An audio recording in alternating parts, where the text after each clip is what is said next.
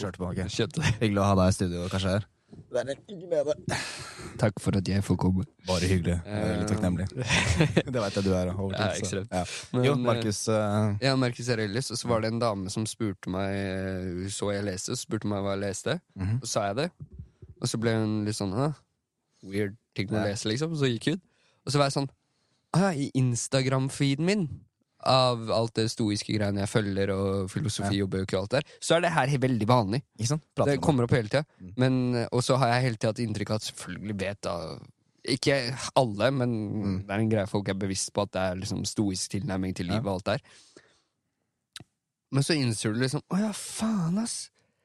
Folk øh, vet ikke hva jeg prater om. det. er ikke sant? De aner ikke. Jeg tror Tenker du da spesifikt på pusteteknikk, eller generelt? Bare sånn d- d- Generelt. Simi begynte på pusteteknikken. Ja, at det er en greie folk er bevisst på. Ja. Sånn, Da ble jeg bevisst på at å ja, jeg tror folk er bevisst på det, fordi det er i min konstante feed i den der eh, dingsen jeg bærer med meg og blir minnet på konstant. Ja? Mens Randi på 32 aner jo ikke hva faen jeg snakker om. Er Markus driver og leser historie, liksom. Det er to ting som er veldig interessant med det. For at En ting er at du er klar over ting og bevisst over ting. Mm. Og da ser du på det litt som en selvfølge noen ganger at andre er det. Ja. Så du kan på en måte uh, Vi snakka litt om eh, det med imposter syndrom i stad. Ja.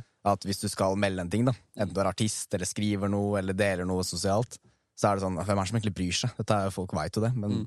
det er Folk ting du veit som ikke andre veit, og det er andre, ting andre veit som ikke du veit. Eller i hvert fall perspektivet.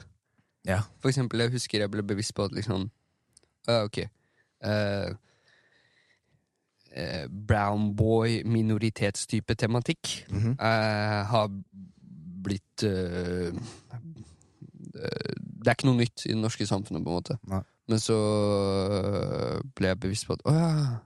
Men ingen har jo hørt til, For å gasse meg selv opp med min egen musikk, da, det sånn jeg sier til meg Det selv. Så ble jeg sånn Ja, men ingen har jo hørt perspektivet til en kid som faktisk er vokst opp på asylmottak og alt det der drittet. Men så Ja, det er jo en eller annen makt jo at eh, historien din er greia. Mm. Det var en sånn åpenbaring for meg. i musikk. Ja. Det er jo det å liksom bruke historien sin til det det er eh, verdt. Men siden du nevnte med asylmottak, for det er jeg litt nysgjerrig på. Mm. Jeg har ikke opplevd det. Mm. Hva er din erfaring rundt det, og hvordan er, Hvordan ser du på det nå, så mange år etterpå? Hvordan var opplevelsen? Um, hva føler du du har lært deg? Har det gitt deg noen perspektiver og styrker som du er takknemlig for i dag? Eller bare generelt, hva, hvordan var den opplevelsen der for deg? Det var eh, Det er noe med å bo i et bygg. Mm. Vi bodde jo flere, da, men det var ett spesifikt som var litt som det satte seg med spor, og det var i Vang Valdres. Og da var det Hvor gammel var du da? eh, fra jeg var fire til jeg var åtte, tror jeg. Ja. Noe sånt. Åtte, ni, åtte. Mm. Ja. Uh, og da er det jo noe med at uh, du blir bevisst på at du bor med folk som kommer fra forskjellige settinger. Mm. jeg husker jo Jeg husker jo vi hadde en nabo uh, som er ganske Det her er ganske fucka, egentlig. Mm. Men vi hadde en nabo som uh, Han var fra et arabisk land som jeg ikke husker hva det var. Men uh, Ikke at det har så jævlig med å si, da, men uh, han hadde kone og barn. Og hver dag så kunne vi høre at han skrek på kona si, og til tider banka henne. Wow. Og så en dag så gikk strømmen. Og da var det sånn du må skru på et eller annet greier i alle sin, alle sine leiligheter. Mm. Eller alle sine rom, eller Ja. hva faen man skal kalle det. Og de var naboen vår. Uh, og så banka vi på, mannen var ikke hjemme, hun turte ikke å åpne døra. Så mamma måtte komme og banke på og forklare situasjonen, og da hun Ja. hørte en kvinne, så åpna hun døra for mamma. Og, Mm. og så, sånn et år, seks måneder senere, så stakk han av med en norsk dame. Og dattera hans og kona fikk oppholdstillatelse, mens han og den norske dama slo opp, og så ble han kasta ut av landet. Og det å liksom høre en sånn historie når du er seks, er jo ganske sånn Eller plutselig Jeg husker Det her var Mm. det, det satte dype spor i Ja, meg. på. Fattern jobba i uh, en by ved siden av Jeg husker ikke navnet på det. ass. Men uh, jobba i en by ved siden av. Han måtte i hvert fall pendle. Han jobba som dørvakt. Så måtte han pendle, og så var det en natt. eh, jeg var fem. Mm. Ja, fem var jeg. Så ble jeg vekt med lommelykt i trynet i senga mi. Og så så jeg opp, og så var det to karer i uniformer. Og det var politi, da. Mm. Så kom mamma ut og bare 'hva faen i helvete er det som skjer her', liksom? 'Hvorfor er dere inne på rommet? Hva faen?' Og de bare nei, vi ser etter noen som har flykta fra asylmottak. Ok. Og så har jeg gått i alle rom. Og så har jeg vekt en femåring med lommelykt. To tilfeldig svære politimenn Så det, Det gjør jo at du blir litt mer sånn kritisk og til system og er autoriteter og ja, Veldig fuck you til Ja, det skjønner jeg jo. Det merker jeg jo også at jeg har eh, I mindre grad, men jeg har kompiser som liksom har vokst opp med Systemet er alltid tilrettelagt for deg, det er ikke noe galt i det, og ja, hvorfor skal jeg ikke tro på det norske samfunnet eller hva da? Ja. Sier ikke jeg at jeg ikke gjør det, men ja. litt mer kritisk til at liksom, ting er ikke Alltid perfekt, Jeg har liksom. opplevd at det er på grensa til ikke-humanitær tilnærming til en søker eller asylsøker, eller hva enn du vil stemple det som. Gjentatte ganger i systemet som kid. Mm. Og så har jeg vært eh, veldig heldig med foreldre, liksom, og spesielt mutter'n, som hele tida har vært sånn der kunnskap er makt. Og hun Det tvang meg jo til å Ja, absolutt. Men hun tvang meg jo For eksempel, jeg husker når um, Jeg føler jeg har uh, privilegiet til å ha en sånn kritisk uh, standpunkt til system, Mhm. autoritet, uh, og ikke sant, byråkratiet og liksom Det blir til tider så dystopisk, Ja. fordi man, man blir bevisst fra en ung alder på at liksom du er ikke menneske, du er tall Mm. de, når du får avslag sånn femte gangen når du bor i Norge, og du liksom gir beskjed om at hvis, jeg, hvis vi drar tilbake, så blir fattern hengt, og du fortsatt får avslag, så blir du bevisst på at «Å, ja, ja, jeg har fortsatt ikke vært noe her, Nei, så å si. Du lever livet ditt på vent. Men der har jeg vært heldig i å ha foreldre som er veldig sterke, Mm. og blitt oppdratt med at liksom Ja, for eksempel når jeg gikk på ungdomsskolen, da, så var det flere kompiser av meg som var utlendinger. Eh, De fikk valg om å ikke ha nynorsk, fordi Ja. vi kan et tredje språk. Ikke sant? Mm. Moren min var sånn Ikke faen! Du skal ha nynorsk, og du skal være en av de beste også. Okay. Du best, du skal være best i alt. Du må jobbe to, dobbelt så hardt som alle andre. Og ja, fikk jo bra snitt, I guess, Mm. og gjorde jo det greit, og liksom har et vokabulær og Mm. jeg merka veldig ofte, i hvert fall når jeg studerte journalistikk, at uh, det veldig ofte var at jeg hadde en upopulær mening, men ingen klarte å vinne over argumentene. Nei, men det er fordi du satt vel Du hadde tenkt på det. Det var ikke et argument du hadde fordi du hadde hørt det fra Nei, noen andre. Og nei, føler jeg, jeg føler det er to forskjellige ting å ha Absolutt. et argument 100%. fordi du hørte at noen smarte mennesker sa det, men så kan du ikke backe det opp. 100%. Jeg husker for eksempel vi hadde, sant, innen jeg studerte journalistikk, og da var det Så fikk vi besøk av Pressens faglige utvalg, PFU. Og i journalistikk, uten å gå for eh, mye inn i den greia, så er det basically presseetiske regler man må følge, som er i form av Vær varsom-plakaten. Mm. Som PFU da forvalter, da. Ja, liksom. Og da skulle vi diskutere saker som potensielt hadde brudd med Vær varsom-plakaten og kunne bli Ja. felt i PFU. Og vi ble delt i grupper. Mm. Skulle vi sammen, gå på grupperom, diskutere oss imellom, komme ut, ta det i plenum, og så gir de oss fasiten på hva de havna på. Ja. Og da var jeg den eneste på gruppa mi som mente at eh, det var en sak, og jeg mente den var veldig eh, partisk, Ja. fordi det handla om noen asyl... Nei, ikke asylkids, sorry. Noen eh, innvandrerungdom. Ja. Sånn stereotypisk tracksuit østkantsungdom i Oslo. Mm. Som hadde rasert en pub. Okay. Og så hadde noen filma det fra balkongen, så det var det eneste perspektivet man fikk. Og da argumenterte jeg for at folk går ikke og gjør det der uprovosert, mens alle var imot meg. Men senere, når vi skulle avdekke i plenum, så viste det seg at ah, ja, nei, det var, det var i puben, så hadde en av de som var i puben, tatt tak i kompisen deres og banka dem. Mm. Og stengte av inne i puben. Ikke sant. Det er klart det blir en reaksjon Ja, på det. og bare det å bli bevisst på at å ja, fy faen, dere tenker jo ikke fra Det andre perspektivet. det andre perspektivet. Altså, når du ser Tracksuit Kids, eller hva, Mm. hva enn, så tenker du med en gang uh, sketchy. Mm. Mens det er grunnlag for handling. ikke sant? Folk går jo ikke og gjør det. Og da, da blir du bevisst på at det er kanskje basert på hvordan media framstiller og det ene og andre. Men hva har det å si når media er de i klasserommet ditt, og de fortsatt ikke skjønner Så det er, Ja, det er veldig weird, for det, det er jo en ting jeg tenker er utrolig viktig å være bevisst over. At når du leser noe i media, eller når du hører noe fra en person, så er det ett perspektiv. Absolutt. Og det, det er jo egentlig litt rart at det er sånn. At hvis det er en stor sak, så burde det vært litt sånn Og så her har vi det andre perspektivet. Ja. Samme som, det du lærer på skolen nå. Det er ett perspektiv. Og Det er ikke noen fasit. mm. Fins ikke fasit. Og jeg tenker, Nei, det gjør ikke det. For det kommer an på hvordan du ser på det. Det fins ikke fasit på noen ting, egentlig. Men det er kanskje vanskeligere Beklager. Med mindre du snakker om fysikk, liksom, da du kan liksom Ja, ha fasit på Ja, matte. ja. Men det er det. Men det, det, det er vanskeligere å kanskje akseptere at eh, ting ikke er som du tror, når du har blitt oppdratt i et system som Mm. har oppdratt deg veldig godt, i tillegg til å gi deg alle disse godene vi har. Ikke sant? Eh, Det er en double-edged uh, Hva heter det? Double edge. Double-edged sword, skulle jeg si. Men det, Mm. Toegga sverd, men det er jo ikke det som er uh, To sider av samme sak, liksom? ja, det, en, ja. det er ikke to sider av samme Hvis jeg gir deg noe bra, Mm. så har det en bakside. Ja, ikke sant? Ja, og Ja, den baksiden er at du Baksiden av lever medaljen. Ja, baksiden av Ja, medaljen. ja, ja. Og det er jo, du lever jo i paradis, du lever jo i Mm. Disneyland. Som en gang du hører at Mm. ja, de Disneyland-arbeiderne får egentlig jævlig Mickey Mus sliter med hva enn, Ikke sant? så blir det litt sånn her, hva snakker du om? Mickey Mus er jo chiller'n. Som et eksempel. Ja, men Det er et veldig godt eksempel, fordi jeg tenker akkurat det samme. At når du Det som er, er at historien du har fortalt deg selv, og du har blitt fortalt, blir en del av din identitet. Absolutt. Og da er det sånn at hvis, hvis man skal bli bevisst på at uh, for eksempel politikken er ikke alltid sånn som du tror den har vært, liksom. Mm. Hvis man sier det til en person som på en måte er veldig innblanda, liksom ser bare det gode i det, da, Mm. så blir det sånn oi, nå angriper du meg personlig. Og det blir uh, skummelt, da. Ja. Så det som er skummelt i dag, føler jeg, fordi upopulære meninger er viktig. Mm. Like mye som populære meninger. Du Absolutt. trenger å se flere sider av en sak. Absolutt. Mens hvis du sier en upopulær mening, så blir det bare ikke tatt imot. Du blir på en måte personangrep. Og det er eh, Det tror jeg er veldig farlig, for du skal ikke identifisere deg med det. Nei. Jeg husker jeg hadde en diskusjon uten å liksom tråkke for mye på eller prøve å liksom kritisere Norge eller systemet. Nei, nei. Jeg ser på deg som veldig takknemlig ja, ekstremt. liksom. Misforstå meg rett. Jeg hadde ikke bytta ut Jeg skal ikke bo et annet sted i livet mitt enn Norge, liksom.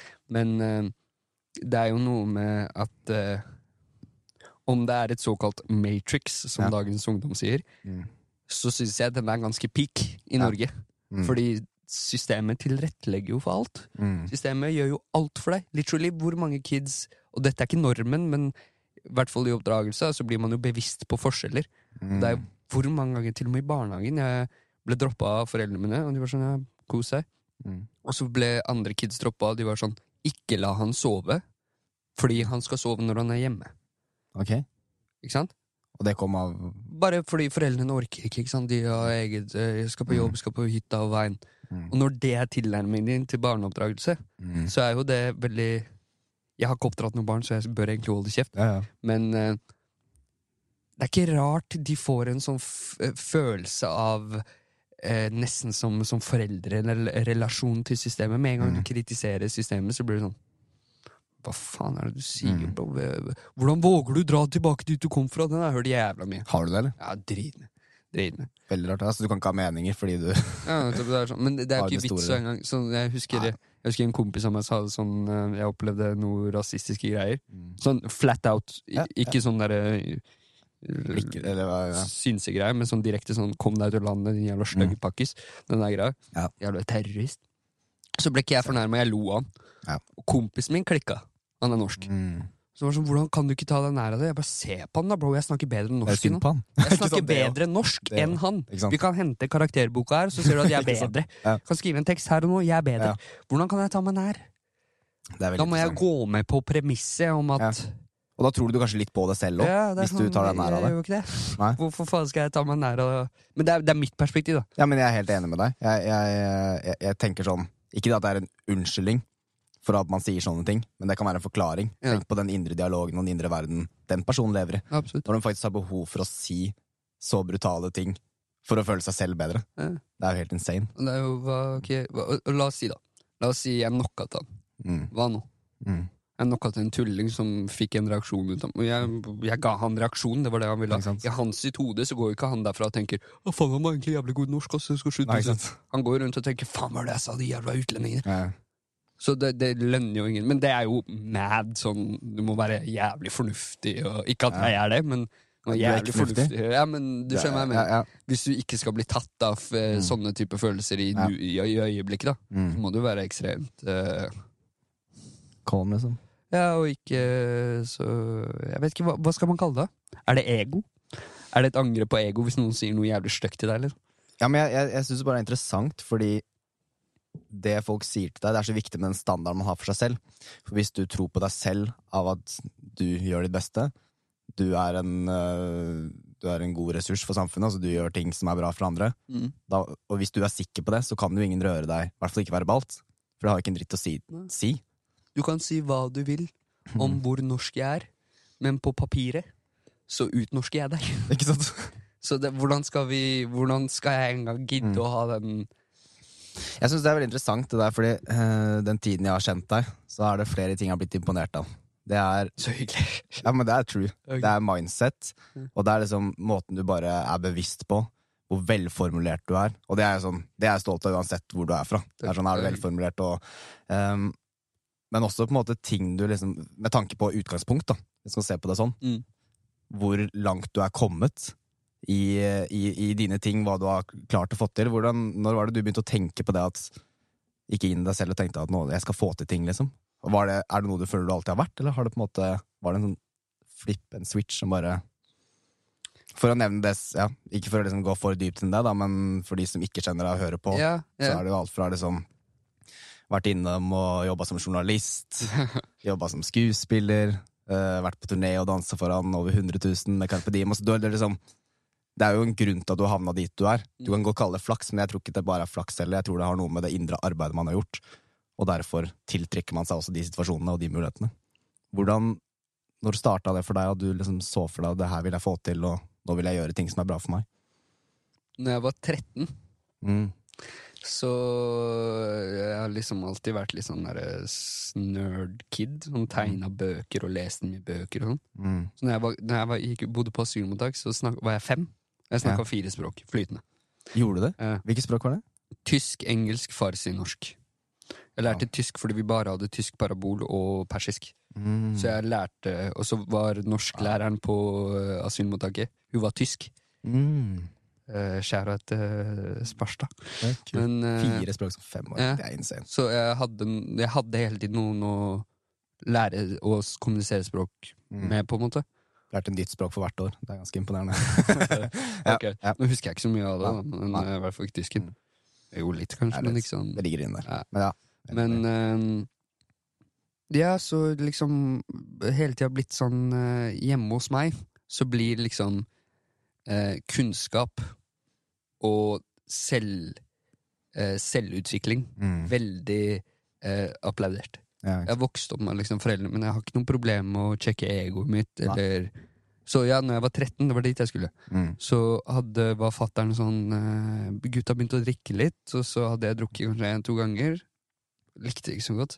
Nei. Og så var, var det sommerferie, og så var pappa sånn uh, Kan ikke du gjøre noe for deg selv? Mm.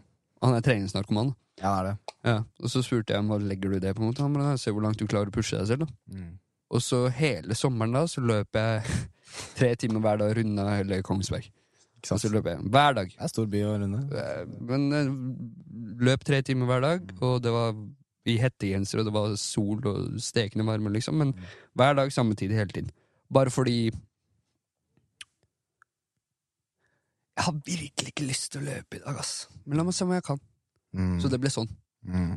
Og så når jeg kom hjem da, så var det ikke sånn Og da ble jeg bevisst på at liksom de, ganske mange av de dagene var det jævlig digg. Og så noen av dagene var det sånn Det her ga meg ikke så mye å løpe i dag. Jeg, jeg gjorde det, men det ga meg ikke så Men da ble jeg sånn ah, Men det ga meg ikke noe i dag. Men kanskje på dag fem Mm. av at det ikke gir meg noe, så gir det meg noe.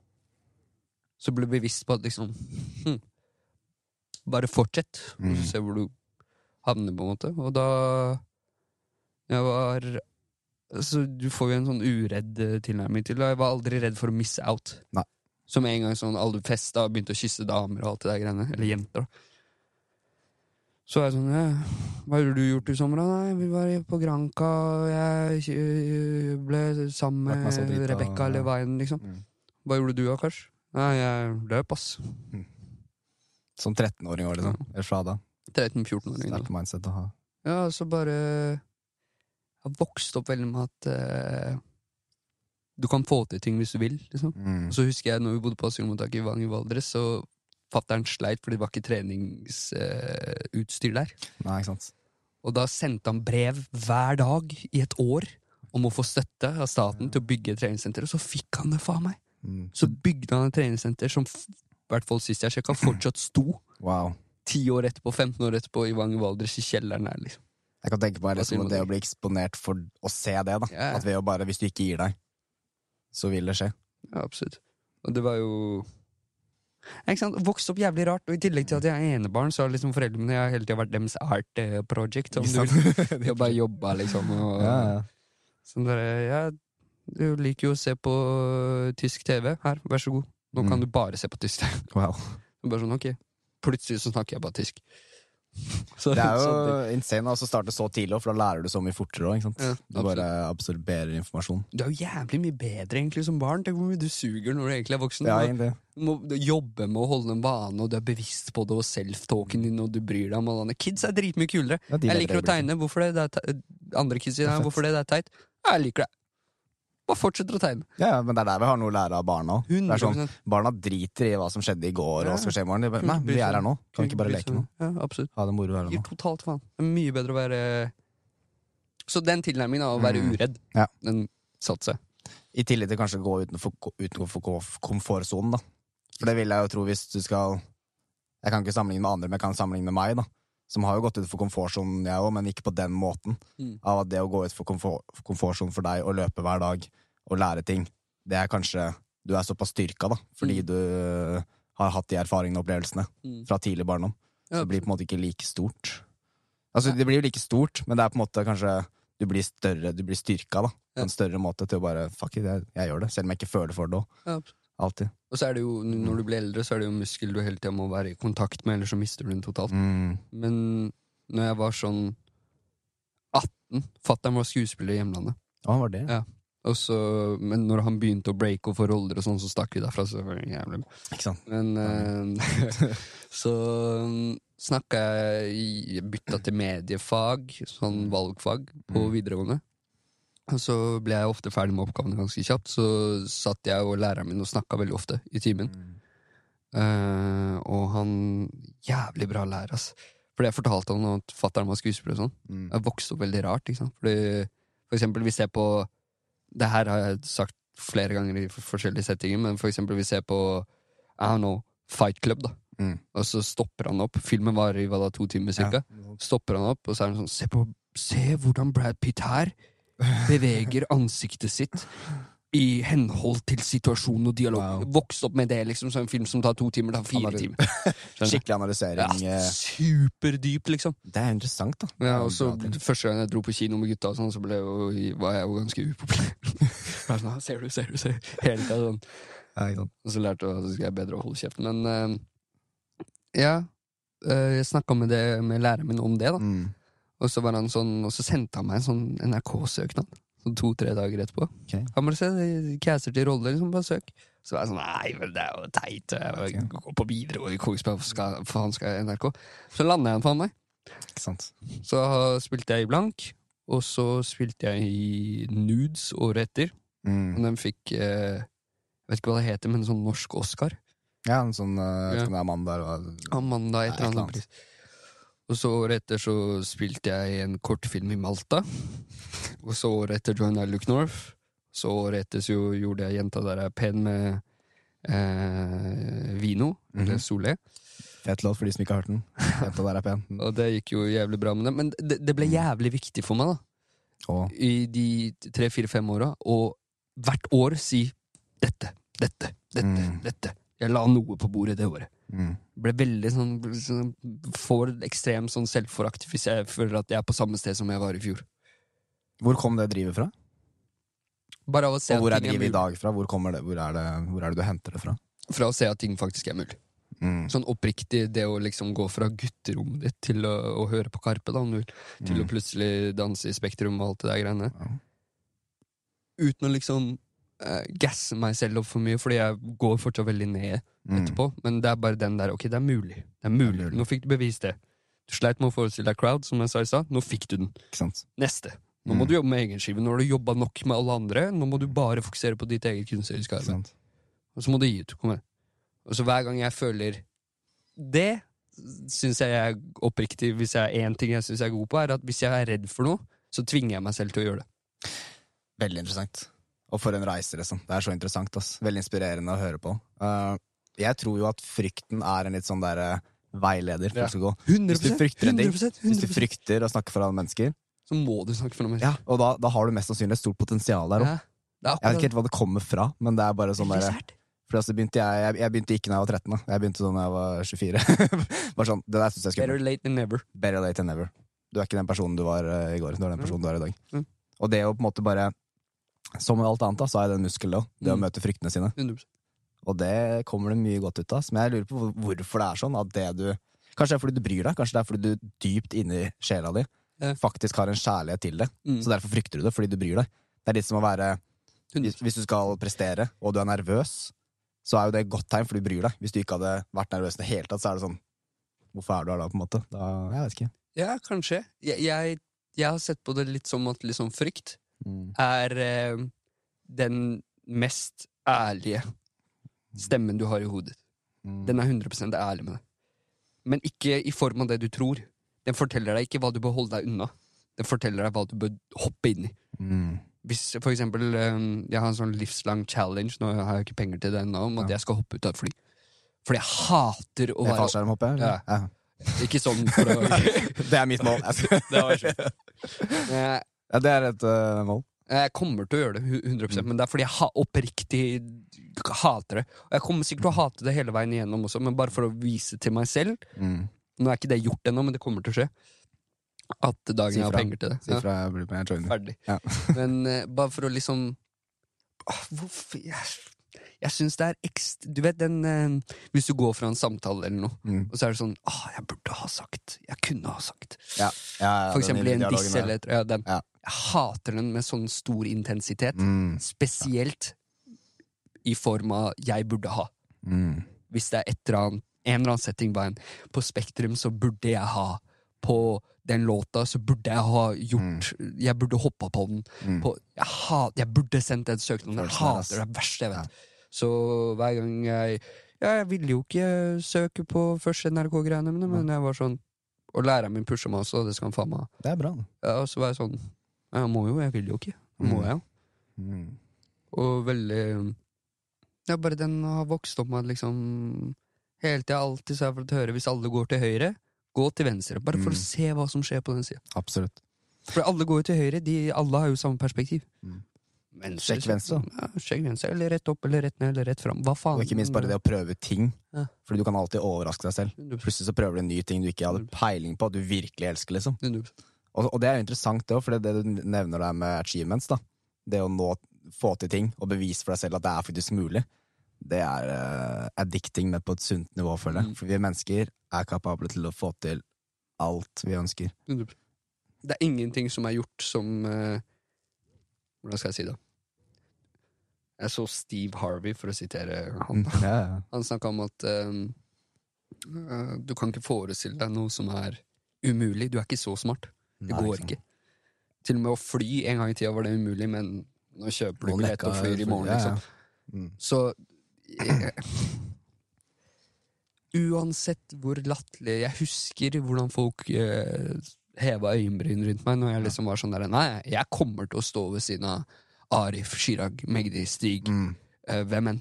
Mm. Jeg kommer til å Folk var sånn bro, slapp av, vet du hvor Ja. vanskelig det er, liksom. Men, så er, skjedde det, liksom? Mm. ikke sant? Fordi du trodde på det. Og så husker jeg, det her er jævlig bra eksempel på Ja. Jeg var i Skien og ble skamma for en datamaskin. Lang historie. Okay. Jeg var der med en kompis, Ja. og så var Magdi utenfor uh, Skien-huset deres. Mm. Og så det, På det tidspunktet har jeg null relasjon, han aner ikke hvem jeg er. Ah, ja. Eh, og da var uh, kompisen min sånn 'Kom igjen, vi går bort og hilser'. Jeg bare nei. Mm. Han bare 'Hva mener du?' Jeg bare jeg, nei. Og han rosa meg for det etterpå. Liksom. Han bare 'Hva faen, det pussy, du turte ikke'. Så jeg bare 'Nei, altså, bro, det er ikke sånn jeg skal hilse på han'. Nei. Hva mener du? Jeg var sånn, jeg kommer til å hilse på han på en plan der vi er mer sånn enn fan og Ja.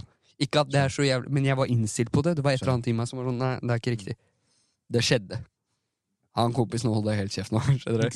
Men det er det greiene med å liksom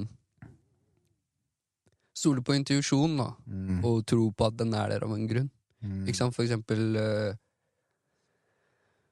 Ja, akkurat det eksempelet Jeg vil jo tro at du er i veldig god kontakt med deg selv, da, og har en veldig sånn Vil du føle at tilliten til deg selv er veldig stor?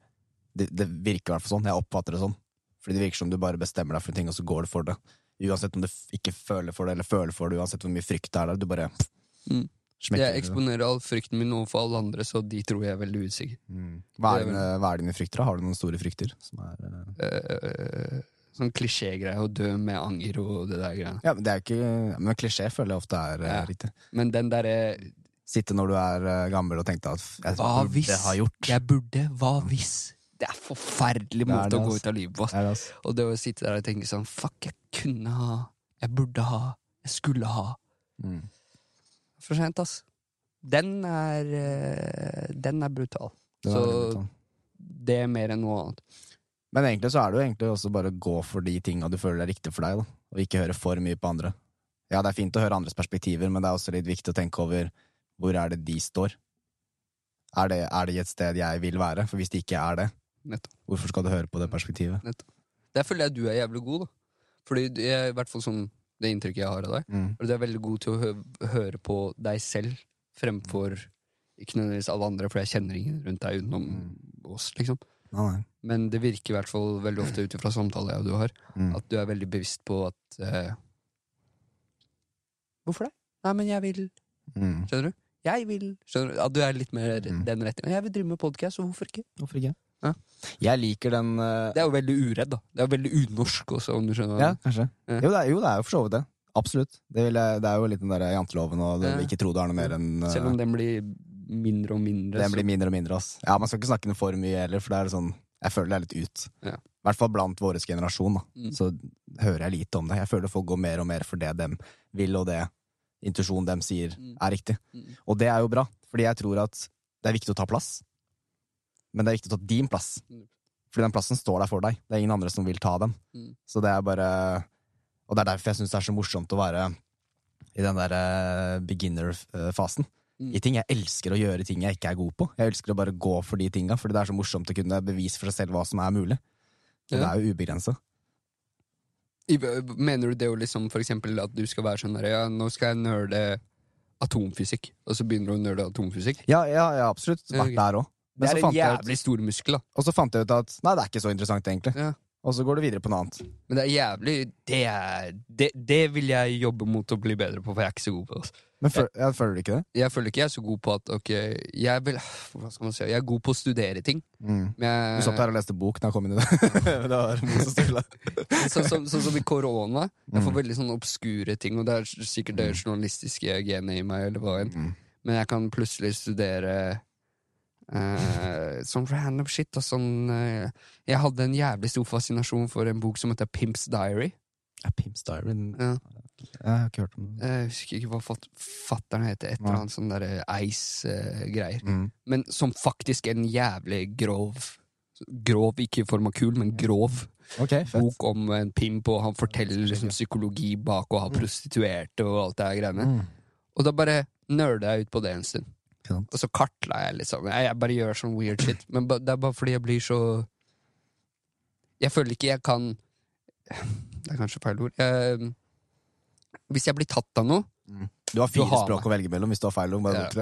Men hvis jeg, ta, hvis jeg blir tatt av noe, Ja. altså noe interesserer meg, så er jeg dypt i den. Ja. Men uh, det er det å bli tatt av noe. Det å en hyperfokusere på ting og bare Ja. føle at du går dypt inn til Ja. Sånn ekstremt dyrt, og altså øh, Ja, sikkert øh, noe syke scener hvis man dukker opp hos meg klokka to på natta når jeg er fokusert på et eller annet piss, liksom. Men det er jo Det er interessant da, å forstå seg på nye konsepter, og bare, for det er det jeg liker med Apropos vi snakka om det tidligere, å ha cold mind og ikke stresse og ta deg tid til ting. mm, Det å For noen ganger så kan jeg ta meg selv i å lære om ting jeg egentlig vet en del om. Bare for på en måte Hvis jeg leser en bok, da, så lik, eh, har jeg tatt meg selv tidligere at jeg leser kapitlene som er litt sånn Dette her føler jeg kan litt om. Så er det deilig å lese ting jeg bare Ja, det her skjønner jeg. Det her skjønner jeg. Men det er egentlig ikke det du skal gjøre. Du skal jo flippe en bok og bare Hva er det her for noe? Det her skjønner jeg ingenting av. mm, Lese et avsnitt, reflektere. Hmm. Ja, kanskje lese det en gang til. Men, da, men det er jo mer slitsomt, for da trener du hjernen din. ikke sant? konstant aktivt. Så jeg synes det er interessant å bare prøve å forstå nye konsepter, og samtidig føle at du får et større perspektiv da, for hva som er mulig også. Mm, For det er så utrolig mye. altså Jo mer du lærer, jo mer forstår du at du ikke forstår. 100%. Det er, uh... Og det å lære ting og knytte For meg, da, så har det vært uh, at jeg nerder ting. mm. Og så føler jeg det gjør idébanken min som eh, Artist, liksom? eller? Ja, som arti Det jeg tror jeg helhjerta kan si er meg, Mm. uten at noen kan se altså, i, Uansett hvem, som stiller spørsmålstegn her, så kommer det ikke til å face meg. Jeg vet at jeg er dette, og det er, s- jeg, jeg er skribent, liksom. Ut og inn. Mm. Det er sånn jeg, jeg har hele livet holdt hodet over vannet. Ja, si. Men det å hente ting Mm. som da adder til den idébanken av å skrive, det syns jeg er jævlig interessant. Altså. Er For eksempel bare at jeg ja, kan lese en bok om eh, prostituerte mm. i USA. Og så uh, adder det til at liksom uh, min kunstneriske tilnærming til en kjærlighetslåt. Ikke sant? Jeg er som uh, en prosess. Ja, ja, nei, men du, skjønner hva du skjønner hva jeg mener. Det, Det bare, det bare adder lag, lag, lag. Ja, jeg syns det er er. Og så føler jeg ofte at Jeg vet ikke hvordan du erfarer det, men jeg føler at hvis jeg skal prøve å lære ting som Ja. egentlig ikke interesserer meg, Ja. det forsvinner i løpet av natta. Det er bare borte. 100 Det er sånn, det er pugg. Ja, men det er sånn enkelte ting jeg bare så På skolen sleit mye med å forstå ting, for at jeg, det var ikke en interesse. Enkelte ting, da. Mye Ja. var interesse. Og da er det sånn, følte jeg sånn, er det jeg som er dum, eller hva skjer, liksom? Men så begynte jeg å skjønne at nei, hvis jeg går for det jeg er interessert for, for det lærer jeg fort. 100%. Så det, jeg tror det er um, Det tror jeg mange har brent seg på i skolesammenheng også. ja, Absolutt. At du liksom føler deg idiot fordi du ikke skjønner det du blir presentert, Mm. eller du ikke er interessert, bare. Mm. Men uh... For jeg har også tatt meg selv tidligere òg, og det er jo en litt sånn egobevissthet, da. Av at oi, jeg, jeg, jeg, har en, jeg har noen relasjoner nå som er flinke på det her. Det vil jeg også kunne om, sånn at jeg føler at jeg kan være med på den bølgen. mm, Prøver å lese meg opp litt. Kommer og møter det neste gang og så bare sånn Nei, jeg kan det ikke. Jeg husker det ikke. Interesserer meg ikke. Det er ikke nå, da. mm, For da er det sånn, jeg, jeg tenker at uh, forskjellige typer mennesker forstår seg for, på forskjellige typer konsept, konsepter, og det er det som styrker oss sammen. Ved å bare dele erfaringer, for man lærer forskjellige ting, og man er en Men det er det som er kult med å grave litt i den øh, der man føler intuisjonen sin sier at du skal. mm. Fordi du bare Du vokser, da. Veldig. Ikke sant? Og Og jeg har ikke tenkt på det med idébanken heller. Det, Ja, for idébanken er liksom Jeg vet ikke, det var ganske lenge jeg følte sånn eh, Fordi jeg har sikkert skrevet siden jeg var sånn 12-13. Ja. Da starta sånn dikt, men uh, utvikla seg til å bli rap etter hvert. da og, Eller rapptekster. da Og ganske lenge så følte jeg at alle temaer jeg kom på, alt jeg skrev, Mm. var skrevet før. Mm. Det var sånn, faen, de har jo tatt Karpe har jo lagd den låta, Vestlandschartinga, de har jo lagd den låta, de har jo lagd Ah. Og så ble jeg sånn, så ble jeg bevisst på mine egne opplevelser i løpet av livet. Mm. Og da var det jeg, For eksempel, jeg husker eh, et dødsfall som forma ganske mye da jeg var kid. Mm. var en iransk artist som het Mahasti. Okay. Hun døde da jeg gikk på barneskolen. Mm. Og så kom jeg til skolen, og ingen skjønte hvorfor jeg var litt bummed out den dagen. liksom.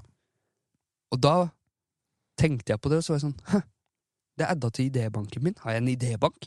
Da jeg var sånn 17. For jeg ble bevisst på at liksom, vent da, faen, du har jo litt sånn særskilte følelser som du Wow. egentlig folk kanskje ikke kan relatere Mm. til. Men hvis du klarer å Så blir det noe man kan relatere altså, Skjønner du hva jeg mener? Ja, ja, absolutt. Det er veldig sånn Veldig spess. Jeg tror det er viktig å ha den der tilliten til at du har et helt unikt perspektiv. Det er Ja. ingen som ser på verden helt på samme måte som du gjør. Men det er garantert mange som føler det samme som du gjør, men ikke har den der um, store kjærligheten eller interessen hvis man skal kalle det, til å faktisk formidle det. Mm.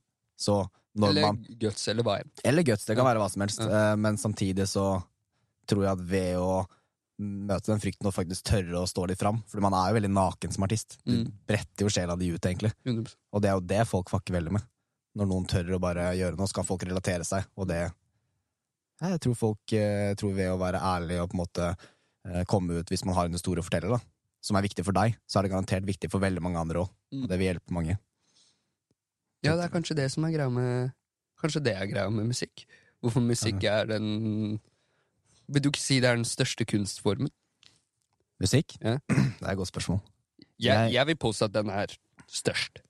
Jeg tror musikk er noe spesielt, Ja. for det er noe alle mennesker har en relasjon til. Mm. Det er ingen mennesker som ikke har relasjon til musikk. Og da er vel folk sikkert bare Nei, men jeg hører ikke så mye musikk, jeg, jeg ser på filmer, liksom. Mm. Musikk. Det er musikken som Nettopp. gjør følelsene i Nettopp. filmen. Nettopp. Det har jo vi lært, ikke sant? nettopp, nettopp. Uh, så jeg, jo, jeg er egentlig enig. Jeg tror Musikk er øverst på tronen. men, men jeg tror ikke det er um, Ja, det er veldig vanskelig å si, for det kommer an på hvordan man approacher det. Men med tanke på kunstform, så er det én ting jeg føler kanskje er vanskeligere enn musikk, og det er standup. Komedie. Det Ah, faktisk- der var du jævlig god, ass. Der var du jævlig god, ass. det er en ting jeg bare beundrer folk som har evnen til å stå på en scene i en time og få en crowd til å le. Faen. Det er sykt. Det er insane. Det er helt sykt. Og ikke bare det, men te faen, tenk å ha så store baller, da. At det er sånn, nei, nå skal jeg stå på en scene og skal jeg få folk til å le i en time. Mm. Det er vanskelig, ass. Det er mye Du har fått selvtilliten knust et par ganger for å ha Uten tvil. Og, og der verre enn musikk, føler jeg kanskje. For, for mange, da. Ikke alle. Jeg tror Men tror du det? Fordi musikk er jo eh, spekter av følelser. Så hvis du, det er noe dypt, og folk er sånn ja, 'fucka ikke med det', Nei, så eller du hater på det. Ja, så er det jo noe annet. Det, det må jo hitte kunstnerhjertet på en annen måte enn det det. gjør hvis det var sånn ja, 'jeg syns ikke den vitsen var bra'. Liksom. Nei, det er for så vidt et poeng.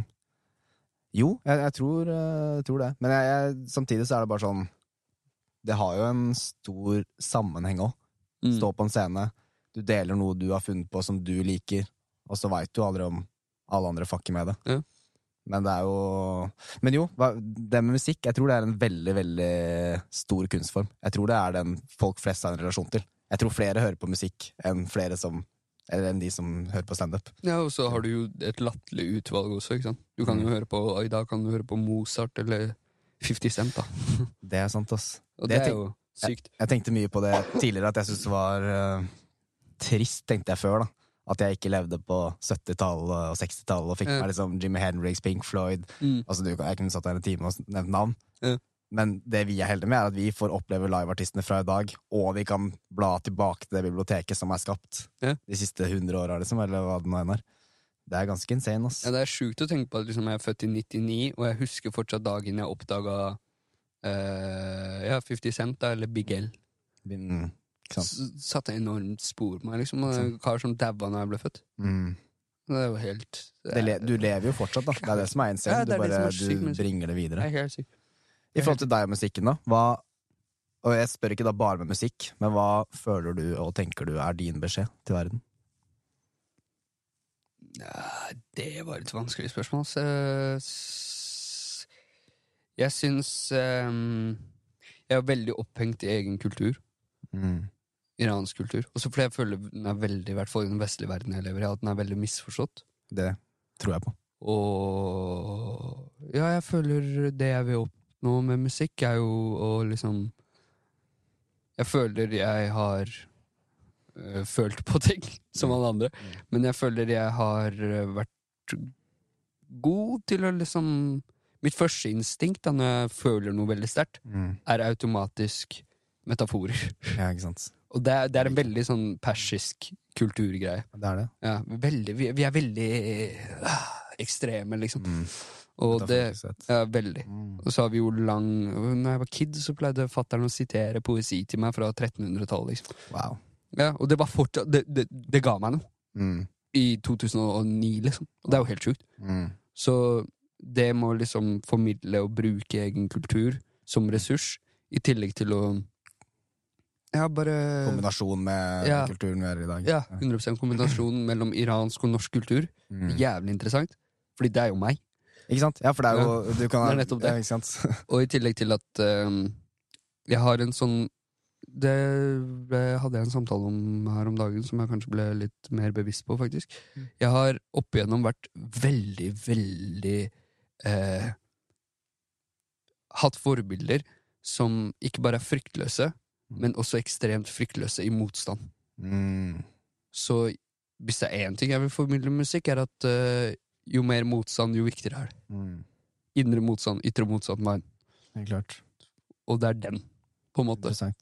Jeg liker veldig godt å formidle med gjennom musikk. Og bare liksom Ok, uh, jeg føler at jeg har en historie. Mm. Og, Det vil jeg si du har. ja, og en historie som er kanskje verdt å interessere seg i. Da. Helt klart. Som kan inspirere andre òg. ja, forhåpentligvis. forhåpentligvis. Og det å da bare Jeg syns det er noe veldig magisk i å putte penn på papir, recorde det, og så putte det ut. Så det er eh, Jeg vil si at det jeg vektlegger mest hos eh, artister jeg fucker med, er ærlighet. Det du får fram. Nå har jeg ikke debutert Mm. med mine egne Når kommer denne episoden ut? Um, tanken er eh, om eh, tre uker Tre uker. Om to måneder så debuterer jeg. Okay. ok. Eh, og det er Med bare- egen eh, Ja. som solo? ja, altså, ja. som solo. Jeg har features, men Ja. eh, som solo. Og da er det jo har jobba på EP, og da er jo planen Nå er det litt self-plugging. Kjør på, kanskje. Og det er jo droppe singel og bare Ikke sant? Man føler kanskje ofte at man ser ting fra et annet perspektiv. Det snakker jeg meg selv i tredje person, det var veldig weird. Men Er det eh, Jeg vet ikke, jeg ble litt weird av selv. det. Men uh, at eh, Man kan adde noe til samtalen. mm. Som, uh, som jeg ofte følte, i hvert fall gjennom erfaring i skolesystem og bo her og der i Norge og eh, Flytting og- Ja, flytting ja, i tillegg til uh, bachelorgraden jeg tok i journalistikk, da. Mm. Så er det jo det at jeg føler jeg kan adde noe til samtalen. En stemme som ikke Ok, man drar på Karpe-konsert og synger Allah Allah, men det er en eh, Det er flere Mm. Eh, det er flere ledd i det òg. Ja. Det betyr ikke at eh, det er språket til alle utlendinger. Nei. Og det betyr ikke at det jeg sier er språket til alle utlendinger, men det er, det er en annen. Det er et unikt Ja. perspektiv. Så Mm. formidle det, liksom. Når du sier det med at uh, For jeg, jeg, jeg tror jeg, skjønner på noen måter hva du mener, men Mm. hvordan tenker du iransk kultur er misforstått? Noe som irriterte meg ganske, ganske, ganske mye, var jo Mm. det, ikke sant um, Revolusjonen i Iran ble tematikk igjen etter drapet Mm. på Masa Amini, Mm. og, eller Gina Amini. Mm. Og uh, Det er noe fornærmende for meg som iraner Mm. å se at symbolikken på, på det Mm. ble en anti-hijab-kamp. Ikke sant? Misforstått greia. Ja. Ikke sant? Fordi ja, i Iran så brenner de hijaber fordi det, det betyr noe. Men at vi skal ha en fiendtlig tilnærming til det her, Mm. er ikke poeng. Det er ikke det som er poeng. Så bare det å liksom bridge den gapen, Mm. og faktisk formidle om at du tror det er to sider. Mm. Det er ikke det. Nei. Og hvis det er to sider, så er det en tredje side òg, Ja, som du har bladd over, liksom. Det er, det er bare det formidlinga, det å bare liksom. Ja, bare fortelle noe som kanskje ikke folk forteller. Og så føler jeg at jeg er veldig heldig i posisjonen min, spesielt som eh, minoritetskid, at jeg Jeg har eh, veldig uredd tilnærming når det første er ute, om du skjønner. Mm. I don't give a fuck. Oppriktig, I don't give a fuck. Hater du det, elsker du det, I don't give a fuck. Mm. Bra. Yep. Men bare det å ha friheten til å gjøre det, Helt klart. det er det jeg dyrker. Kult. Hvis det ga mening. Det ga veldig mening. Og så føler jeg veldig ofte at kanskje ignorans eh, er uh, en start på misforståelser òg. Ja. At man på en måte ikke Jeg tror det er viktig å være bevisst på at det er mange flere perspektiver enn det man hører. Det er ikke noe fasit, Absolutt. så det er forståelse. Absolutt. Bare, bare som for eksempel med Israel og Palestina. Ja, ikke sant? Eh, konflikten som det er stempla på, men det er jo egentlig en massakre, spør du meg. Ja. Bare det at tilnærmingen der er Ja, hvis du er uh, pro-Palestina, så er du pro-Hamas. Mm. Det er ikke det vi snakker om her. Nei. Og bare det å peke ut det, Mm. Føler jeg i og med at jeg har liksom vokst opp veldig med å måtte tilpasse meg fordi jeg er bare nordmenn. Mm. Ikke at det er noe Det er ikke et problem, Nei, nei. men bare at det har vært tilfellet. At jeg kanskje kan bridge the gap på den måten. Det Kanskje kan være en brobygger. Du har kanskje. absolutt en stemme, ass. Ja, kanskje, jeg vet ikke. Hvor er det du har den derre jeg, jeg føler veldig ofte når jeg snakker med deg, så er det sånn derre Du har veldig takknemlighet. Du har veldig Altså den der, du, du føler deg veldig heldig. Mm. Hvor er det den er fra? Den, er, den tror jeg er en veldig sånn unik styrke, og det med å være takknemlig og føle seg heldig som har de mulighetene man har, tror jeg også tiltrekker seg flere av de mulighetene. Jeg, jeg, jeg vil tro det. Jeg, tror det er som alt annet. Eh, en energi vil tiltrekke seg det samme av den samme energien.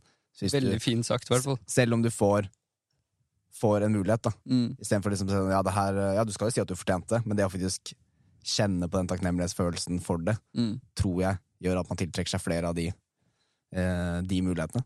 Er min tro, da. Hvor er det du har eh, lært det derfra? Er det noe du har lært av deg selv, eller det å på en måte være på det at du føler deg heldig, du føler deg takknemlig for alle muligheter?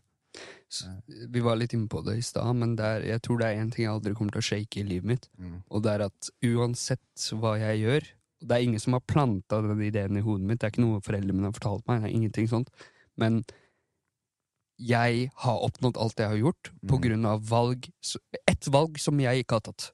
Og det er at foreldrene mine kom til Norge. Mm. Mulighetene man har i det landet her, så lenge man liksom ikke bærer på frykt. Ja. Og hvis du bærer på frykt også, jeg gjør det, det går bra. Men Ja, så lenge du handler. Ikke sant? Bruker det som verktøy. Ja. Nesten som mer bensin, liksom. Ja, det er jo det. Den gjør at jeg konstant minner meg på at jeg er heldig. Mm. Veldig heldig. Fordi eh, jeg har bodd på asylmottak med folk som blir kasta ut av landet. Kids jeg hang med, som ble kasta ut av Mm. landet. Det kunne vært meg.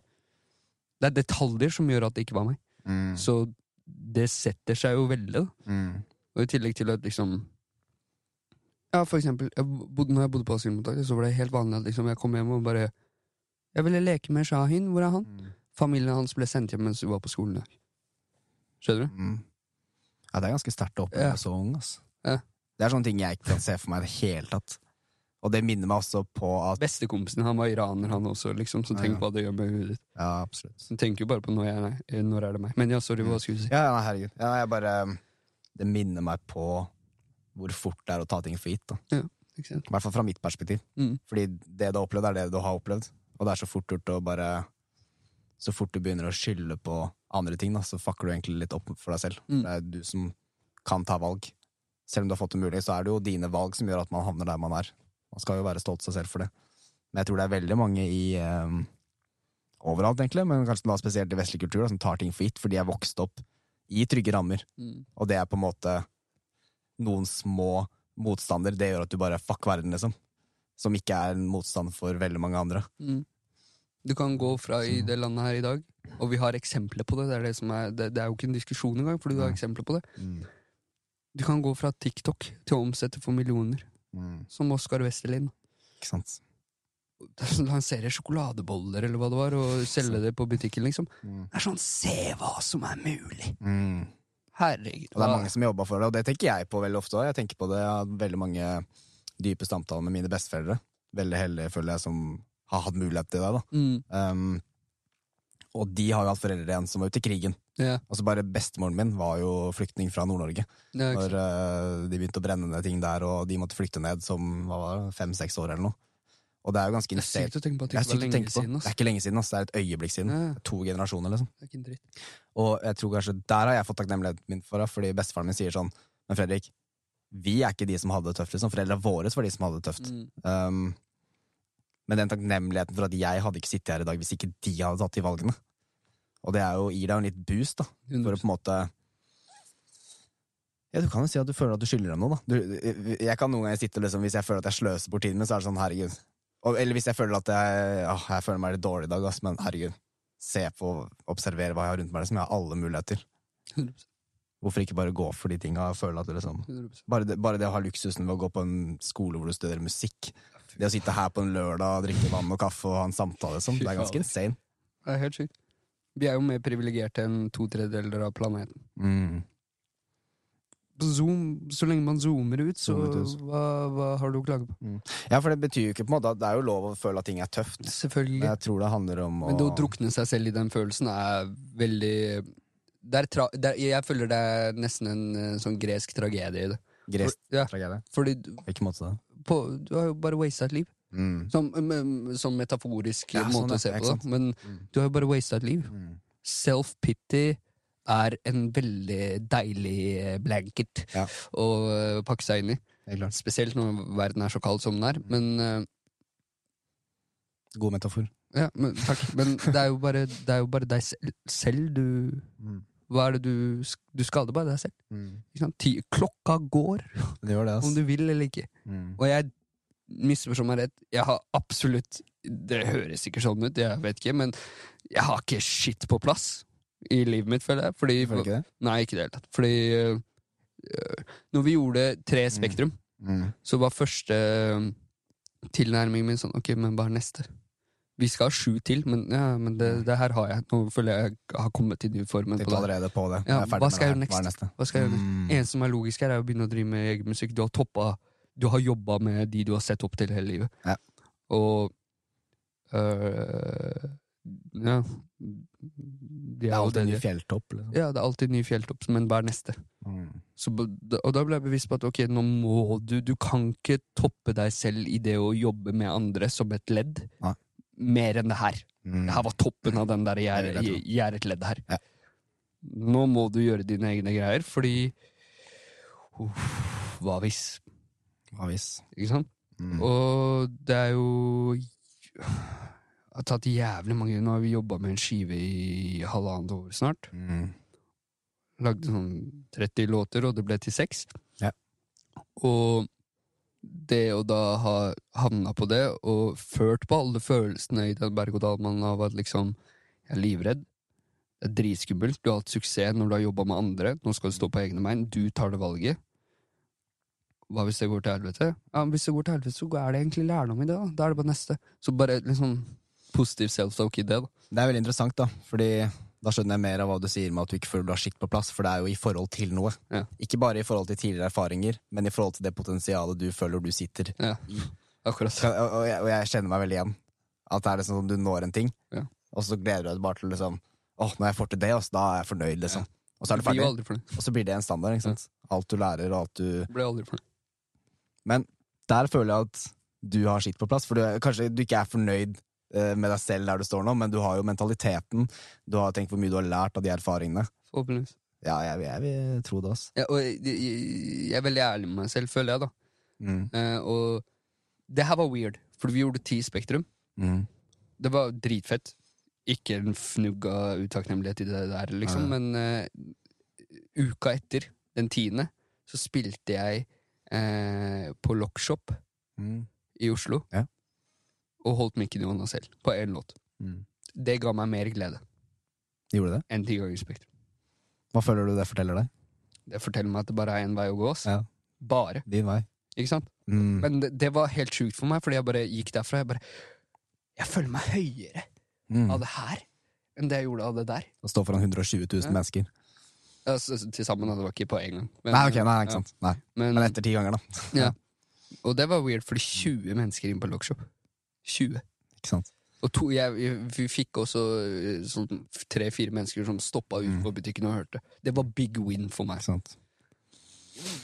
Det er veldig det, interessant. Det, det, ja, og ikke sant, det er noe det er, Men der var det kanskje litt sånn der eh, hva som er litt meant to be for deg òg, da. Hvis du følte det så sterkt, så er jo det en videre vei å gå. Ja. Men så var kanskje den erfaringen ved Spektrum og de tinga der, det bare viste deg hva som faktisk er mulig. Ja. Det er jo, men jeg, men jeg, jeg ser den, jeg tror Jeg er litt glad for at jeg, som personlig, da, at jeg har hatt den struggeren med å på en måte prøve så mye ting og følt at jeg har faila, og ikke bare fikk den instant-suksessen. Jeg, jeg tror man kan se på det på begge sider, Mm. men jeg snakka litt om det med Raymond nå, faktisk. Ja. Eh, fordi han var jo 22 år når han fikk den der Lars Monsen-serien og ja. musikken og sånne ting. Men så toppe det, da. mm. For det er jo en topp, og det Mm. blir jo vanskeligere. Så jeg tror det er utfordringer ved å være veldig ung også, og nå store ting for deg selv. Det er noe skummelt i det også. Mm. Jeg merka i hvert fall at jeg ble litt sånn Siden du gjorde så mye med alle andre, ikke sant? Mm. og enorm suksess mer enn jeg kunne forestille meg, basically. Mm. Tenkte jeg, du er Hva da? Jeg var 20-21. Mm. Blir flydd ned til Malta og spiller inn en kortfilm der med maltesisk produksjon, og han ene sitter og snakker med meg om at ja, sist gang jeg jobba med noen, var med Christian Bale, ja, det ene og det andre, liksom. Du blir sånn what the fuck? Mm. Hva gjør jeg her, liksom? Kongsberg, liksom? Hva i helvete gjør jeg i Malta? Gutt fra Kongsberg, liksom. Ja. Og så bare sånn Ok, det er heftig. Du vinner når du er på alle andres lag. Mm. Du er jævlig bra i startelveren, men er du en bra manager? Mm. Veldig interessant. Så det er den Mm. Den holdt meg våken om nettene en stund. Mm. Men så skjønte jeg at det er ikke vits å gå fram og tilbake med seg selv. Det er ikke vits å synse. Det eneste du kan gjøre, er å putte øh, pikken på bordet, holdt jeg. Metafor igjen, altså. Jeg skal lage en egen bok som er eh, kanskje jeg har Bare metafor. fra denne episoden. men, men men, du har jo ikke noe annet valg enn å hoppe uti det, da. Du har ikke det, Fordi altså. hva, hva, hva skal jeg ellers gjøre, da? Livet er all in uansett. Ja. Du skal daue. Ja. Så hvorfor ikke 100%. gå bare all in med alle dine drømmer? da? 100%. Og det liksom, det, det, det syns jeg er interessant, den tanken der. At den frykten for å å, jeg tør ikke helt å gå all in, Fordi hva om det feiler? Hva om andre mennesker tenker det? Mm. Om 100 år så er du død. Så du Ja. ikke bare gå all in? Du er allerede i det. Du er allerede all in. Ja. Det er weird greier uansett, da. Det er ekstremt weird. Og tenk så weird det er i sånn historisk kontekst. La oss si det er en timeline sånn med hele min bloodline. Ja. Her er jeg, og det er slutten. Først var det som jeger og sanker, eller hva faen. Og så kommer den til meg, og det er sånn Ja, hva driver han med? Nei, norsk rap. Ja. Det er helt sånn faen. Satt i perspektiv, liksom? Eller Ja, altså eh, attpåtil at, du har- ja, attpåtil at jeg har foreldre som liksom er sånn ja, Kjør på, du bare jobb hardt. mm, Vi støtter deg, liksom. Hvordan kan jeg ikke go for it? Ikke sant? Hvordan kan jeg ikke, i hvert fall med de erfaringene jeg har, og så er det veldig interessant. Så man blir veldig be bevisst av å drive med musikk, ikke sant? Ja. Du blir også veldig bevisst på hva andre stempler deg som. Fordi jeg ble bevisst på det. Jeg husker første gang jeg gikk på scene på UKM, tror jeg det var. Ja. Ja, du har gått på UKM, du òg? Ja. Så, var det, så var det en kompis som eh, filma, hadde noe filmoppdrag der. Og uten å liksom si noe om, stygt om han, det er ikke Ja. sånn ment. Ja. Men han var sånn der, hva faen skal du opptre her? Så jævlig cringe. Mm. Jeg var sånn, jeg opptrådte, selv om, og så gikk det jævlig bra. da Det fikk oppslag i avisa, og det, Ja, det gikk bra for Ja, det, Liksom. Og så var jeg sånn øh, Å ja, i din versjon av meg så er jeg ikke sånn. Ikke sant? Men den eneste versjonen av meg som kjenner meg, er meg, fordi det er jeg som lever med meg. Så hvordan kan jeg definere meg ut ifra hva du tror? Du ser ikke på deg selv som rapper, så du har ikke kapasiteten heller til å forstå hva det det innebærer til å se meg som det. Hvorfor skal jeg definere meg ut ifra en som En fotballspiller hører jo Mm. ikke med en eh, poet om han kan bli fotballspiller, liksom. Gjør ikke det. Veldig godt poeng, ass. Skjønner du hva jeg mener? Veldig godt. Poet er kanskje litt dårlig eksempel. da, fordi Nei, jeg syns det var veldig godt eksempel. ja. Men, Det- men, men, men du skjønner hva jeg mener? klart. Men det er weird når du driver med eh, musikk, og spesifikt rap, vil jeg si. Fordi det er liksom Det handler så mye om persona, på en måte. Ja. Klart. Men jeg har jo aldri hørt at en kompis sier at han skal bli fotballspiller, og gutta er sånn der Drøm. Skjønner du? For det er noe det er mer kjent, på en måte, kanskje? Det, det, er akt, det er på en måte mer aktuelt. ja. mm, Mens uh, på CV-en min som norsk rapper, det er jo litt sånn. Men det er veldig er interessant det du sier der, fordi at så fort man Jeg tror man har mulighet til å endre akkurat slik som man vil. Altså Du kan skape din egen karakter. Men selvfølgelig ved å være deg selv. da Hvis du faker det, så vil jo ikke det være noe bra for deg. Men hvis du går autentisk inn i det og tenker at jeg ser et potensial i meg, at jeg kan faktisk være her. Mm. Nå er jeg her. Mm. Men det blir veldig uvant for de som kjenner deg for den personen du er her. Nettopp. Når du er på den veien der, så begynner folk å tenke sånn Hæ, du er ikke den personen jeg kjenner nå, hva er det du driver med, liksom? Du er ikke deg selv. nettopp. Men Ma manifestering er enmannssport, spør du meg. det er det. Livet er one player game. Og eh, spesielt innenfor det med Det likte jeg. Manifestering er en enmannssport. Ja. ok, jeg vil høre på hva du sier. Jeg har et annet perspektiv på det. Men Ok, Okay. Men, men i manifesteringa er det sånn ikke sant? Jeg har klart å se for meg jævlig mye greier, og så har det skjedd. Utrolig nok. Mm. Uh, mye av det. Mm. Um, jeg liker ikke å snakke om hva annet jeg ser for meg, fordi det føler jeg ja, ja. det kan fucke opp energien. Ja. Ja. Eh, Fordi da kommer andre stemmer inn. Ja. Det er det som er fallet Med en gang det kommer andre stemmer inn, så går det til helvete. mm. Folk lo av meg da jeg sa jeg skal hilse på Chirag Magdi på samme plan en dag i livet mitt. Men når det skjedde, Mm. så var tunga deres brune etterpå. Liksom. Ikke at det har Jeg bryr meg ikke, det er ikke Nei, nei, viktig. men er Men bare for at jeg fikk se den utviklingen. At nå ble du overbevist. Mm. Jeg har vært overbevist hele veien. Mm. Ok, det er ikke deg jeg skal overbevise, det er meg. Mm. Du blir overbevist av resultatene uansett. Du kommer til å bli overbevist. Så det er den tilliten til deg selv og din indre stemme og alt det der. Liksom. Undervurderte greier. Ekstreme greier. Da skjønner jeg hva du mener med at uh, manifestering er en enmannssport. Men det er også interessant, syns jeg, det å manifestere sammen med andre. Mm. For da føler jeg det ligger litt i kortet at manifestering skjer også dobbelt så fort, og den blir dobbelt så sterk. Tror du det? Fordi jeg har alltid tenkt at den er litt vanskelig fordi Fargen blå. Mm. Ja, du ser ikke på fargen blå hvis jeg Nei. sier blå på samme måte. Nei. Du ser den kanskje sånn, mens jeg tenker himmelblå. Mm. Eller jeg tenker havblå. Så hvordan skal vi Og, og bare, men også på den fargen der. mm. Vi veit ikke om Nei. vi ser den samme blåfargen. Nei, nettopp. Vi bare er enige om at det der er blå. Det er det jeg syns er vanskelig med manifestering med andre mennesker. Og jeg har merka Ja, veldig ofte at jeg prøver eh, en sånn toxic trait med meg, kanskje, Mm. hvis man skal kalle det det, er at jeg prøver å få folk på bølgelengde. I Mm. hvert fall hvis jeg merker at du er litt ned, og så Mm. kan det er potensialet, liksom. Ja. Ikke at jeg er jævlig løfta, men Ja, nei, men jeg skjønner, jeg skjønner godt hva du mener. Ja, ja. jeg prøver å unngå den, en sånn form for selvdrunk. Men Det er lov å snakke seg selv opp. Det, Ja, man er så- sin egen beste venn. jeg syns det er så ekkelt å se Ja. på etter det. Men i hvert eh, den, det å kanskje at Ok, en kompis har mad potensial. Mm. Han skyter seg selv i leggen støtt og stadig. Du kan se det. Ja, det skriker jo av han. Alle ser det, utenom Mm. han. Mm. Men hva hvis han ikke vil se det? Det er en helt annen ting. Han er under den cozy blanketen. Mm. Han syns verden er kald. Mm. Kanskje jeg har mer den der Goggins-mentaliteten. det er kaldt, la oss løpe! Ja. Mens Stay han, hard, motherfucker. ja, ja. Mens han tenker det er kaldt, bror, hvorfor skal jeg ut? Mm. Og det, er, det må være lov. Mm. Det er det jeg har innsett. skjønner du? Det, det tok litt tid. Være lov òg. Være lov å være Å føle det, ja. Ja, ja, og, og også å føle at du ikke trenger å Jeg føler en intens eh, stemme inni meg som sier hvert år noe. Ja. Det trenger ikke være i offentligheten engang, men noe for deg selv. Du må gjøre en prøve. Skjønner du? Men det er ikke alle som føler det. Det er ikke alle som har behov for å løpe i tre måneder når Det det er er 13 fint, år. det er jo greit. Tenker det er en fin forskjell å ha. Helt fair. Noen er og, på, en måte, på en måte er ikke de bedre. Fordi de er fornøyd i nuet. De er fornøyd med en utvikling. Utvikling skjer over tid. Det er ikke her og nå. De er fornøyd i nuet. Det er jo en gave, det òg. Det er en gave, men det er både og. Ja, fordi på lang sikt så kanskje du brenner deg på den.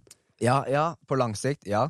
Fordi da er jo sannsynligheten og sjansen større for at du sitter der og tenker faen, jeg skulle faktisk, jeg Mm. burde. Men hvem sa vi har noe på lang sikt? Hvem sa det? Ikke sant? Det er det, som er så, det er det som er så kaotisk med å liksom ha en sånn Mm. stoisk, filosofisk eh, hva en tilnærming til livet og liksom synse og prøve jage den selvutviklingen og alt det der greiene her. At du innser gjentatte ganger, det er det jeg føler jeg blir overbevist om og får Mm. i fanget hele tiden, er at hva faen vet du egentlig? Shut the fuck up! Ja, det er jo Og det er helt valid, ikke. sant? Ja. Spesielt hvis jeg er her og nå. mm. Spektrum er et år sia. Ja. Hele turnégreiene er over. Eh, skuespill over. Jenta Mm. er pen. Over. Han er lykkelig.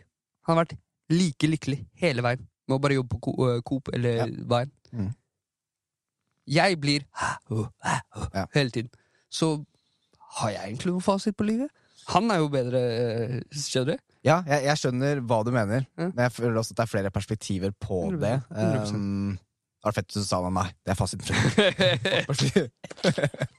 Ja, vi er begge jeg, to litt for filosofiske for det. ja, det er fint. Jeg tror, um, med tanke på det å være veldig ambisiøs og se potensialet, Mm. så tror jeg også det er mulig å hente mer, for du sier liksom Spektrum var for et år siden, eh, skuespiller sånn, det er før i tiden. Men det er jo fortsatt med deg til en viss grad. Det er jo en del av den du er. Du hadde jo ikke hatt de samme ambisjonene og den samme sulten kanskje hvis det ikke hadde vært for de eh, erfaringene. Hvem vet? Kanskje, Ja, ja, kanskje ikke. ja. Men Nei, samtidig, men, ja, du har rett. Du har rett. Du har rett. samtidig så tror jeg at det er en kunst i det å være veldig ambisiøs og se et potensial, men fortsatt nyte prosessen og være takknemlig for at man er i prosessen. For det vil alltid være en ny fjelltopp. Mm. Se for deg at du har uh, solgt ut Spektrum, da, alene som artist. Mm. Det er helt sykt å tenke på nå, men etter du har gjort det tre ganger selv, så er det nesten sånn sånn Maybe what's next? Og jeg tror det er viktigheten av å på en måte bare embrace det øyeblikket man har. Det at man har mål, men å faktisk bare være takknemlig for at man faktisk er i prosessen. For jeg tror det er veldig mange Jeg kan ikke snakke for alle andre, men jeg kan snakke for meg, da. At noen ganger så savner jeg tiden, for eksempel i korona, hvor jeg satt og lærte meg musikkproduksjon. Og Ja. var noob. Ja. Mens nå føler jeg at jeg kan de tinga der, Mm. så høyt som jeg vil kunne de. Mm. Men jeg savner litt den derre Å, jeg lærte noe nytt hver dag. Jeg lærte Ja, den oppdagelsen. den oppdagelsen, de der aha-momentene. Sånn, å, en baring, bare sånn wow. Det kan jeg kjenne meg igjen i. Jeg føler sånn- jeg veldig på rap. Ja, absolutt. Og samtidig føler jeg den derre Det du snakka om i stad, med å føle at jeg føler jeg ikke shit eh, på stell. I forhold til noe, ikke sant. Mm. Fordi for noen så ville du tenkt at shit, hadde jeg vært i kroppen til Kashayar, så hadde jeg jo noen drømmer om yeah. det øyeblikket man har i. Så jeg tror det er noe med å brace den derre følelsen at man Jeg har et potensial som er større enn der jeg er nå, og jeg får nesten ikke puste helt. Det er akkurat som ikke har nok oksygen. Men det yeah, er jo yeah, en drivkraft i å nå dit. Mm. Det er liksom bare takknemligheten for det, da. Så jeg tror det er flere måter å se det på. Jeg tror det er mange som har en ni til fem-jobb og er fornøyd med det. Jeg kjenner folk som er fornøyd med det, men jeg kjenner også folk som ikke er fornøyd med det. Jeg kjenner folk som uh, Hater det. hater det. Og jeg har prata med mennesker som har fått til store ting, og fortsatt ikke har det bra innsiden, på innsiden, for de har ikke liksom jobba med de tinga. Og jeg kjenner folk som har nådd store ting, som er veldig fornøyd. Mm. Så jeg tror det er liksom, kommer litt an på, da. Og så tror jeg det er noe med hvordan man er wired, eller hvordan man Mm. wirer Ja. seg selv. Programmerer, Ja. ja. Fordi eh, er det én ting som jeg føler er fasiten av men mentalitet jeg har adoptert, mm. så er det den um, Du kan nesten ikke bli fornøyd, fordi det å bli fornøyd er farlig. Mm. Fordi fornøydhet gjør deg lat. Ja, Det gjør deg latere, du har ikke den samme sulten. sant. Mens hvis du alltid er litt sånn mm, Så vokser du konstant. Helt klart.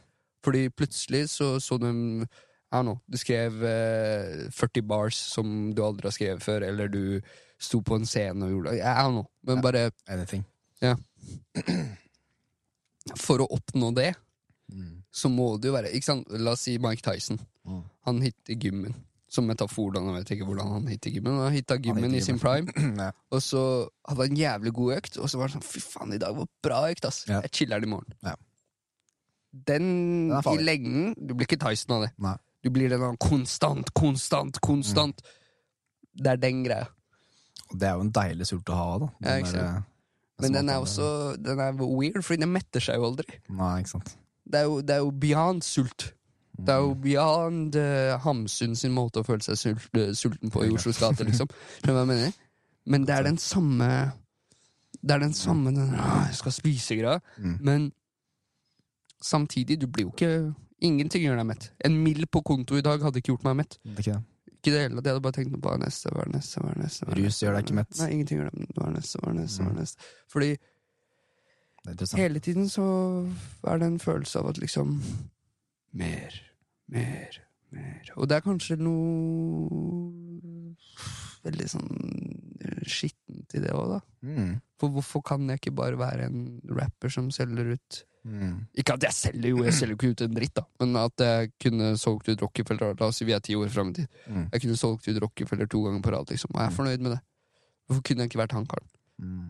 Hvorfor må jeg tenke ja, heftig, jeg har solgt ut Rockefeller, men faen, ass, Spektrum er rett ved siden av. Faen, ass. Skjønner du? Hvorfor er det førsteimpulsen min? Mm. For ja, det betyr voksing, men hvis du ikke gjør voksinga, Mm. hvis noe er i veien for det, om det er sykdom eller livets gang, eller hva enn, Mm. så må det jo bli litt sånn Jeg lurer på om den eh, prislappen på den type sult, når den er for stor Ja. Skjønner du? Absolutt. Det er den som er kanskje Og nå er jeg, jeg vil ikke påstå at jeg er den sultneste duden, eller whatever. Ikke at det er noe Mm. måle, men du skjønner hva jeg mener. Mm. Jeg er ikke heller eh, I don't know.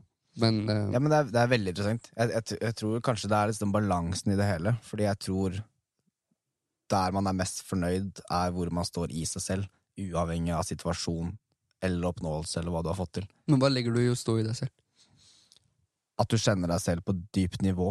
Jeg tror det er okay. mm, For å ta eh, et eksempel fra min erfaring, da. Litt sånn Kan sitte hjemme, og så er det sånn Nei, nå føler jeg for bare ta en øl. Spise litt sjokolade. Hvorfor? Noen ganger er det fint, liksom. Jeg sier ikke at du ikke gjør det, liksom. Men noen ganger er det kanskje for å dekke over noe over side ved deg selv du ikke har åpna opp ennå, og som da er skummelt, fordi det er ukjent. Mm. Litt som på en måte det å gå dypere i seg selv og grave litt, meditere, sitte i stillhet. Det er veldig skummelt i enkelte perioder, og i starten, fordi det er mange barrierer. Så jeg tror Jeg tror den fornøydheten med seg selv ligger internt og ikke eksternt. Jeg tror at vi mennesker har en tendens, i hvert fall jeg, da Jeg prøver å, jeg prøver å bli flinkere på å ikke si vi mennesker Ja. for det er meg. Uh, håper noen skjønner seg igjen.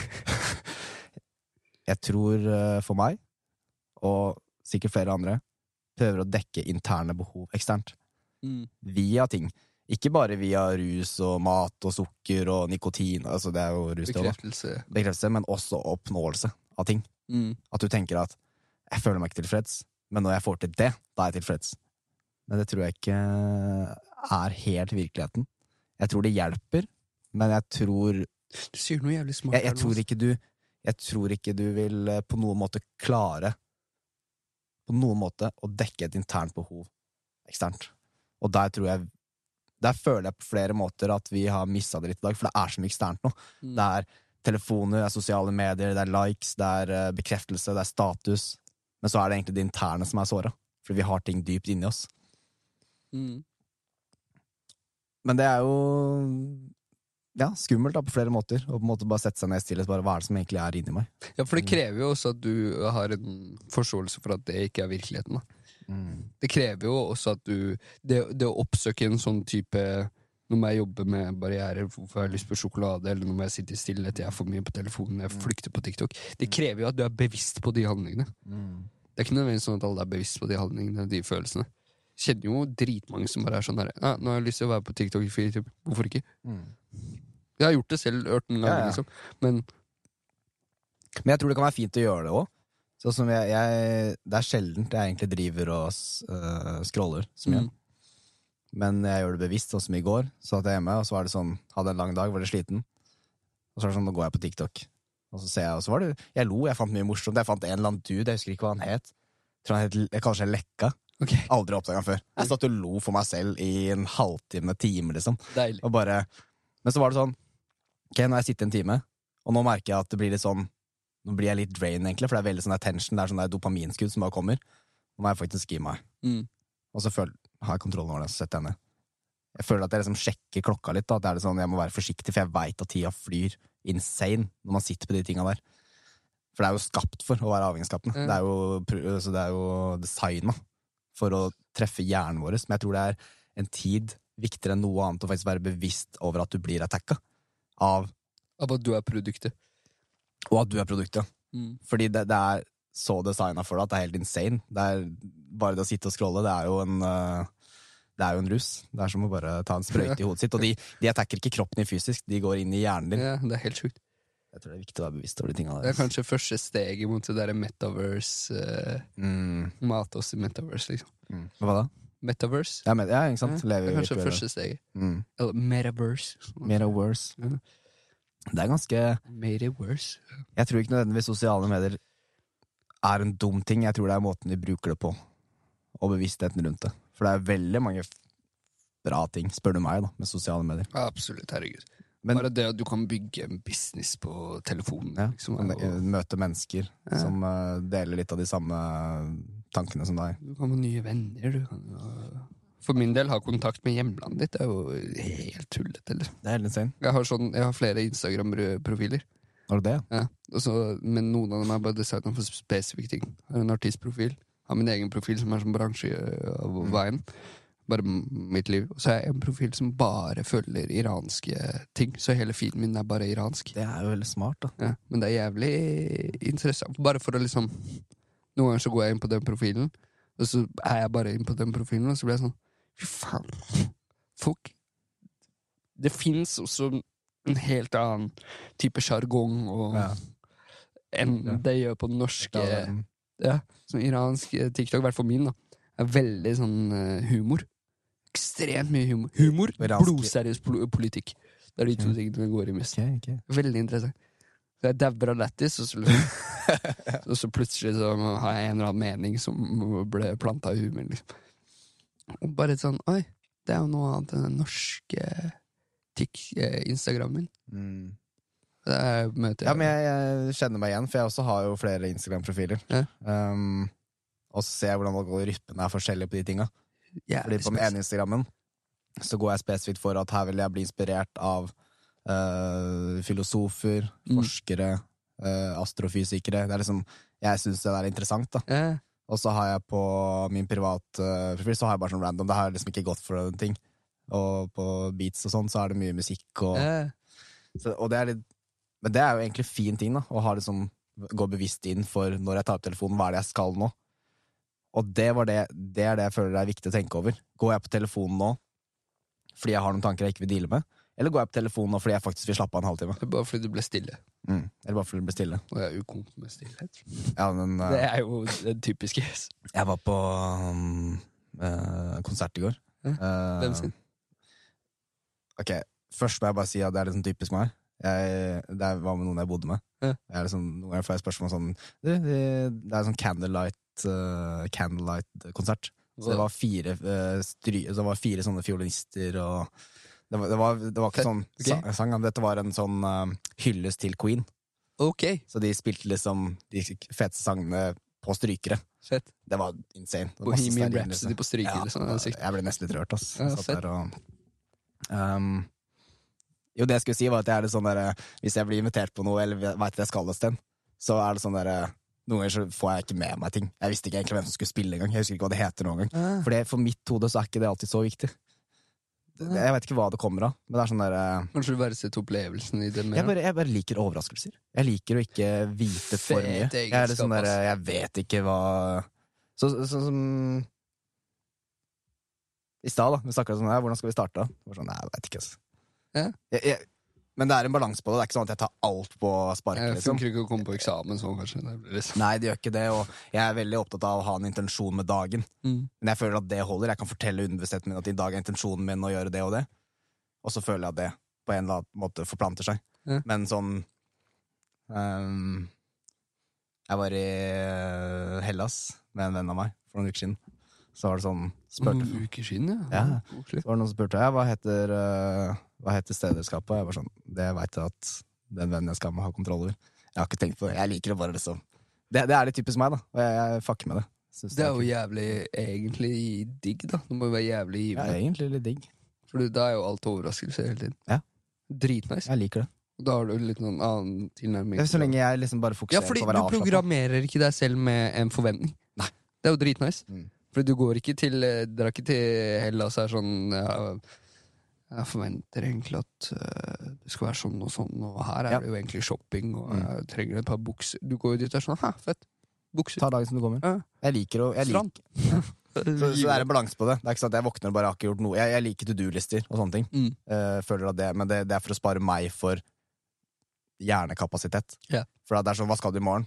Mm, det står på to do-lista mi. Jeg har skrevet det. Mm. Så jeg sjekker det kanskje før jeg legger meg, og sjekker jeg når jeg står opp. Prøver å bli bedre på det i det siste, faktisk. Det var det. Sånn kalendertilnærming og sånn, for jeg merker veldig ofte at jeg, jeg har også litt samme tilnærming. Mm. Fordi det er veldig ofte det har skjedd at jeg eh, bare havner Dagen jeg trodde skulle være noe, så blir det noe helt annet. Og så Ja, har jeg vært sånn, ja. ja, det er nice. Du veit aldri hva som møter deg. Ja. Men så det blir jo Det er litt ofte Det blir litt uproduktivt ut av det. Og det er der jeg føler den fine balansen her. At, men det er den intensjonen, da. Hva er intensjonen din? Hva er det du har lyst til å få til i dag? Liksom? Eller hva er det du kanskje har lyst til å I dag er intensjonen min å lære. I dag er intensjonen min å lytte til andre mennesker. I dag er intensjonen min å få ferdig de to låtene. Ja. Eller lese. Ja. Men jeg føler jo at livet er jo ganske interessant sånn sett, for du veit aldri hva som gjemmer seg bak neste sving. Det er veldig interessant, og det er noen ganger litt skummelt. Det er ganske ofte eh, skummelt, spør du meg. Ganske ofte skummelt. Jeg hadde den tanken eh, eh, Utenom de tingene jeg har kontroll på. Som hvis jeg, gi, Ja. hvis jeg vet jeg skal gi ut musikk, så jeg totalt faen, jeg bryr meg ikke.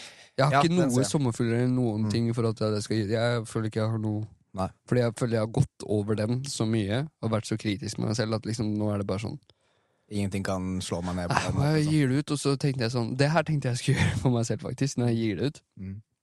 Eh, forsvinner litt, altså. Ja, ok. Fra sosiale medier spesifikt. da. Ja, ok. For jeg har ikke lyst til å Jeg vil bare sitte litt med følelsen av Nå har jeg gitt ut Mm. musikk. Hvordan er det å gå inn på Spotify og høre på meg selv? Fett. Jeg liker det. Ja, fordi Tror det er en sunn approach. Ja, så gjorde jeg en sånn trening på det i sånn to uker da jeg gjorde telefonen min svart-hvitt. Så jeg hadde null dop. Det var ikke kult å være på mobilen, liksom. Kan du gjøre telefonen din svart? Ja. Så det var ikke kult. Jeg var inne på mobilen, og så var jeg sånn Jeg gikk lei på to sekunder. Hele tiden. Kan du vise meg etterpå hvordan man gjør det? Ja, 100 jeg har det. Men eh, det var jo ganske sånn da, da følte jeg veldig sånn mye makt i det, plutselig. Mm. Så, ah. Kontroll over situasjonen. Ja. Digg å Mm. bare liksom skru av TV-en. Det er veldig deilig Ja. å føle at man har kontroll, og det er jo det viktigste, å kontrollere mm, mindet ditt.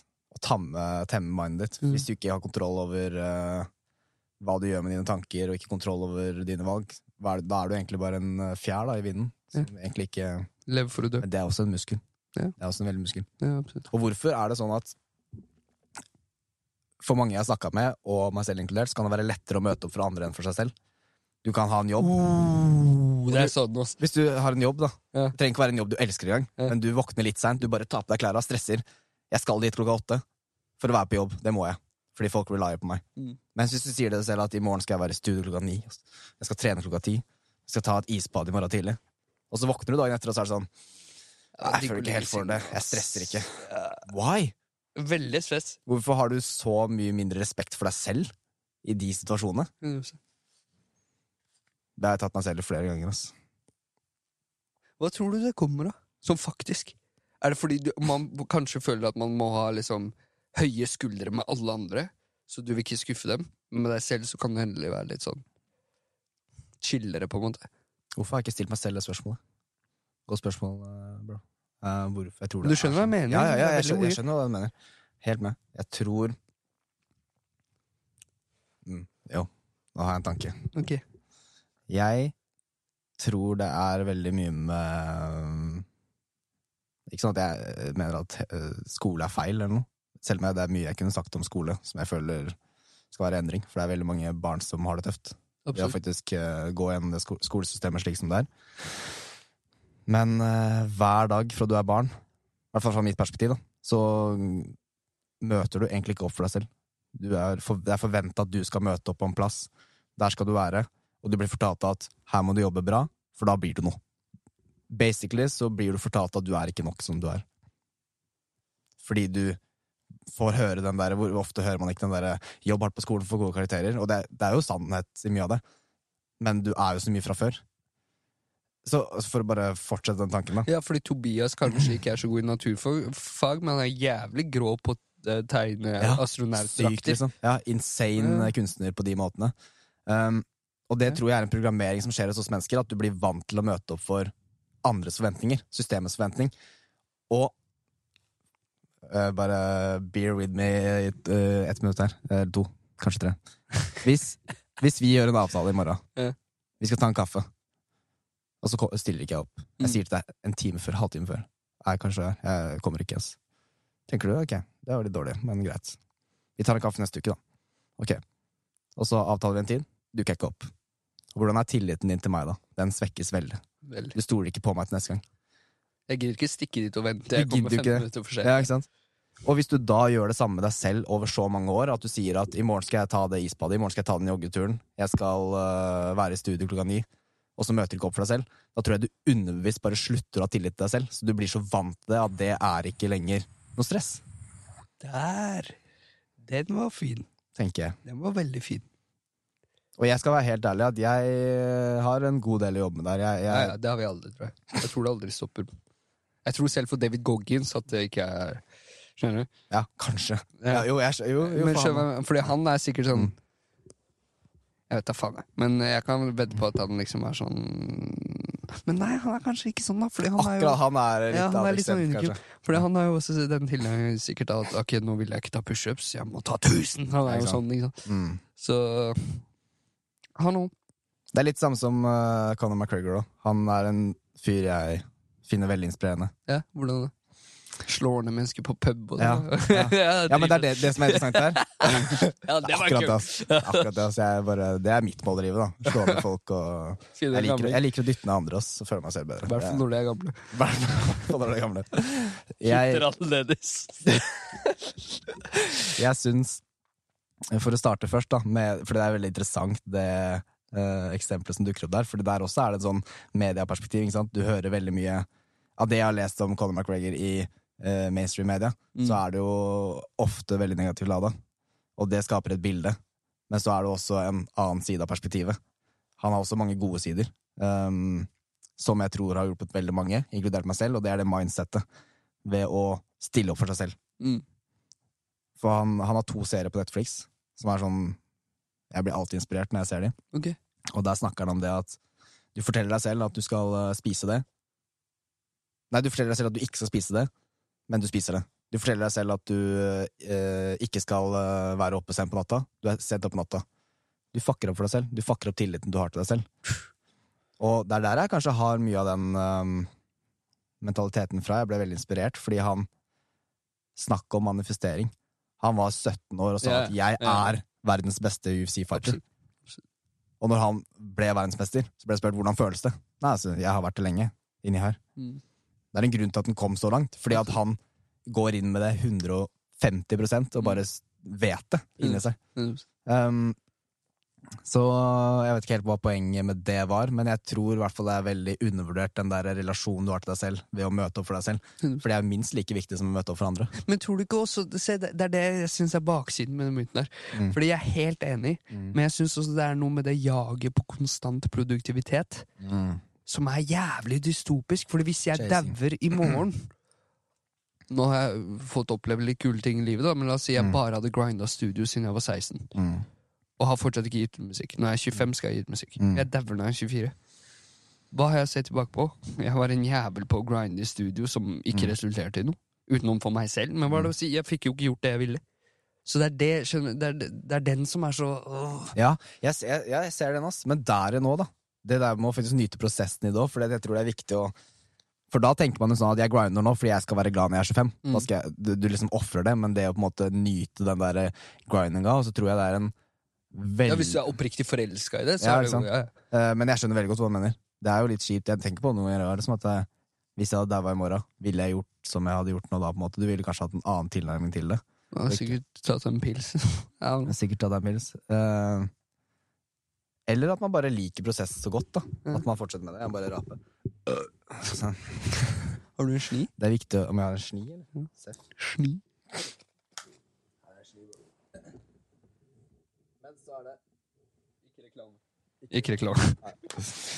Det er sånn fucka, for at jeg har eh, Det er mange venner jeg har som vet at jeg egentlig har slutta å snuse. Og, Egentlig, ja. sånn er det. Og det, det er nok en ting, da. Mm. Skuffe selv. Jeg skal slutte å snuse. Nei, du klarer ikke å gjøre det. Så, ja. Eh, Poenget, da. Eh, Hva mer hva, ja, var poenget mitt med det? Um, hva var det siste jeg sa? Falt jeg litt ut. Jeg skamma meg litt fordi jeg tok den snusen. Jo, det med å chase ting. Fordi jeg vet ikke hva din erfaring er der, men jeg føler at det er bra å chase. Men du skal ikke chase for mye heller. Med en frykt for ikke å få til ting. Mm. For da føler jeg at du løper litt fra ditt eget mål. Hvordan da? Jeg skjønte ikke helt. Jeg prøver å sammenligne litt noen ganger med å se for meg at hvis målet ditt er her, og du er der, og du chaser for mye, så føler jeg at du egentlig bare går i en sirkel. Mens hvis du fokuserer litt mer på den indre balansen, og liksom har en rolig tilnærming til det du jobber med, Mm. og slipper unødvendig stress, unødvendige eh, bekymringer, Forventninger. eh, forventninger, du slipper frykten, som er Alle de er jo øh, negative energier. Ja. Øh, I hvert fall hvis det blir for mye av det. Um, og da faller ting litt mer på plass. Det å på en måte ta ting rolig. Min erfaring er det, i hvert fall. Jeg er ikke uenig. For eksempel i første året på her, så var det sånn Å, jeg skal mekke beats. Mekka beats flere timer hver dag. Og på en måte egentlig bare så jeg ting i lite perspektiv. Jeg ble litt for narrow. Jeg, Mm. jeg tror det er viktig iblant å bare zoome litt ut. Puste litt, fokusere på behovene dine. Bare gå litt inn og fokusere på den indre balansen, og da føler jeg at man med en trygghet i å gå etter målene sine, så vil også målene tiltrekke seg til deg. Jeg føler litt på noen måter at det du Enig. chaser, chaser også deg. Enig. Men det er viktig å chase i Enig, en enig, ja. enig. Mm. enig. Veldig enig. I hvert fall av erfaringer. Ja, og det hører jeg flere andre erfaringer òg.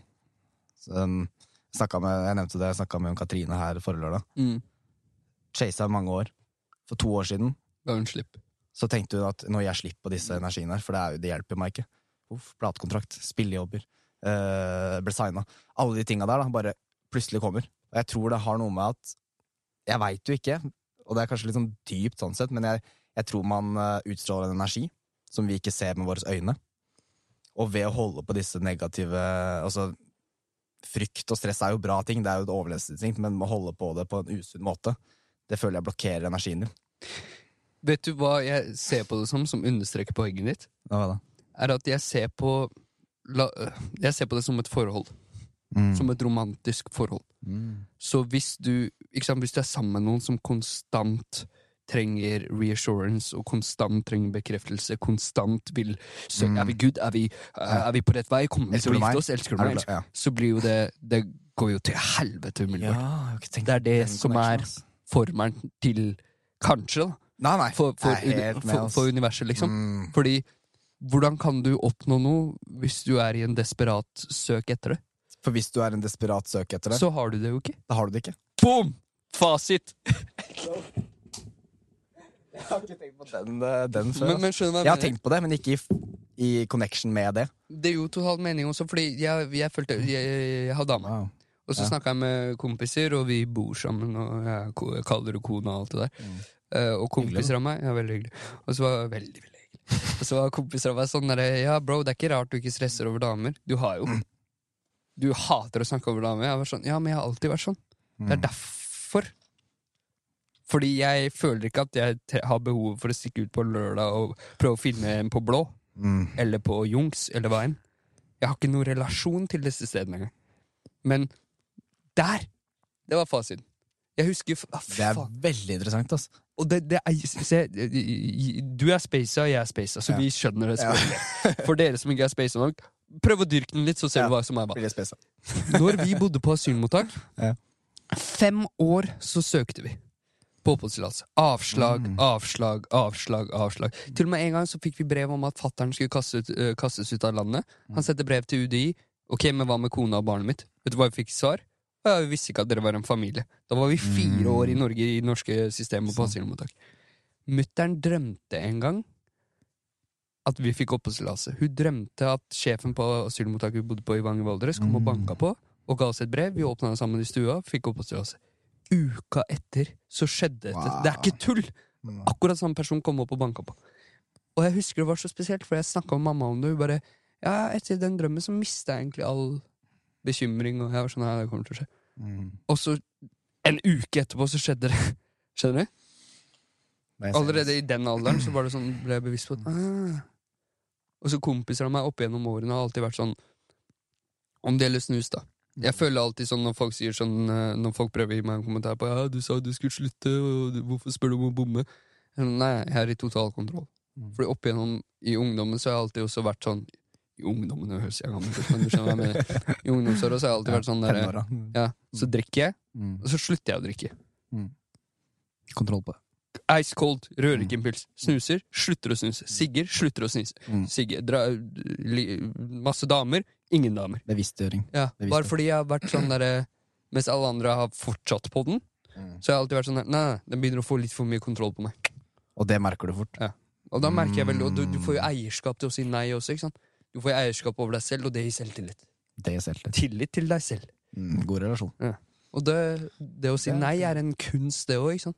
Helt klart. Jeg fikk eh, ofte et annet men, I en branch av det her, da. Mm. i et greiene der. Det å si nei til seg selv og til andre Mm. gir en sånn følelse av stolthet, føler jeg, da, for Ja, meg. ja, ja, absolutt. Så for eksempel, jeg fikk noen eh, Fikk sånn skuespillertilbud, Mm. og det var litt sånn shitty, sånn typisk eh, Godt betalt, men det var litt sånn shitty premisser og det ene og det andre, og da var jeg sånn Nei, Mm. jeg trenger det ikke. Ikke sant. Og så fikk jeg en bedre rolle. Nei, Mm. nei. Og nå er ikke skuespiller noe jeg har Nei, veldig nei. lyst til å drive med, men, men Testa det ut. Ja, og litt her og der hvis det er kult, liksom. Men bare det å ha muligheten til å føle at man ikke misser out Mm. ved å si nei, Mm. eller ved å ah, alle gutta skal ut på byen og jakte damer. Jeg orker ikke. jeg finner Dame kommer og går. Det kommer som det kommer. Så på mirakuløst vis så bare lander det, og plutselig så bor du med henne og alt det der greiene. Sant? Mm. Det har vært min oppfattelse av livet. Kanskje jeg har vært heldig, kanskje jeg For du har, ikke ikke har noe, men det, det har jo manifestert, liksom. Du mister jo ikke out så lenge du bare er med deg selv. For det du er, det er, du er hovedrollen i ditt liv. FOMO er er- veldig weird konsept for meg. skjønner. Ja, det Jeg synes FOMO er veldig weird. Jeg skjønner det ikke. Jeg mista den tidlig. Ja? Mm. Da er vi på bølgelengde. Men Mm. når du snakker med folk, spesielt ungdommer, og sånn, Mm. så blir du veldig bevisst på at fy faen, dere har egentlig ganske ekstrem Thomas. Mm. Og så prøver jeg så jeg liksom, jeg skjønner ikke helt. Mm. For hva er du redd for? Byen stikker ikke noe sted. Den er der om to år også. Mm. Hva går du glipp av? Minner? Mm. Hvilke minner? Du festa på lørdag og ødela søndagen din. Nå er det hang hele dagen i senga. Ikke at jeg gjorde noe jævlig minneverdig på en lørdagskveld, men, men jeg, sånn jeg, jeg er også egentlig aldri Jeg hadde den veldig mye i tidlig tenåra. Ja, ja. Sånn, og jeg vil være der det skjer. Til jeg innså at wow, der det skjer, er jo her. Mm. Det er jo det jeg gjør, det er jo der det skjer. 100%. Og det Jeg tror Og, der igjen nå, trekker tilbake til det med å chase en ting.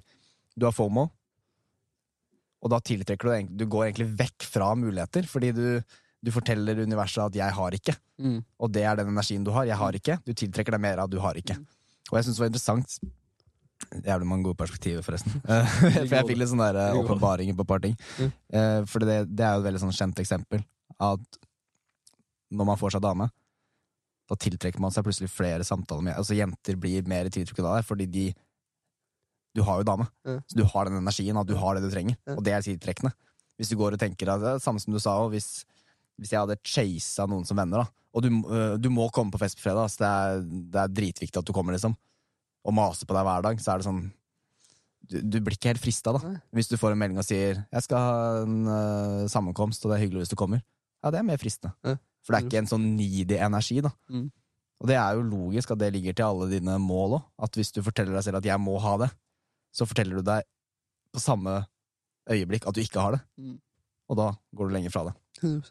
Så der tror jeg kraften ligger i å se bilder, da, sånn som du har sagt. Liksom se bilder i seg selv og tenke at det her finnes, bare ikke i den fysiske verdenen ennå. Det finnes energetisk. Men det er en grunn til at du klarer å se det for deg. Mm. Ikke sant? Det er fordi it's coming. Det er It's coming. It's coming. 100% Jeg merka veldig at jeg veldig lenge hadde sånn der behov for uh, uh, bekreftelse, in lack of better words, Ja. uh, fra liksom bransjen. Mm. Spesielt i rap, hiphop-sirkelen Ikke sant? Fordi når du driver med musikk sjæl, Mm. så blir du invitert i disse store rommene Mm. disse menneskene, som er ikoner og folk jeg har sett opp til hele livet, og det ene og det andre, Mm. så er det sikkert jævlig naturlig, har, har jeg fått høre av de jeg har snakka med om, om at man føler et behov for aksept. Men ble liksom ikke så veldig bra, da, fordi jeg overtenkte alt jeg sa. Det var altfor Energien Litt var sånn. blokka. Liksom. Ja. Mm. Men nå føler jeg på bedre sted, og det føler jeg også er i tråd med at jeg oppriktig gir faen. Mm. Jeg har lagd musikk, jeg vil gi det ut. I don't give a fuck. Du bekrefter for deg selv. Yeah, I really, truly don't give a fuck. Mm. Og den der I don't give a fuck-energien er så jævlig Det er så mye makt i det. Det er det, altså. sjukt.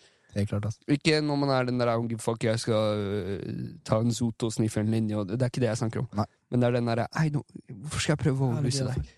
Hva faen skal jeg prøve å overbevise? Hva vet du om meg? Ikke sant? Og hva vet du om de sånn egentlig, liksom? Ja. Mm. Den type tilnærming gir jo jævlig mye Helt klart, jo altså. jævlig mye selvtillit. Det, det tror jeg er veldig viktig. Det å på en måte Hvem er det du beviser bevise noe? Ja. Det er viktig at du beviser for deg selv. Jo Hva, hva vil du gjøre med musikk? hva jeg vil gjøre med musikk? Ja. Hvorfor vil du drive med musikk? Jeg savner dybde. Hva legger du i dybde? Mm. Jeg, det jeg legger i dybde, er um, en uh, større connect med deg selv og dine relasjoner og de du har rundt deg. For jeg har en veldig tro på at jo større dybde du kan nå i deg selv, jo større dybde har du da mulighet til å komme inn og så bli kjent med andre mennesker. Mm. Um, og så liker jeg, med tanke på musikk, det er ikke bare musikk, men generelt alt jeg driver med, så um, er jeg veldig nysgjerrig på hva som finnes inni oss. Okay. Og jeg liker den nysgjerrigheten. Um, samtidig som jeg er veldig glad i ærlighet. Jeg er veldig glad i å um, Jeg er veldig glad i å Oi, stemmeskifte. I en alder av 29. Yes. Um, Faen, du er 29, du. Ja, sorry. ja. Jeg er ikke 30 ennå. det ikke- Var det en diss, eller? Nei, det var ikke diss. var faktisk- Ikke diss i det hele tatt. Hva jeg, Så eh, det er en av de tingene jeg ligger i dybde. Um, generelt bare Jeg har alltid vært nysgjerrig i å Og dette føler jeg korrelerer litt med i meg selv òg. Jeg har Mm. alltid vært nysgjerrig i å forstå hva som gjemmer seg bak i dybden på andre mennesker. Eh, Og forstå hvorfor ser du på det perspektivet som du ser det på. Hvorfor, Hva er det jeg kanskje ikke har forstått der? Jeg elsker å høre perspektiver og tanker jeg ikke på overfladisk nivå er enig i. For at jeg har en veldig stor tro på at det er kanskje en enighet her. Bare at jeg ikke har sett den ennå. Ja. Og på samme måte liker jeg å grave dypere i meg selv. Og uh, Men hvordan gjør du det i form av musikk? Er det fordi Det er det er tekster, liksom blottlegging av følelser? Ja, mer tekster og sånne ting. At jeg liker å s- ha glade låter, jeg liker å ha triste låter. Jeg liker de der eh, Jeg er egentlig generelt glad i blitt veldig glad i opp- og nedturene livet bringer. For jeg ser på det som en veldig sånn Ah, fett. Jeg liker å være glad, selvfølgelig, Ja. Men når jeg har dårlige dager, så er det litt sånn Jeg er takknemlig for at jeg har den dårlige dagen her, for det gjør at jeg også setter mer pris på de bra dagene. At jeg liksom Faen, da er du irriterende type, da. Ja, men jeg prøver, Ikke for å liksom gå helt sånn der toxic positive positivity, da. Nei, nei, Um, men så, ikke, ikke for meg, fordi jeg setter pris på det, Mm. men for folk så er du jævlig irriterende. Ja, det er jeg sikkert. Fordi du er sikkert sånn derre Jeg merker jeg er det samme, liksom. Ja. At det er den derre Ja, men det er noe fint å finne i alt, og er Ja. eller annet folk, Ja. folk hater det jo. Jeg misforstår meg rett, og sier jeg kan være langt nede, liksom. Ja, ja, absolutt, der, absolutt, eh, det her, altså, hva er meninga, liksom. Men uh, en annen ting jeg legger i dybde, er at jeg tror dybde gir oss en større evne til mer forståelse for seg selv og andre. Ja. Mer respekt, mer kjærlighet og mer tålmodighet. Og hvor, hvordan skal det utbrodere seg kunstnerisk i en tid der alt er overfladisk? Ved å egentlig bare følge mitt hjerte, og jeg føler at jo dypere jeg kommer i meg selv, jo dypere kan mine tekster være. Og det kan Selvfølgelig, jeg skriver for meg selv, det er jo selvterapi, liksom. Mm. men ved å gjøre det, så tror jeg eh, Vet jeg at mine ord har gitt andre en større forståelse seg selv og det liker jeg. Yeah. Jeg liker å mm, Jeg liker å spre energier som gjør at folk føler seg bedre, på en måte. Føler seg mer eh, Ja. um, Eller at det gir At det er mer noe. aksept. Ja. Jeg syns det er veldig fint. Det fikk meg til å tenke på Jeg husker jeg var i studio en gang, og så har man jo disse opplevelsene der liksom Oi, det ga meg noe. Oi, det ga meg noe. Og så husker jeg jeg jobba med en produsent, og så sa han til meg Så skrev jeg en tekst og recorda, og så satt han liksom og så på meg, og han bare Det der traff, ass. Det traff meg veldig. Bare, hva, hva da? Han bare Nei, den ene linja di traff veldig. Mm. Uten at du Og det tenker var, ja, og det var, det, jeg hadde skrevet 'Jeg tror mer på Gud og meg selv'. Wow. Og det eh, Et eller annet, Jeg husker ikke hvordan jeg spilte det engang. Men i hvert fall, det traff han veldig. da Mm. Så satt vi og hadde en lang samtale på det. Og da var jeg sånn Hæ? What the fuck? Ikke sant? Jeg tenkte ikke over det to ganger, men det var noe jeg følte. Jeg bare skrev den ned. liksom Skrev det. Og så ga det han noe, så hadde han et helt perspektiv, og det ga meg noe. Et helt annet perspektiv. Det var veldig, veldig sånn sær opplevelse i studio. Det er dybde for meg. Ja, For da ja har ok, du, ja, men da du gravet dybde deg selv, og det kan åpne dør for noe annet, som også åpner deg en dør. Ja. At det er på en måte, For jeg, jeg tror vi er uh, mye mer connecta enn det vi egentlig er absolutt. bevisst over. absolutt. Um, og det er veldig interessant. Og det, det du sier der òg Du har sikkert opplevd det Du sa jo nettopp at du har opplevd det. Det at du sier en ting eller skriver noe som treffer andre, men du tenkte ikke over det. Ja. Det var veldig sånn Har du noen gang opplevd at eh, noen tok opp til deg bare, Kanskje det du sa til meg for noen uker siden, så det, det bare ga meg en litt sånn ny tanke, og du bare Oi, jeg tenkte ikke over det jeg sa det engang. Det bare kom som en flyt. Absolutt. Hvor tror du kreativitet kommer fra? Har du noen gang tenkt over det når du sitter og skriver og du føler at pennen bare flyr litt? Har du noen gang tenkt på Ja. hvor er det det kommer fra? Hvor er det det starta? Starta det bare her nå, eller har det funn- eksistert i en lengre tid, eller hva? Jeg husker eh, jeg tracka en låt som er på skiva mi, som heter Hangman. Mm. Når jeg tracka den, så bare eh, ga Det skulle bare topline, liksom. Mm.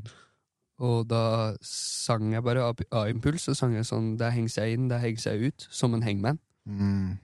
Eh, og så var jeg sånn Hæ? Jeg følte at det oppriktig var noe, da. Som kunst, liksom. Eh, eller noe av verdi, da, på en måte. Og så lurte jeg jævlig mye på hvor den var fra, Fordi det var ikke noe jeg hadde tenkt på før. Jeg hadde ikke tenkt på det engang, det bare gikk rett ut. Det var ikke noe prosessering, det var bare munnen. Og så var jeg sånn hm. Og da husker jeg jeg leste sånn, hørte, leste et eller annet med et intervju med Farrell Williams. Ja.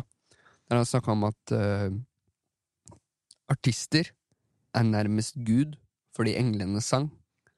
Og Mm. universets uh, kunst er et, uni eh, et bibliotek i universet. Mm. Så når du stempler ut en bok Det her har jeg sagt deg før, tror jeg. Ja, Når du, mulig. når du stempler ut en bok, så er det tiden for den boka, den ideen.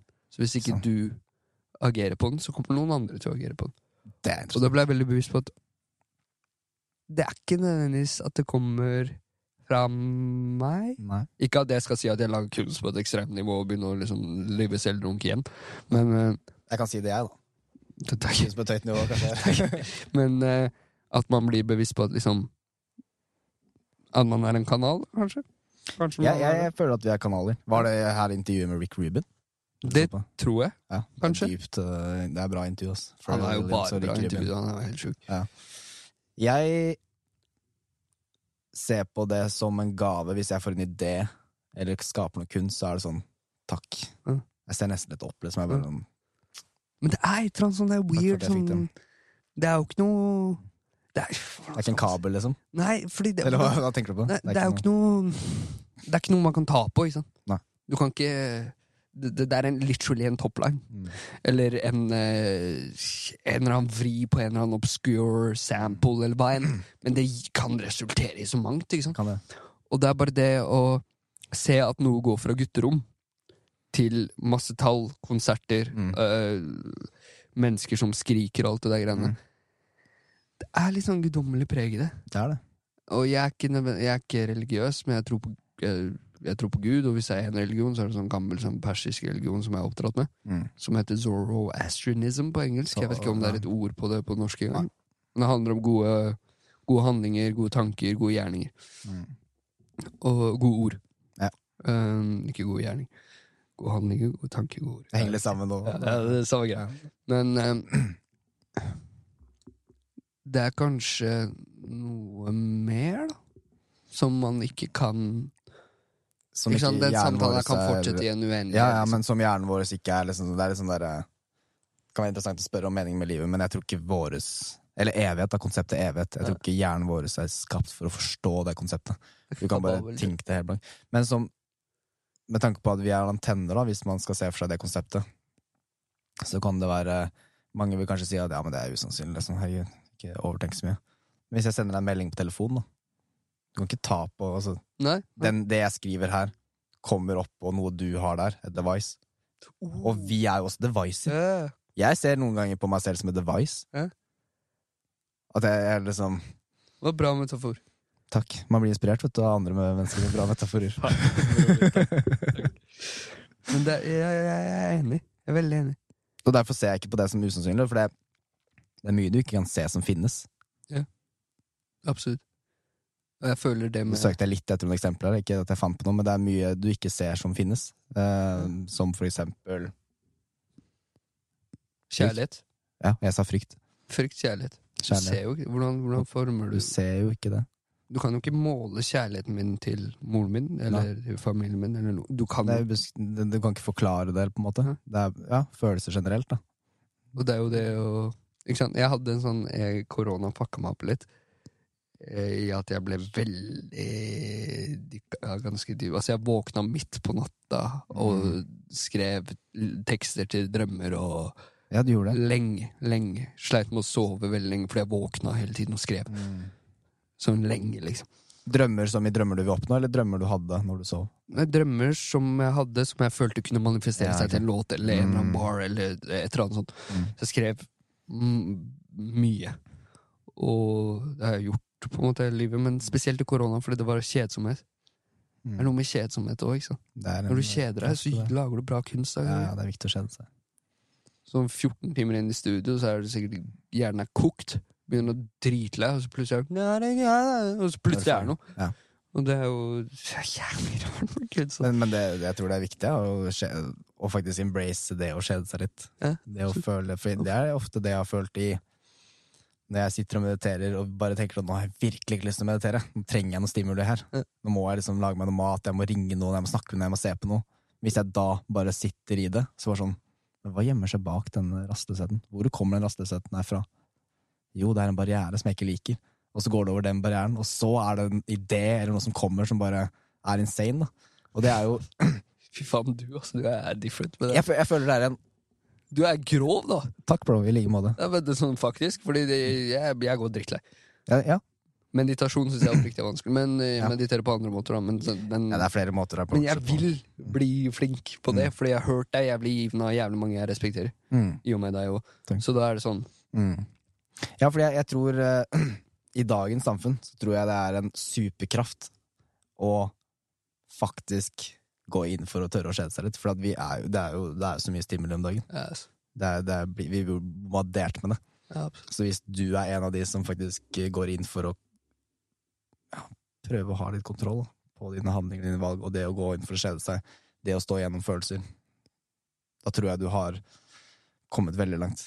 Dessverre i forhold til noe, da. Det er jo egentlig litt dessverre, for egentlig burde jo kanskje Kanskje alle kunne gå dit litt. Jeg, jeg vet ikke. Det er vanskelig, for det er ikke noe fasit på hvordan man skal leve et liv. Jeg skal ikke sitte her og fortelle hvordan Nei, man skal leve sitt liv. jeg, jeg skjønner hva du mener. Men jeg, jeg tror også du er enig i der. Mm. At jeg syns det er en enorm tragedie Mm.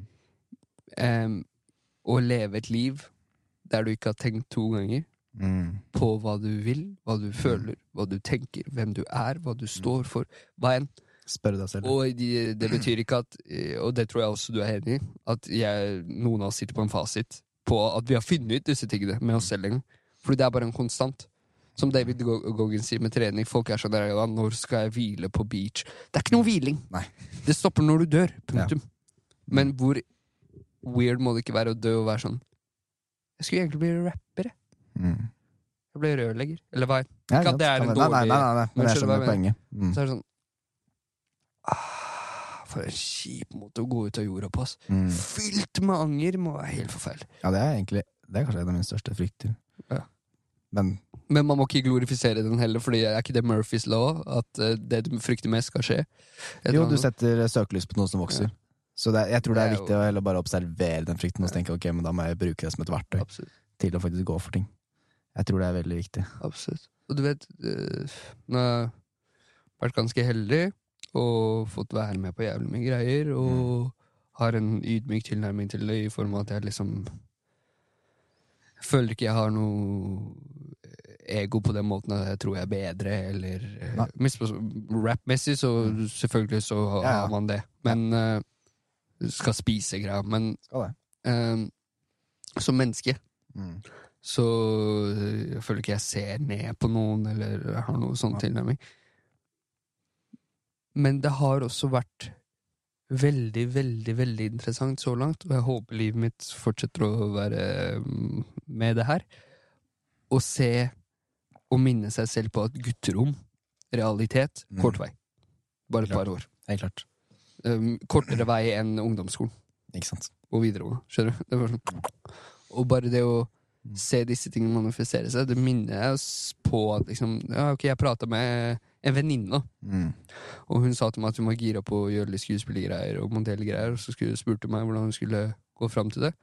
Spol fram, og jeg ga henne råd. Spol fram eh, halvannet år. Mm. Ble betalt og dra på modelloppdrag i Gå inn i Tyrkia. følelsen. Ja, og ja, som jeg sa, dra på modelloppdrag i andre deler av verden, liksom. Mm. Veldig lite. Det var bare Hun tok et valg. Mm. Stå inne for valget. Ett år fram i tid. Massiv utvikling. Signa til agency. Gjorde det. Ja, hun gjorde det. Og da er det sånn Selvfølgelig, hun har jo anlegg for det, og, Ja, ja. og hun trener og alt det der, men bare som et eksempel, da. Det er kult å kunne se gi en sånn nøkkel. Uh, Ja. Man må jo åpne selv. Ja, og så, Ikke at jeg har gjort noe, hun har gjort alt, men bare det å se del utviklingen. Ja, det er kult. Veldig, veldig sykt. Veldig Eller en annen kompis som eh, Mm. Han har uh, Han er veldig lættis til fjellet. Jævlig, jævlig spesiell type. Men han uh, har fått sånn ekstrem disiplin på treningsfronten. Kult. Han har blitt godt trent kar, liksom. Mm. Spiser dritclean, og jeg bare ja, hva skjedde? Han bare Nei, helt ærlig, jeg eh, hater Mækkern, ass. Så intenst at jeg brukte all energien min på Hater Mækkern, hater Ja, ikke sant? Skjønner du? Ja, Men det er liksom tilnærmingen hans. Er men utvikling! Igjen en Utvikling. utvikling. Mm. Og han er jo jævlig mye lykkeligere enn det jeg har sett han nede på sant. Selv om han fortsatt fester og gjør alt det der greiene. Men han, er ha- skjønner du? Happy med sine Ja, han liker Han ble, begynte å bli forelska i det å se en utvikling. Ikke sant? Og det er kanskje det er Det er det som er litt vanskelig med utviklingsgreiene nå. Mm. Fordi det er en ensom vei, ikke sant? I hvert fall fra Jeg hadde La oss si 20 kompiser, da. Gode mm. kompiser. Når jeg bestemte meg for at jeg skulle bli, drive med rap. Mm. Men spol frem noen år, og jeg er venn med to av dem. Ikke sant? Og det er jo Det er hyggelig, men trist. Men det er jo Jeg tror Du velger jo bort bort jævlig mye sosialt. Det er det Du gjør det, helt klart. Også, øh, ikke bare sosialt, men det er jo en gammel identitet av deg selv som du, Eller en identitet av deg selv som du velger å forlate. Ja. Og det vil være ensomt.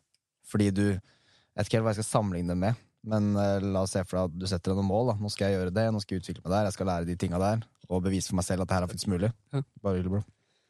Eh, men det er et gap fra du gjør valget til du faktisk er der. Ja. Og det gapet er veldig tomt, for da gir du slipp på ting i deg selv. Du gir slipp på venner, du gir slipp på øh, vaner. Og da står man der litt tomt, men du må ha det tomrommet for å kunne fylle inn på det nye. Og det er jo da du føler deg hel Du er jævlig god i dag, du vet det. Fy takk, faen. Veldig I like måte. den var, den var fin, den likte jeg veldig godt. Men jeg føler vi gjør det sammen. Fordi det er ikke sånn at jeg Noen ganger så prater man uten at man egentlig liksom har forstått konseptet, man bare deler tanker. Ja. Men det er jo en felles energi. Ja. Så jeg føler vi gjør det sammen. ja, ja, ok. Ja. ja, På samme som man sitter, hvis, jeg, hvis vi hadde sittet her og mekka en låt, og så kommer jeg på en jævlig sjuk bar, så er det Jeg ser på det sånn at det er like mye din som min. Ja, det var jeg som fikk signalet, men vi har en felles energi her som Mm. gjør at um, Energien her er mottagelig. Ikke? Begge adder til Mm. det. Ikke sant? Det er riktig krydder oppi den eh, indiske Og det, og det tror jeg er en fin ting, for det, det føler jeg ødelegger for veldig mange I hvert fall i min observasjon, da, kan ødelegge for mange kunstnere innenfor hva som helst, egentlig. At man tenker at det her er mitt, det her er ego, meg. Ego. Ego. Absolutt. Så den tomheten tror jeg er eh, Ja, er, jeg tror det er mye av det som gjør det til en ensom vei. Fordi du gjør valg alene, du går ut alene. Mm. Det blir tungt. men så fylles det opp. Det er litt som å Det er jævlig kjipt å føle at man blir avvist, men egentlig er det også bare et tegn på at hvis du blir avvist, da har du et annet sted du skal. På noen måter. Men det er hvis man tror på premisset om at det er en skjebne. Ja, det er for så vidt sant. Men hvordan så jeg, jeg tenker veldig ofte på Jeg har sånn liksom karakterer Mm. inni meg selv jeg tenker på. Så jeg tenker på hvor jeg er, og så tenker jeg på hvor jeg hadde vært hvis jeg hadde gått uh, og gjort mutter'n stolt på andre måter og blitt Mm. tannlege. Mm. Så tenker jeg, jeg tenker veldig ofte på 24 år gamle Kars tannlege. Mm. Tenker veldig ofte på han. Og så lurer jeg veldig ofte på om han er lykkelig. Hva tror du han er? Jeg tror han er miserabel. Altså. Mm. Jeg tror han er oppe og nikker business-wise, og alt går bra, liksom, men uh, at han er sånn Ei, var det her alt? Mm. Skal jeg fortsette med det her i 40 Mm. år? Og så sitte og tenke at, hva hadde skjedd hvis jeg egentlig hadde gjort det? Ja. Hva hadde skjedd hvis jeg Eller journalist, kanskje jeg gjør. Ja, ikke sant? Hadde jeg jobba i NRK og hatt av livet, det er sikkert spesielt nå i- klima og alt som foregår, Mm. så har sikkert følt meg veldig Eh, rar- ja, ja, ikke rar, men ja, jeg tenker på det samme selv. Men jeg, har ikke, eller jeg, jeg vil nå tenke på det samme selv, men jeg også kan se for meg eh, Fredrik 29 år, elektriker. Ja, ja. Prosjektleder, ja. kult, har leilighet. Men jeg, jeg hadde ikke vært lykkelig. Jeg hadde sett at det er et annet potensial. Tror du det er målestokken for hvordan man skal leve liksom um, complacent? Hvordan man skal leve med en viss form for selv. Jage etter mer. Og sammenligne seg selv med eh, hvem du hadde vært hvis du hadde tatt det andre valget som du egentlig ikke ville ta. Kanskje du ville Ja. ta det. På mange måter. Jeg har aldri, det aldri tenkt på det før. Jeg tenker på det veldig Men jeg ofte. tror det Det kan være det, men også så kan jeg se for meg øh, meg selv fem år. Ja. Bli fortalt hvor jeg skal jobbe, hva jeg skal ha på meg når jeg skal stille opp. Ja. Og den øhm, For min del, da. Det å føle på den følelsen gjør at jeg kanskje også kan få en større motivasjon til å faktisk gå for de tinga jeg- som egentlig er litt sånn Å, det er vanskelig mål, det er litt umulig, bla, bla, bla. Ja.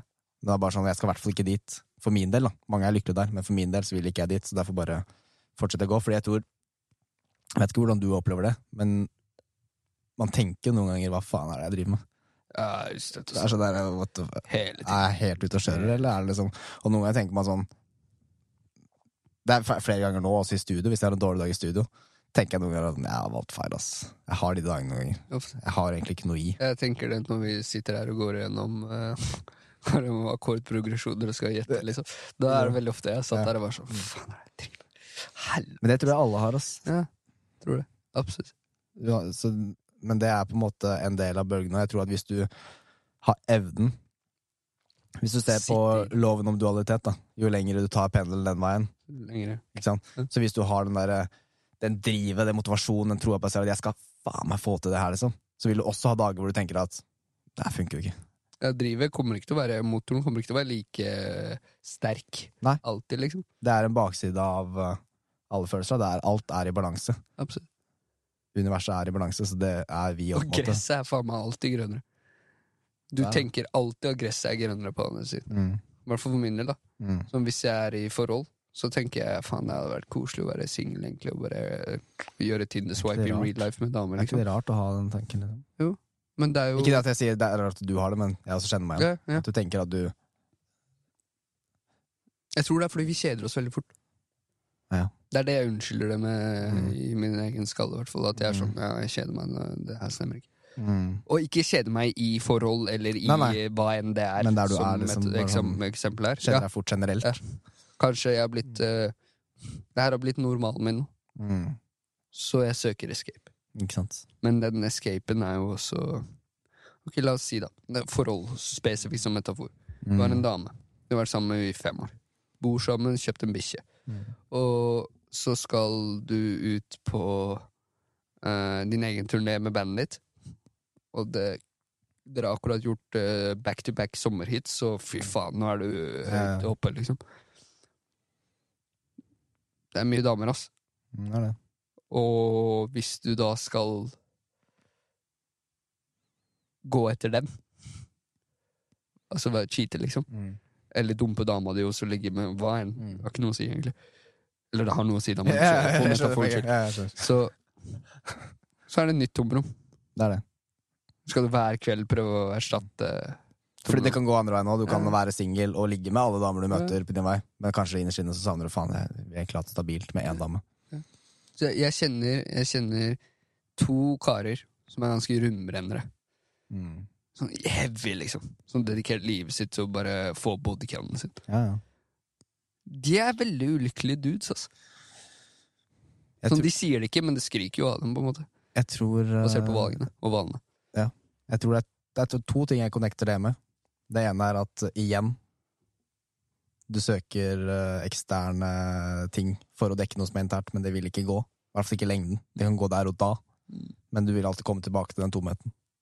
Og så tror jeg det med å ja, med bodycant, da, eller det å ligge med andre Jeg tror um, Altså, for all del, kos deg, liksom. Do whatever you want. Jeg skal ikke si noe på det. Men jeg tror det er en skummel ting i å gjøre det for mye òg. For jeg føler at det er, en, det er noe som skjer med deg, da. Jeg føler at du, ved å ligge med noen, så er du gir på en måte en liten del av din sjel til en person. Så hvis du gjør det med veldig mange, så tror jeg man på en måte blir sånn oppstykka litt. Mm. Ikke at jeg veit det. Jeg, helt ærlig, jeg har ikke ligget med så jævlig mange, så jeg har ikke erfart det. Men, Nei, men eh, er det ikke en eller annen sånn forskningsrapport der ute om at liksom eh, Det er et eller annet med at eh, sæd setter spor i kvinner, eller kvinners eh, mm, vagina Jeg vet ikke hva det spor. Lube setter spor i pikken, eller et eller annet sånt. det er, kanskje det. Er et eller annet sånn Ja. obskure greier jeg ble introdusert for. Sæd er i hvert fall syketing, for det mekker jo barn. Liksom. Det mekker mennesker. Det er jo literally beinmarg og DNA-kode i de Ja, greiene. Det er helt insane, ass. Ja. Nei, så jeg tror, jeg tror eh, Jeg kan absolutt se den.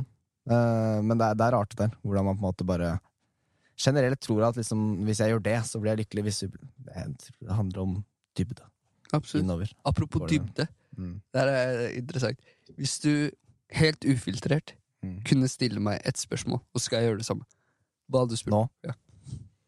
Hva som helst. Glem hva vi har snakka om, Ja. eller Ja, ja, okay, okay. Interessant. Um, jeg har noen. Jeg må bare velge. Ja. Hva er Ok, jeg må bare tenke litt hvordan jeg skal formulere det.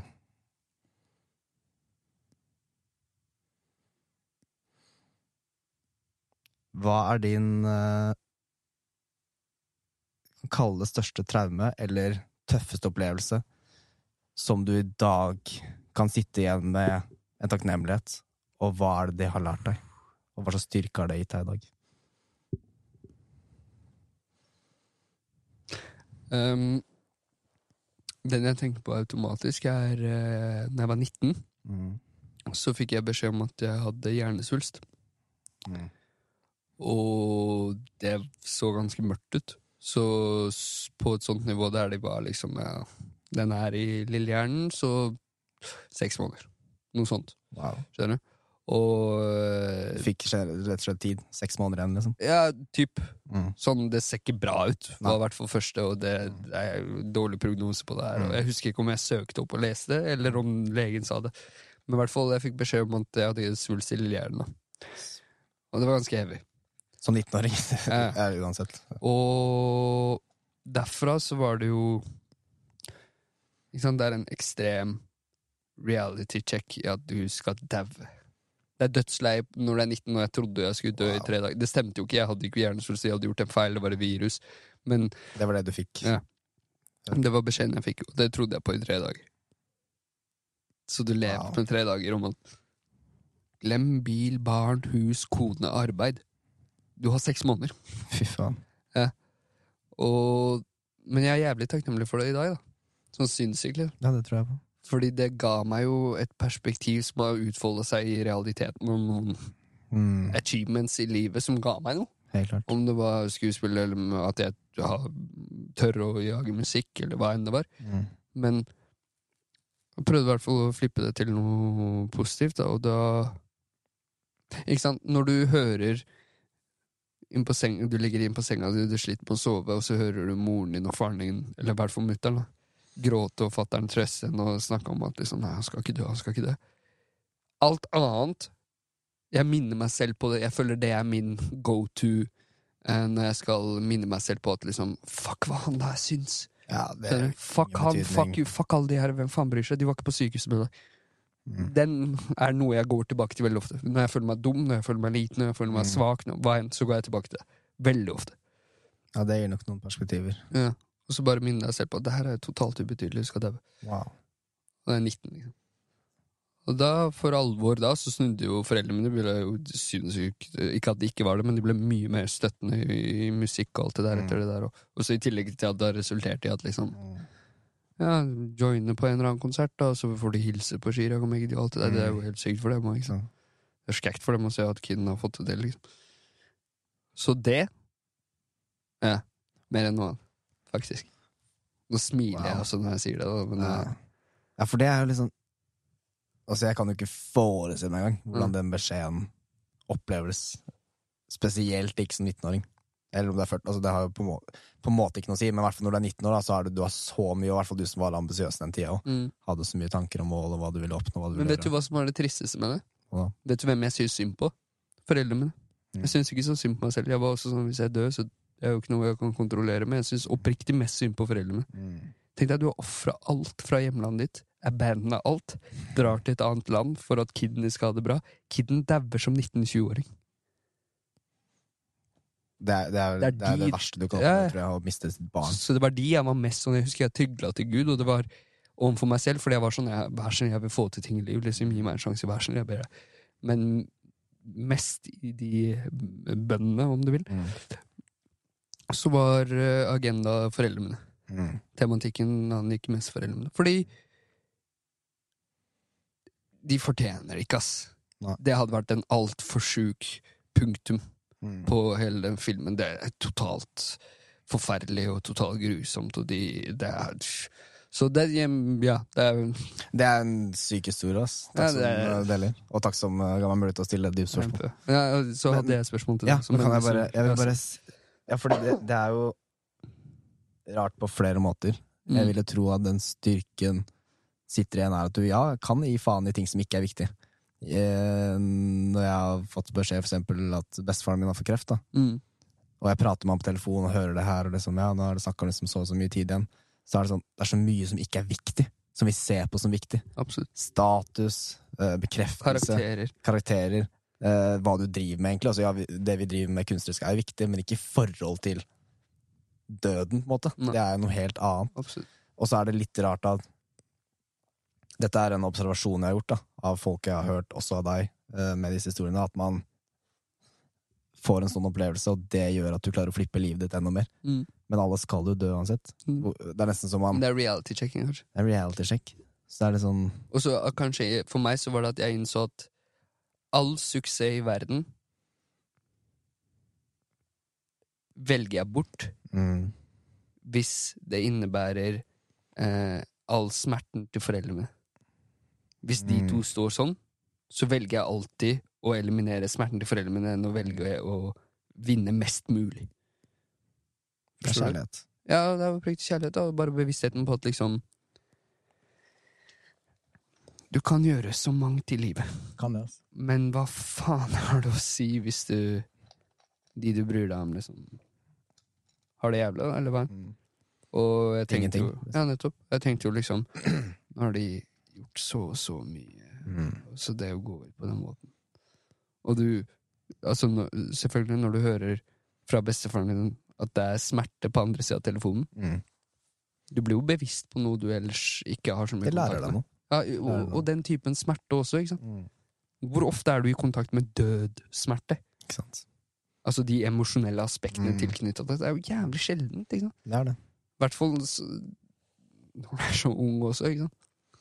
Jeg tror du lærer deg mye. Ass. Det er, nå er det interessant da, hvordan røffe opplevelser, som er veldig traumatiske, kan vise seg å faktisk være en bra ting. Mm. Men du ser jo ikke det da. Det er ikke sånn at man sitter da altså, Man sitter ikke da i øyeblikket og sier at men du, dette her er jo en bra ting. Det er ikke det jeg prøver å si. Men det er rart hvordan den eh, dualiteten utspiller seg til å være noe bra. Det Absolutt. ga deg en styrke. Absolutt. Jeg hadde et helt annet spørsmål. Ok, interessant. Takk som deler, eh, forresten. herregud, Okay, nå er jeg klar. Uh, det helt annet, annet spørsmål. Mm. Jeg må også tenke på hvordan jeg skal Ja, få det. Men hvis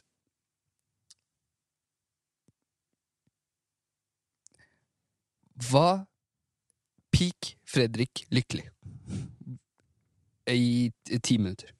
Hva spiser han? Hva er måltidet han spiser? Hva er musikken han hører på? Hva er klærne han har på seg, og hvor sitter han? Når du sier 'hvor sitter han', i Mm. tanke på posisjon i livet, eller tenker du generelt? Nei, hvor sitter tenker, han sånn? Han sitter i Frognerparken, liksom. Sitter han i Frognerparken? Sitter han på gutterommet sitt? Hvor sitter han? Sitter han på toget? Hvor, hvor, hvor er Fredrik? Hvis du kunne tegne den mest Mm. lykkelige Fredrik med disse rammene. Mm. Um, for å ta det første, hva spiser han? Uh, så, Hva som helst. ehm, ok, jeg, jeg, tror- ok, i ti minutter, da. Da forstår jeg spørsmålet på en annen måte. Å, det er et godt spørsmål, ass. Det, for, fordi det er flere aspekter av det. Mm. Fordi hvis jeg skulle sagt lykkeligste Fredrik sånn eh, potensielt sett, så spiser jeg bra mat. Jeg spiser eh, hel mat. Og da i form av eh, frukt. Jeg er glad i egg, da. Men er, er du lykkeligere enn eh, da Men det er det som er enn det er med sjokoladekake? Ja, det er det det som er interessant. Ramsey, liksom? For, hvis, for det var det jeg, jeg følte kanskje spørsmålet Ja, ikke sant? Ja. Uff.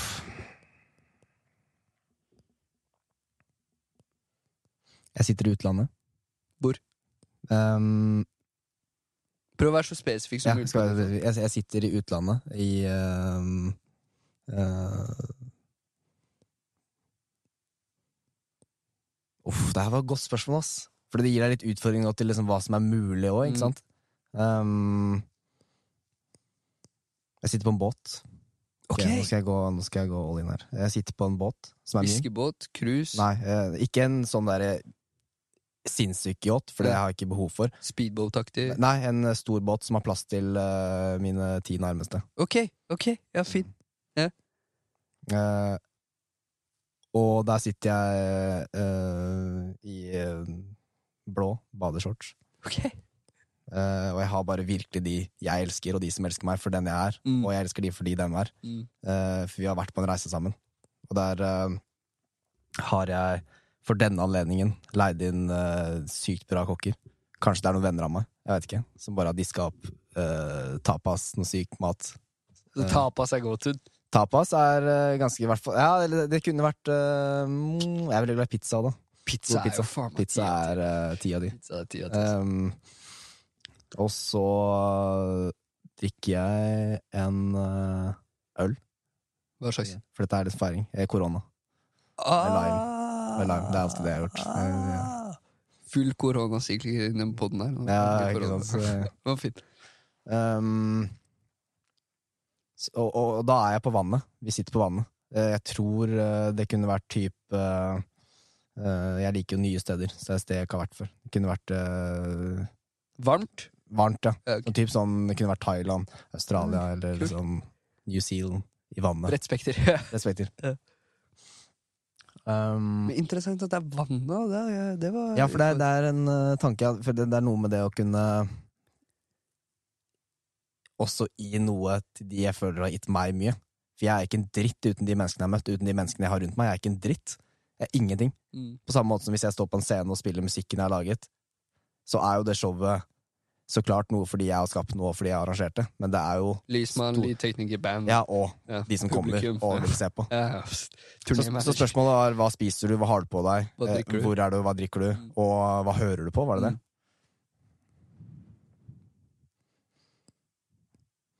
Oh, det Barbein til på båten, eller flipflops eller sko? Nei, jeg går barbeint. med ass. Ok. Det er bare shorts. Og så er jeg veltrent òg, da. Det skal Ja. sies. Jobber med saken. Um, hva jeg hører på da? Da um, Jeg hører på Kashayar sin nye album. Som bare er insane. På et helt nytt nivå. Bror. Ja. Min. Vet du hva skiva heter? Nei. Persiske tepper fra Ikea. Persiske tepper fra Ikea. Wow. Skjønte du greia med den? Uh, nei. Noen har catcha, noen har ikke catcha. jeg, jeg, jeg bare jeg måtte tenke litt over det. Persiske tepper fra Ikea. Persiske tepper, er det liksom noe med flyving og sånn, eller er det, tenker jeg helt uh... Nei, ja, du, du er Nei, litt off. utdyp. Kan, ja, jeg er litt off. Kan du ikke utdype litt? Det er noe med det at uh, ikke sant? jeg har to kulturer. Mm. Jeg har blitt eksponert for den ene i samfunnet. Mm. Den andre har blitt eksponert for hjemme. De gangene jeg har blitt eksponert for det jeg har blitt hjemme, Mm. så er det i samfunnet.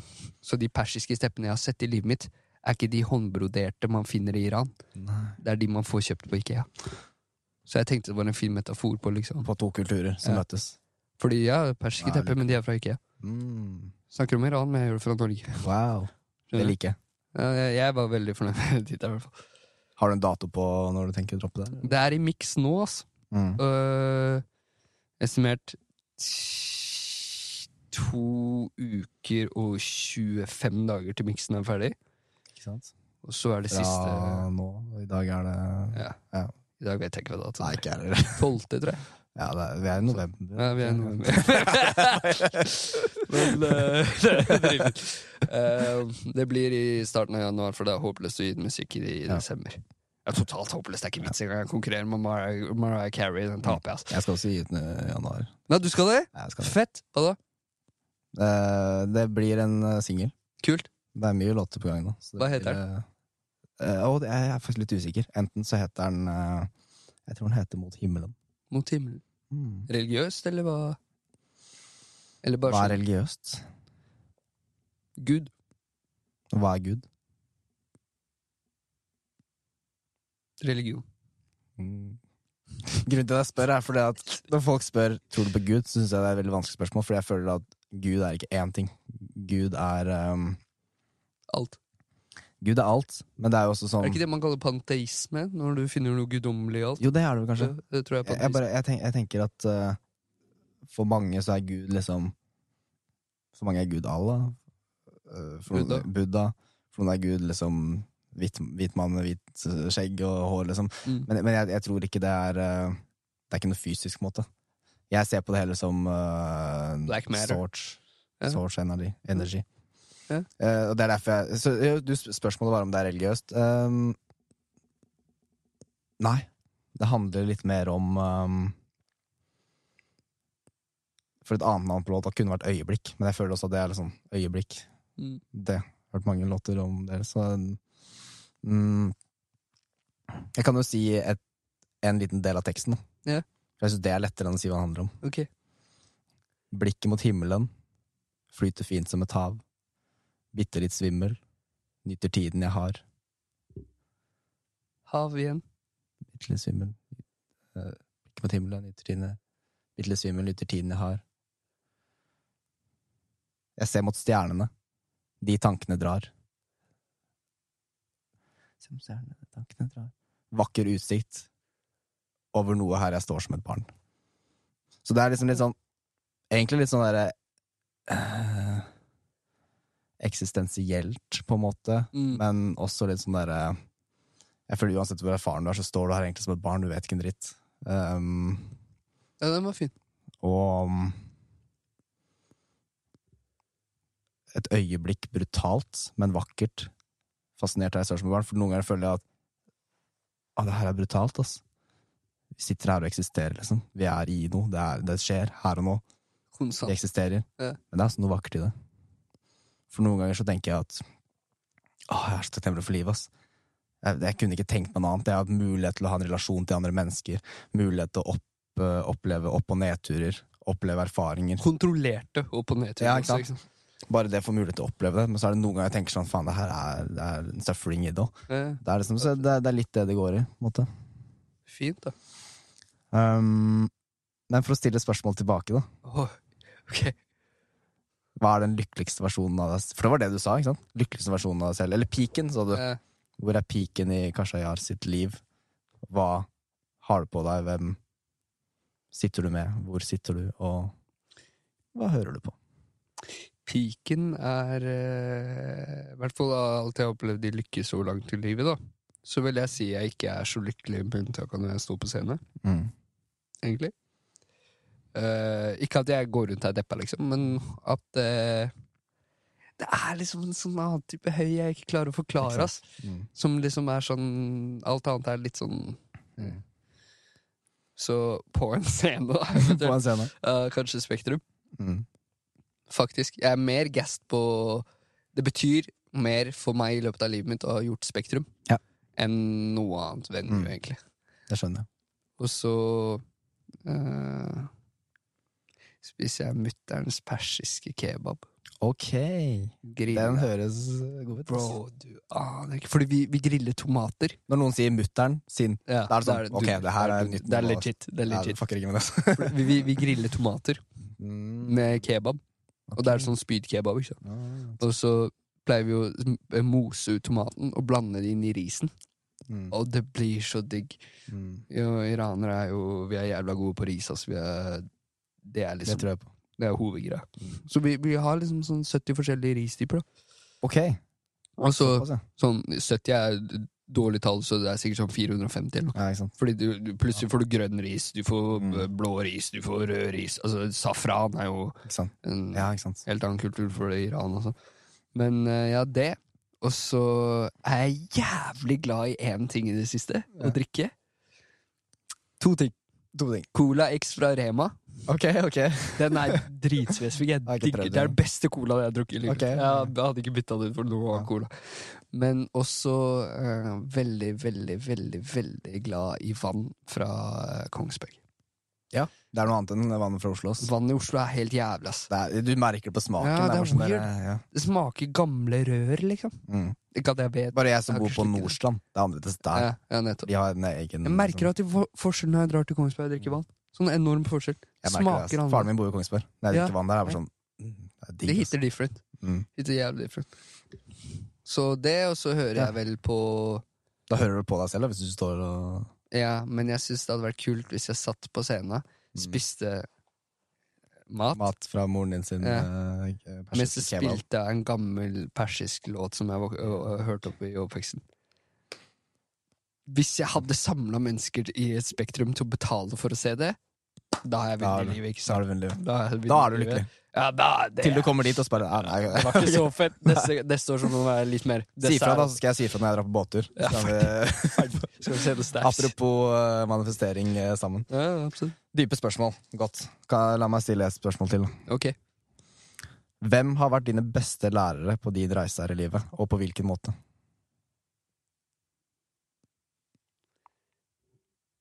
Faren min, Mm. moren min. Fordi det er helt forskjellig type visdom, men ekstrem visdom. Mm. Faren min er veldig sånn tradisjonell type mann, Mm. men også veldig, veldig veldig disiplinert type.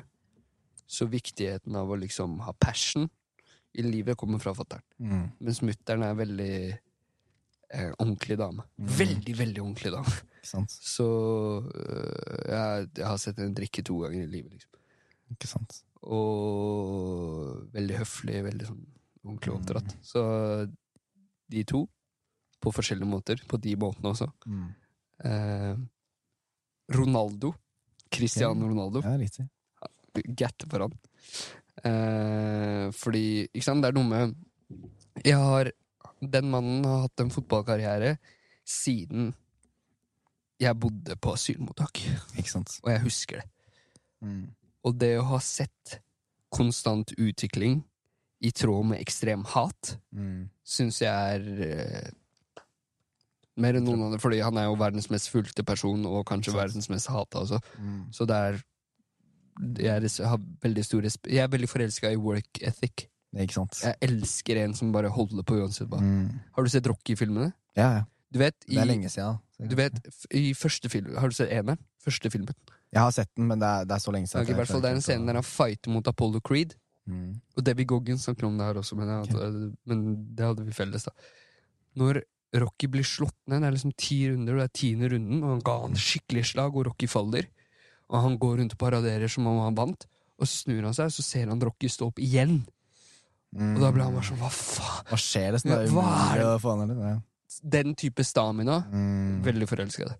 Wow. Fordi det var det foreldrene hadde også. Mm. Uansett motstand, fortsett, fortsett. Den er greia er veldig, veldig Mm. Og så sikkert eh, Karpe også, bare fordi Ja. jeg så at det er mulig, liksom. Det er klart. Eh, Kanye, selv om det er upopulært å si. Men bare det å Så er man jo musikknerd, da, så det å liksom skjønne eh, Det å skjønne at eh, vokal er instrument, Mm. Det var jo gjennom Kanye jeg først fikk den åpenbaringen.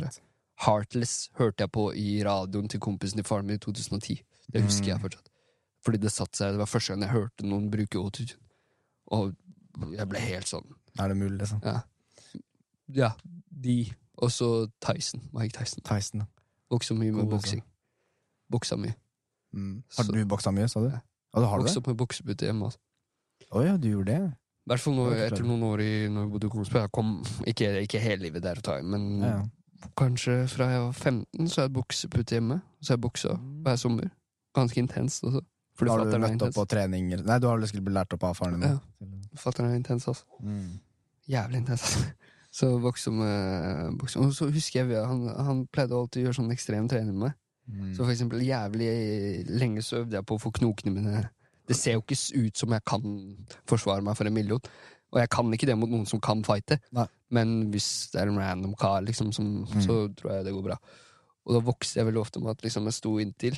Det pleide jeg å gjøre i timevis om okay. dagen. altså Så dørkanten ut i hagen var blodig, liksom. Oi, shit. Ja, Satt sånn og så bare tuff, Karate-kill, liksom. tuff, ja, bare Timevis. Liksom. Men da igjen den derre hold ut. Men det er, det er ganske insane, det der, for det jeg føler også sånn generelt på kampsport også, da, at jeg har så mye øh, Det er fantastisk. Det er altså fantastisk. Det har så mye sammenligning med livet. Altså. Ja. Du kan liksom connecte det. Og hvor mye det gevi- gevinst er i smerte. Ja, Det er jo noe du blir bevisst på veldig hvis du driver med kampsport. det er en muskel også du kan Altså, ja, det thaiboksere Ja. uh, Ikke bare thaiboksere, da. Eller jo, thaiboksere, Ja. men i Thailand så er det øh, Og de som driver med det på høyt nivå, så de trener jo leggen sant, for å tåle å- Det er ganske hardt å slå, eller å sparke, ja. ja. Men de har sånn jernstang hvor de bare kjører den opp og ned. Det er sjukt. Og så blir de blå, og så gjør de det mer og mer, og så slutter de å bli blå. De merker det ikke. De blir ha altså, beinet blir hardere. Jeg lærte noe nytt som var veldig interessant. Vet du hvor mye beinene i oss mennesker veier til sammen? Mm. Bare bein. Tipp. Prøv å tippe, da. Jeg tippa helt feil. Bare skjelett. Hvis du hadde bare skjelett, liksom. 30 kilo. To og en halv kilo, bro. Hæ?! Nei. Det er så skjørt, liksom. Det er så I meningen da. knekker jo jævlig lett, Ja. egentlig. Mm. egentlig. Det Tenk, en- tenk hvor mye som faktisk Det skal ikke så mye til for å knekke blå. Eller, ja, Ja. Eller for å liksom Skjønner du? eller hvis du driver driver med livredning, så knekker noen ribbein. Altså, men det er litt Ja. svakere generelt, da. Ja. Men det, det er så lite, så, men det går også an å herde de opp, da. Med sånn som du sier, det med å slå der. Ja. For gjør du det lenge nok, så kan du slå uten å bli blå i det hele tatt. Ja, du bare, Absolutt. huden blir kanskje litt sånn fucka. Jeg fikk fucka opp den ene knokkelen da jeg var sånn 17. Jeg, okay. Jeg fiksa den aldri. Gjør ikke det? Jeg fortsatt, hver vinter så merker jeg at den begynner å gjøre litt vondt. Ikke sant? Blir litt vondt med en gang det blir kaldt. Litt mindre blodsirkulasjon. Altså. Ja, kanskje. Men jeg kan Men der igjen, da. Sykt interessant hvordan du kan også endre fysikken din. Du kan endre deg. Du, du, liksom, du, du, du, er ikke bare en person, du er ikke bare den du er, du kan bare endre deg. Ja. Vil du bli større, så blir du større. Hvis du vil Ja, ja, herregud. Det er sjukt. Har du hørt om uh, neuroplasticity? Ja, hvorfor har jeg hørt om Hva er det på Ja, plastistikk Jeg hva Jeg vet ikke hva det heter på norsk. Det er liksom Jeg um, har bare sett eh, amerikansk Jeg har hørt om det. Så dokumentar på YouTube, og så var det en uh, forsker som døde av kreft ganske ikke så lenge etter at dokumentaren ble gitt ut, tror jeg. Kanskje sånn fem år etterpå eller noe.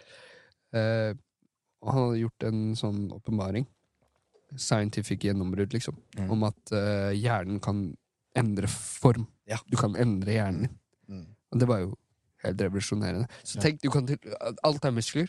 Du kan Mm. gjøre det med hjernen. Mm. Du kan jo gjøre det med lungene dine òg. Vi er jo bevisst på det. ikke sant? Hvis du røyker, og så begynner du å løpe, Mm. og så slutter du å røyke, så blir jo Blir jo lungene sterkere, liksom. Gjør det.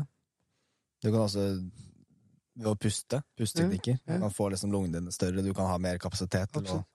Det er det, men det å være bevisst på det òg, da, hvor mye eh, Hva kalte du det? Plastikk...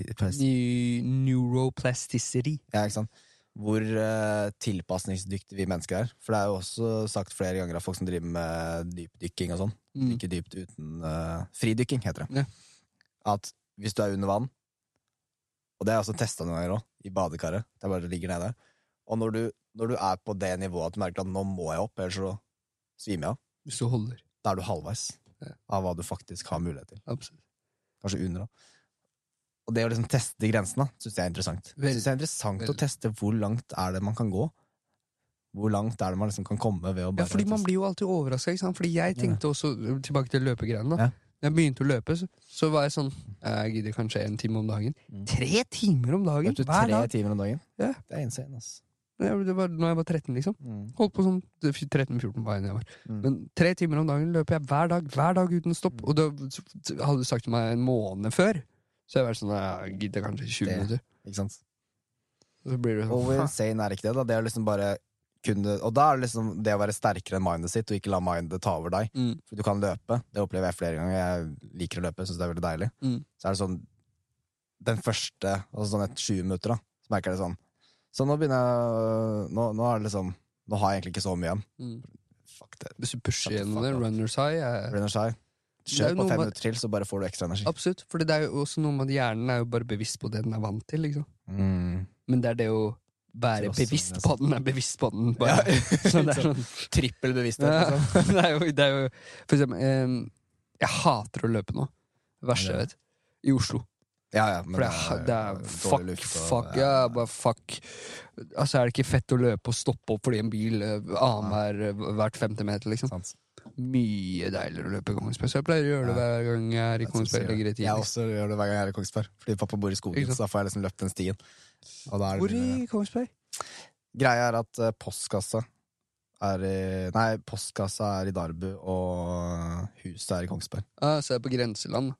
Det er, Du vet hvor Skjennerudvannet er? ikke sant? Yeah. Når du kommer opp fra bakken uh, i det krysset, der du liksom enten tar deg til Skjennerudvannet Eller eller, så- til Darbu. Yeah. Og når du tar til høyre der, da er det liksom ett-to minutter. Ikke på grensa til Madsbakken, da, kanskje? Ja, det er vel eh, Jo, stemmer. Sånn hvor nede skogen. Altså. Hvor lenge har du har fatter'n bodd der? Eh, når jeg var eh, seks år, så flytta vi dit. Så vi har mest sannsynlig vært i samme område, i samme by, på samme tid. Ja. Gjentatte ganger. Det er weird. Det er ganske weird. Kanskje vi har på vært på Skjennerudvannet sammen. Ja, never know. never know. Jeg husker, apropos kjenner jeg ble skremt fra å være der etter en viss stund, fordi de, begynte å tegne nazikors Gjorde de det, på steinene der. Ja, det var Jeg dukka opp sånn stort nazikors. Ja, Jeg, har en liten innrømmelse der, ass. Ja, det er skrekt, ass. Ja, Kongsberg er jævlig skjekk by. Ja, det er Jeg var, gikk jo aldri på skole der, men jeg festa jo mye der. Ja. Men det gjorde ikke du kanskje på den Eller ja, nå, du er 99, jeg er 94. Ja, når jeg var uh, 15, 16, 17 og litt 18, da var jeg mye på fester der. Det var liksom Ja. der jeg ble Da begynte vel vi å drikke, men vi dro ikke på fester. da Nei.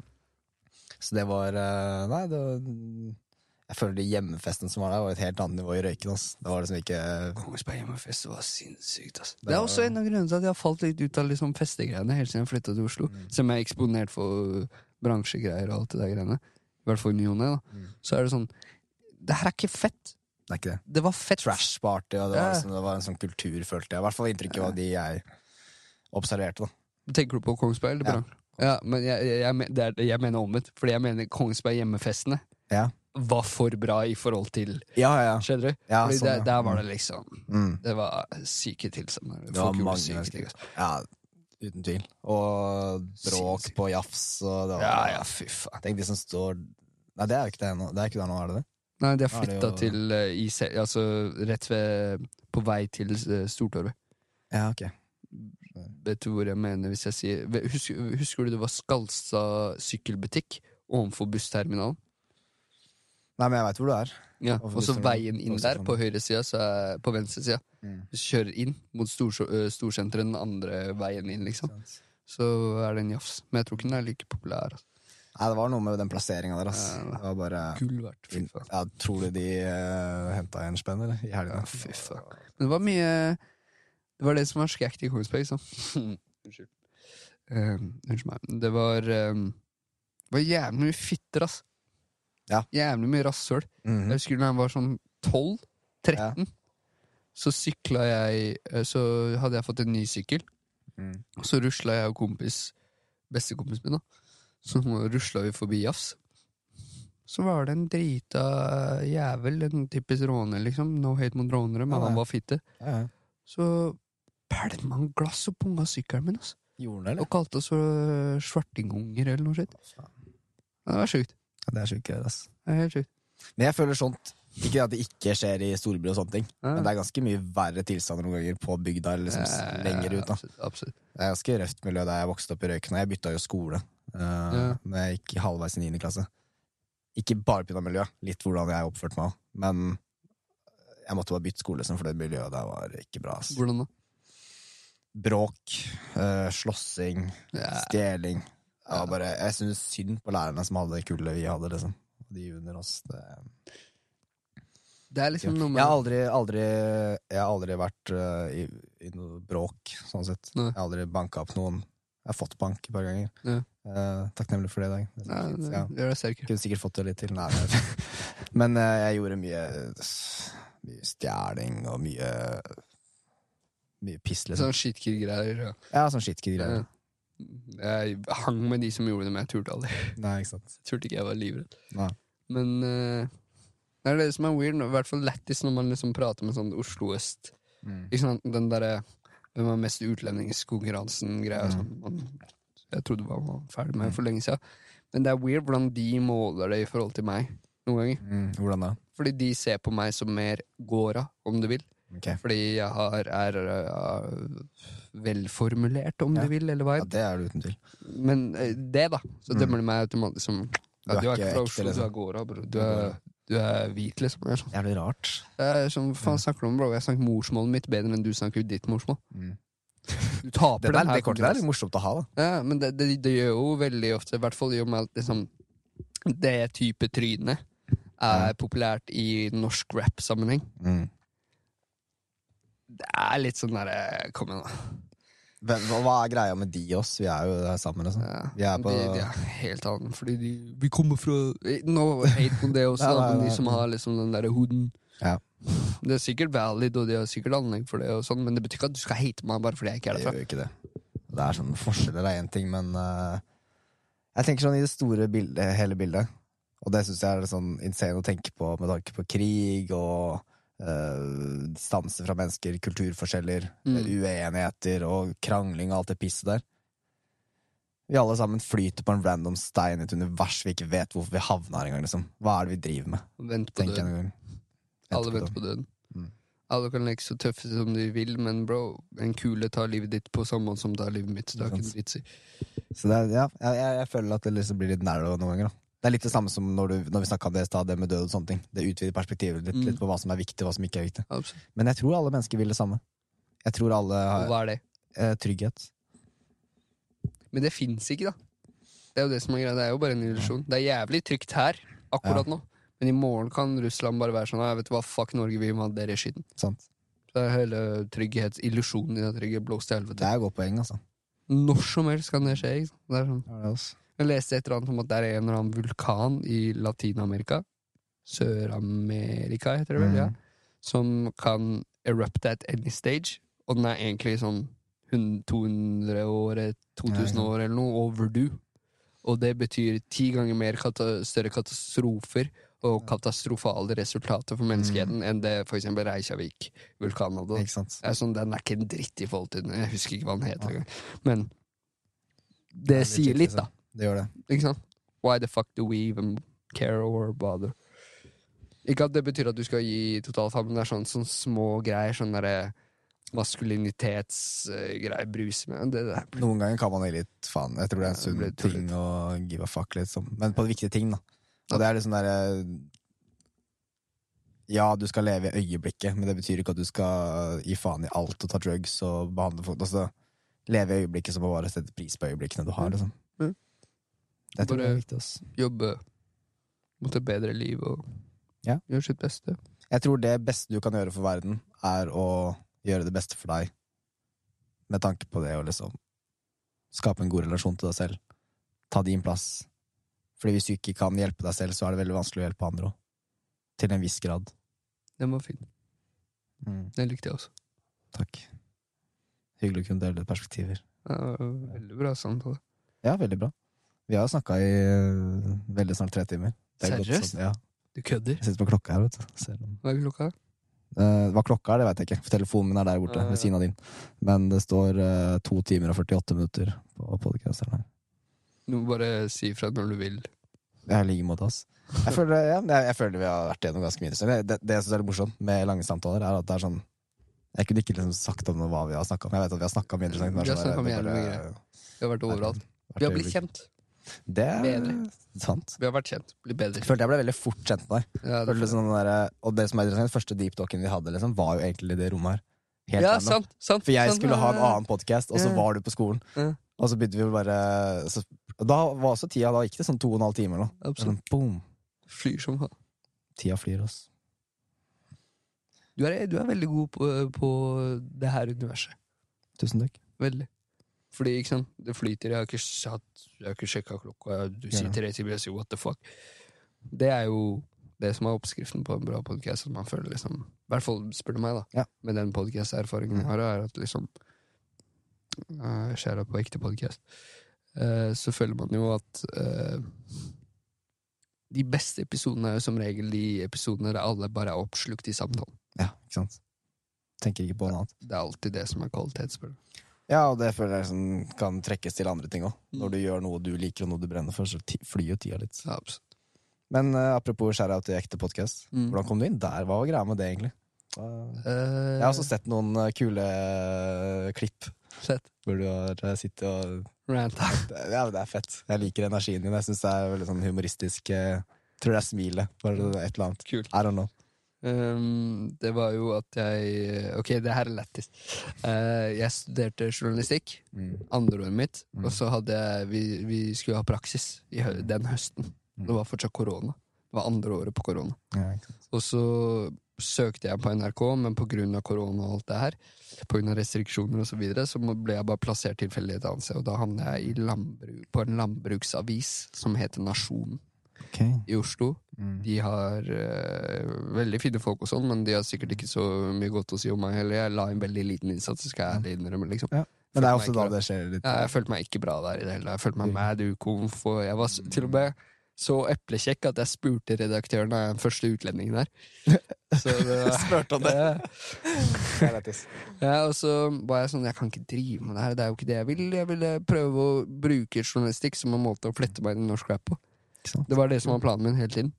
Kult. Uh, og da så jeg en episode uh, der de hadde et intervju med Chirag. Og så snakka han om at han egentlig skulle bli Og da satt jeg på gutterommet mitt i Kongsberg og så episoden. Mm. Og så snakka Chirag om at han egentlig skulle bli øyelege i Kongsberg. Og når han name-droppa Kongsberg, så var jeg sånn Dette er et tegn.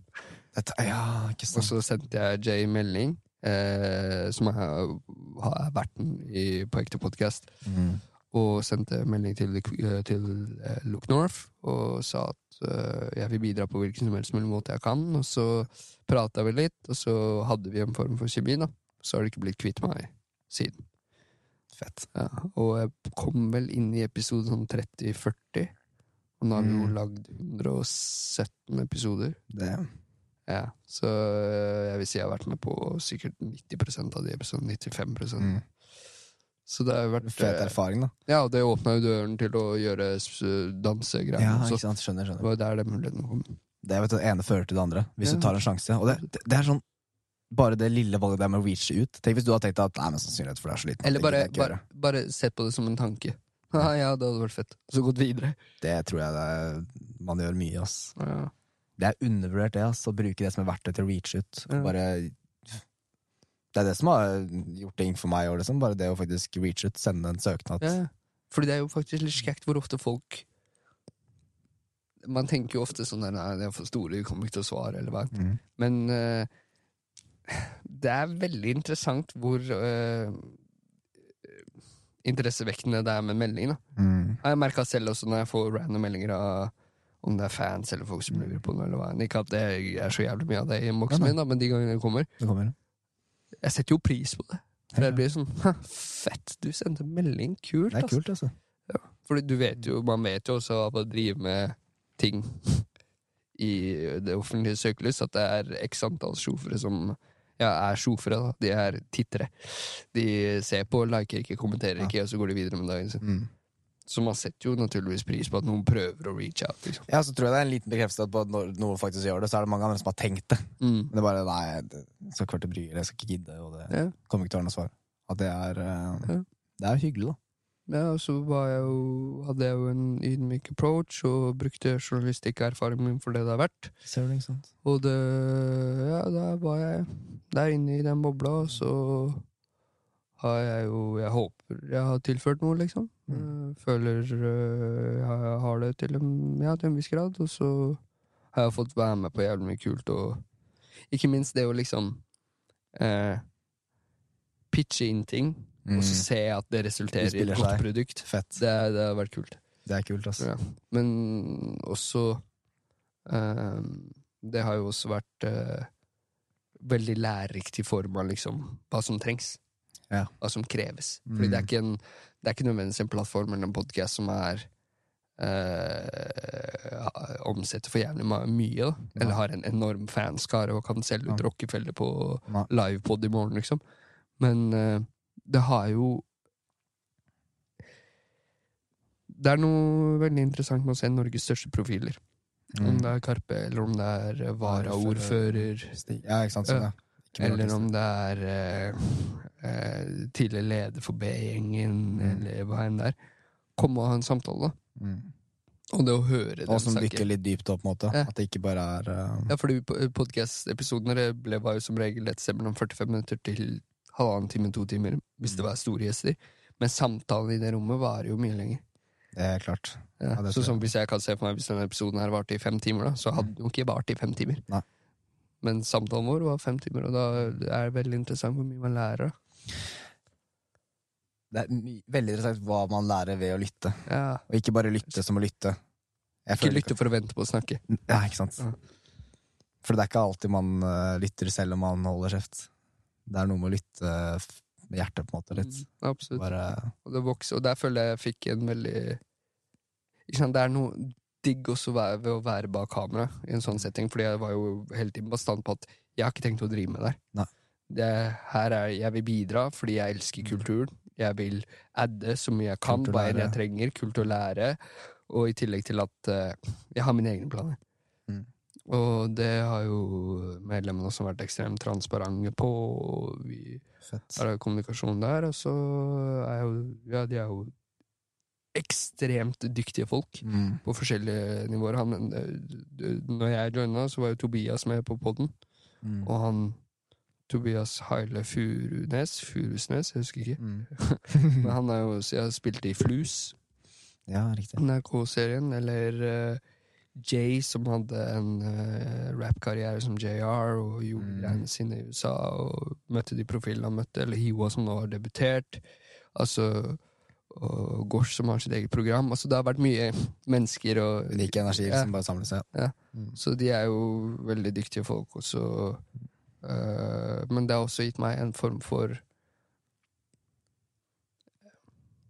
Jeg merker eh, jeg ikke vil ha så mye hjelp.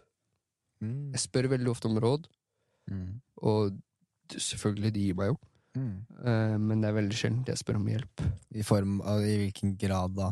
Fordi å råd er jo en viss type hjelp. Tenker du mer sånn Mm, Bli med og Kan du filme musikkvideo for meg? Sånn, sånn, sånn. sånn. sånn type ting? Fordi jeg er veldig Hjelp i forhold til tjenester, liksom? Ja. Mm. Eh, Jeg er veldig I hvert fall av de.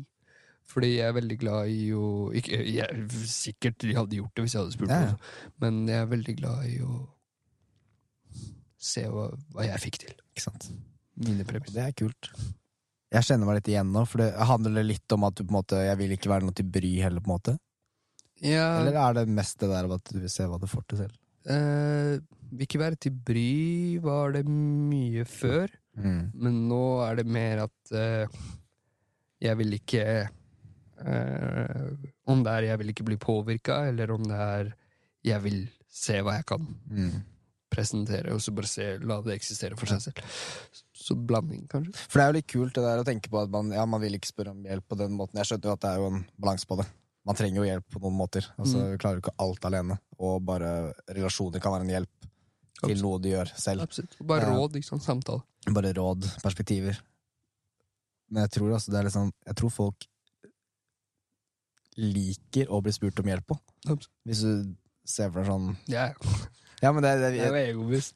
Ja, men det for det er sånn man kan tenke at hvis jeg spør om hjelp nå, så føler de at jeg er ute etter noe.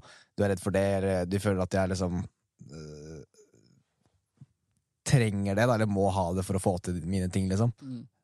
Men hvis noen spør deg om hjelp, så er det sånn Å, den personen har faktisk lyst på min hjelp. Selvfølgelig vil jeg, vil jeg hjelpe. Mm. Og det er viktig å huske på, da, fordi det er øh, Dette her veit jo du bedre enn veldig mange andre. Bare ser på Karpe, da, hva de har fått til. De har ikke fått til det alene. Nei, De har selvfølgelig gått fram og liksom gjort sine ting, men Absolutt. den derre hvor mange som faktisk er i et team, da, ja, det er, til noe så stort, det er insane. Altså. Du, har jo vært en, du er jo en del av det. Du har vært en del av det. Ja. det er jo var en del av det på forrige prosjekt, men jeg vet ikke hva det skal Jeg prøver litt å løsrive meg fra det universet Jeg også. Fordi det er jo ikke så fett å bli assosiert med dem hele tida. Nei, jeg ser det. Ikke at jeg blir det, det. Ja, fordi det, det er jo en målestokk som er litt sånn latterlig, og Ja. du kan ikke. altså det, er- det er veldig sånn sær, obskur måte å vinne på. Misforstå meg rett. Mm. Jeg peker på det som målstrekk, og Mm. langt forbi det, og jeg vil mer enn dem. Eller, det er feil ord, men jeg tror det gir mening etter hvert, er at de har en så unik historie for seg selv, liksom. Mm. At de har blitt eh, talerør for minoriteter Mhm. i landet. Og jeg har ti ganger Spektrum. At det er jo 20 år med stamina, utholdenhet og arbeid. Som plutselig utspiller seg nå. Eh, så det er bare en latterlig eh, målestokk Ja. å drive og Altså, det er 20 år deep. Ja. Man får se. Jeg var da sju år deep, kanskje. Mm. Seks-sju år deep. Så det, de er jo far, far, far ahead. Mm. Men uh, bare å se at det er mulig, da, var jo enormt i seg selv. Og de er jo uh, Nei, de er goats, spør du meg. I Norge i hvert fall. Så er jo de I Skandinavia også, egentlig. Jeg syns det er veldig få som kan Målsette det. ja. Men det er noe unikt, da, for det er, det er sånn, ja, det er fint å kunne sammenligne seg for å se hva som er mulig, men du kan ikke sammenligne deg helt heller, Fordi du skal jo ikke kopiere, du skal hente inspirasjon, Ja. og så skape noe unikt selv. Fordi jo med Ja, ja, det er helt annen Det er en annen historie. Mm. Ikke sant? Eh, Romeo og Julie har sikkert på en eller annen måte preget historien som ble filmen Titanic. I form av at det er kjærlighetshistorie. Absolutt. Men det er ikke samme greia. Ikke samme greia. Det er Det er det som kanskje er poenget mitt. da Ja, men jeg syns det er et godt poeng. Jeg tror man eh, Jeg tror man har mye unikt å bringe. Det tror jeg alle mennesker har. Jeg tror alle har noe veldig unikt å bringe. Men det er det å stå i sin egen energi som også er litt skummelt, for da går du en vei Ja. En type vei ingen andre har gått før. Mm. Og det er jo skummelt, for da går du jo framst i køen med lykta. Liksom. Du vet ikke hva som møter deg. Men hvis du fortsetter å gå den veien, så vil du det bare også fint. stå jeg likte på. Absolutt. Men så er det også Jeg tror det som er kanskje den største utfordringa I hvert fall i, i, i min opplevelse Mm. med musikk, er å vite når noe er riktig. Okay, Når er kvaliteten bra nok? Sånn, ja. Når er Skjønner du? Mm. Fordi det er en liksom. Kan høre på første låta til ASAP Rocky, første musikkvideoen hans. Goof! Elendig. Dårlig. Mm. Ikke sant? Elendig. Ja, ja, sånn, ja. Men det førte jo til Det hadde jo ikke skjedd hvis ikke. Så når er det, ja, det var det jeg fikk en litt sånn åpenbaring på i og med eget prosjekt og sånn. da Mm. Er at liksom Jeg var sånn, ok, nå har jeg nesten gått rundt grøten for lenge. Lagd altfor mange demoer, lagd altfor mange låter som ikke har sett dagens lys. Mm. Tematikken din i disse låtene er ting som manifiserer seg i virkeligheten. I hvert fall med eh, iransk revolusjonskamp og situasjonen i Palestina i dag. Mm. Hva venter på? Bare få det ut, fordi det er ikke noe vits å sitte på det her. For så føler man Så er at man har oppnådd den kvaliteten man ikke har hatt før. Da. Og, og så er det liksom spørsmålet om hva som er kvalitet og ikke kvalitet også, fordi det er jo kult å se reisen. Jeg syns det er kult å følge med på folk som er i en utvikling. Jeg tror ikke man skal vente for lenge. Det er mer det liksom bare Man skal være fornøyd med det man har gjort, spesielt hvis man driver med kunst og sånne ting. Men folk liker også å se progresjonen man har. Og det er noe man faktisk, i hvert fall er min erfaring, da, når man begynner å bare, vet du nå bare starte jeg. Tror aldri jeg vil føle meg helt klar. Det er da progresjonen begynner virkelig å stige. Føler jeg, i hvert fall. Ikke vent for lenge, ass. Do you. Det var fint. Hva Har du noen eh, Ok, jeg har ett spørsmål. Bare du skal stille. Ok. Eh, Jeg bare vet ikke hvem av de to jeg skal starte med. Eh, hvilke sider av deg selv er det du ønsker å bli bedre kjent med fremover?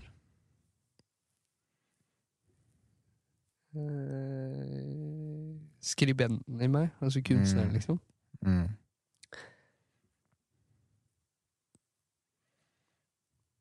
Det er godt svar, det. Ja, og um, Jeg har lyst til å dyrke dem mest mulig, ass. Og jeg har lyst til å Jeg har veldig lyst til å utforske mine iranske røtter mer. Mm. Ja, Sånn, I det siste er jeg sånn obskur sånn, Obskur er feil ord, da. Men i det siste har jeg hatt sånn veldig stor fascinasjon for egen kultur. Mm. Jeg pleide å se på iranske serier og filmer sånn da jeg var Det er en stor del av deg, da. Ja, men det er så jævla lenge siden jeg har gjort det. Mm. Så jeg har vært sånn der, ok Når jeg er tilbake i Kongsberg i juleferien, så skal jeg begynne å se på iranske filmer igjen. Kult. Jeg skal prøve å se på iranske Logic-videoer på YouTube. Ja, stedet for ikke sant. eh, amerikanske. Ja, ja. Bare for å Du- ja, du se om det gir meg. Du må bare si ifra, bro. Jeg har nerda Logic så mye. Det er sånn, jeg er sånn shortcut-nerd og sånn der, Hvis du har shortcut, så gjerne se meg. Du, vi, det er en session, bro. Ferdig. Jeg kan bare sitte og ja. Ferdig. Ferdig. Det er en glede å kunne gi. Dritkult. I hvert fall til eh, folk som jeg vet har lyst til å gjøre noe med det. Kult. Liksom. Så ja, de aspektene ved meg selv, og så har jeg blitt, Notert. blitt veldig forelska i Jeg er så forelska i skriving. Altså. Sjæl. Det er liksom det som er Det er så magisk. Bare, det er ikke det er givende. Det er en måte å bli bedre kjent med seg selv på, da. For du du vet jo på en måte aldri hva som kommer opp helt. Ja. Det er ganske interessant. Føler du også at du er ærligere med deg selv når du skriver noe papir, enn du er med din indre stemme? Ja. Ikke sant? Ja. Det er et eller annet med at liksom det, stemmen eller følelsen blir isolert med en gang det kommer på papir. Mm. Så du får den liksom ha, Du ser på den i et helt annet lys. Jeg føler at um, den differansen med å tenke versus det å skrive eller snakke høyt med seg selv Jeg snakker masse høyt med meg selv. Ja. Spesielt på engelsk, da. Fordi jeg, jeg liker på en måte å kunne det språket, liksom, bare. Ja. Um, um, men det gir sånn- mening og at man får det i et annet lys, for at Ja. du setter jo på en ekstra sans. For når du tenker en tanke, eller tenker tanker, da er det bare tankene. Mens hvis du skriver, da får du synet ditt på det, du får en større oversikt. Mm. Og hvis du snakker høyt, så hører du deg selv. 100%. Så det er um, Så jeg, jeg, 100% Og igjen, for å understreke, jeg føler også at de, mine beste ideer kommer på to tidspunkter. Det er når okay. hodet treffer puta, og når jeg står i dusjen. Ja. De to gangene, fordi du ser ideer på i et helt Ja. annet lys. ikke sant? Literally ser det fra det perspektivet, eller med vann strømmende ned i trynet mitt. mindre støy. Og de to gangene er eh, Ja, det Så du ligger mye med hodet på puta og dusjer mye. Bare Jeg burde kanskje dusje litt, mer. Ja, men det er ganske insane. Det er, uh, Det er det er fordi du stiller mindet ditt, og da føler jeg at du er mer åpen for Ja. Jeg du- ser på det som signaler. Og du literally ser det fra et annet perspektiv. Mm. Literally. Fordi hvor ofte er det du tenker over Ok, La oss si du konstant går og tenker over hvordan skal jeg lage pasta. Eller låt. ja, Ja. Og så går du i dusjen. Vann renner ned trynet ditt. Så ser du det bare i et annet lys. Gjør det. Fordi du literally bare Ja, du ser det i et Du, annet du lys. kjeder deg, og det, det der er på en måte poenget er litt med å kjede seg. Jeg sier ikke at du Mm. trenger å kjede deg i dusjen, for det er jævla digg å bare ha vann renne ned. ja. ned liksom. Er jævlig digg. Åh, jeg skal rett hjem og dusje nå, så Nei, tenk på det. Men, men du um, Det er det jeg tror er kraften ved å sitte litt og kjede seg. Mm. At da blir du på en måte mer åpen. Det, det kommer noe hele tida. Det er ganske interessant. I stedet for å alltid dekke følelser med noe. At du heller bare er i det litt. Ja. Du står litt i det. Og på baksiden av det så kommer det liksom ideer, det kommer nye ting. Men jeg føler også at mindset har veldig mye å si med tanke på ideer, for hvis du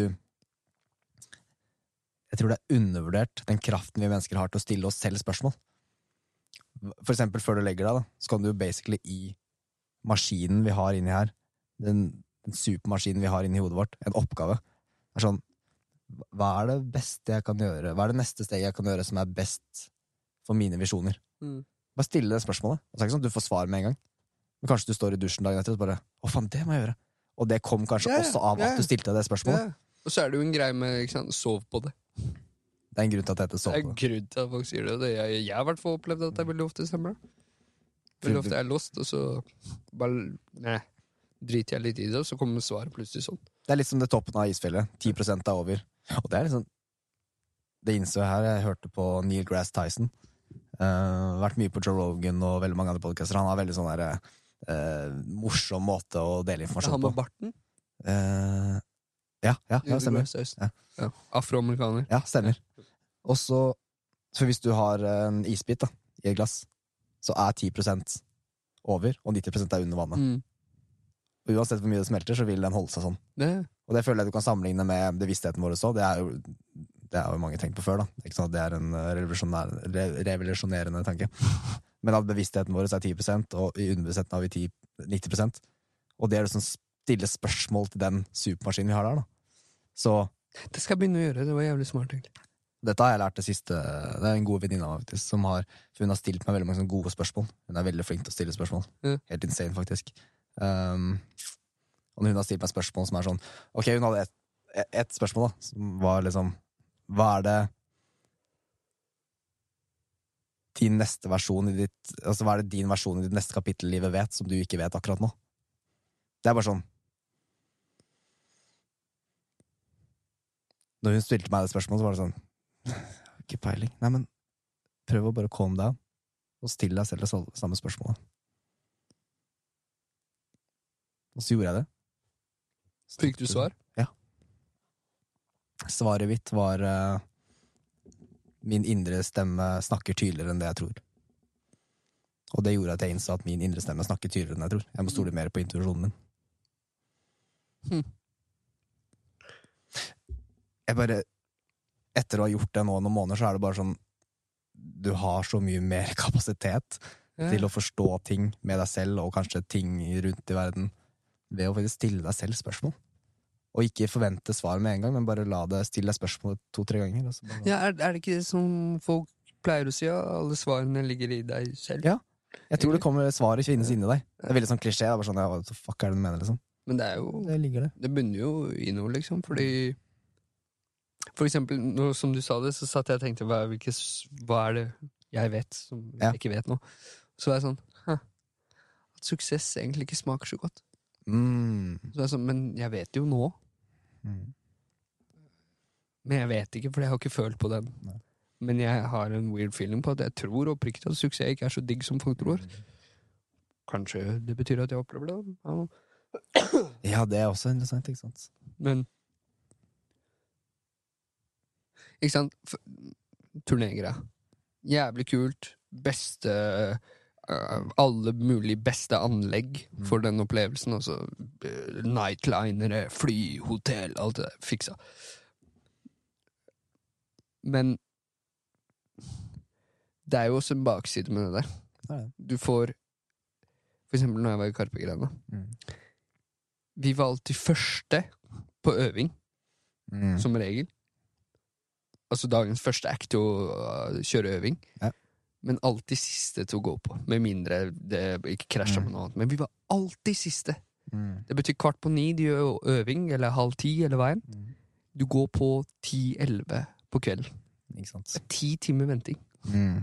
Jeg tror ikke folk er bevisste på hvor mye Arbeidet ligger i uh... Ja, eller dødtid. Eller dødtid. Ja. Mm. Og så er det hoppe på bussen Altså, du får ikke gjort noe. Det er hoppe på bussen, dra neste sted, og så samme greie. Mm. Samme greie. For én time på scenen med eufori, liksom. Ikke sant? Men det er en ganske stor pris, da. Det er en stor pris. Jeg tror det er en stor pris i alt. Jeg tenker sånn suksess Ok, nå skjønner jeg mer. Det var ganske interessant at du sa det, faktisk. Suksess. Det bærer jo med seg et ansvar. Mm. La oss se for deg at du er um, en av verdens mest suksessfulle mennesker innenfor det du driver med, uavhengig av hva det er. Mm. Masse, masse penger. Så mye at du ikke vet hva du skal gjøre med det engang. Mm. Tenk det ansvaret. Tenk det ansvaret du står overfor for verdens skjebne på flere måter. Du, du står foran der, på en måte. Hvor mange er det ikke som vil prøve å kappe av deg hodet? Hvor mange er det ikke som Samme som å være en konge, da. Det er jo, Ja, for å sammenligne på den måten. Bare i disse tider så er det jo mm, større sketsj, for du kan bli cancela høyre og venstre, du kan bli saksøkt høyre og venstre, alt kan gå til helvete høyre og venstre hele tiden. Sånn. Folk raner attacker deg. Ja, hele tiden bare Du trenger security rundt deg. Du må gå, du kan ikke gå et sted alene. Hva slags liv er Det det? er også, så det er en pris ved alt. Så det, det gir mening i at Men eh, samtidig har du luksusen av å, hvis du er i den posisjonen også, ekstrem nå. klart. Du Du, kan kjøpe en øy og ta med deg familien din på, med Ja. privatfly, liksom. eller en yacht og ta med deg ti venner og sitte Ja. blå shorts. Nettopp. nettopp. Ja, for det, jeg, jeg- jeg vil jo tenke at det er verdt det, men jeg tror du må være veldig mentalt sterk da, for å kunne holde den sustainable.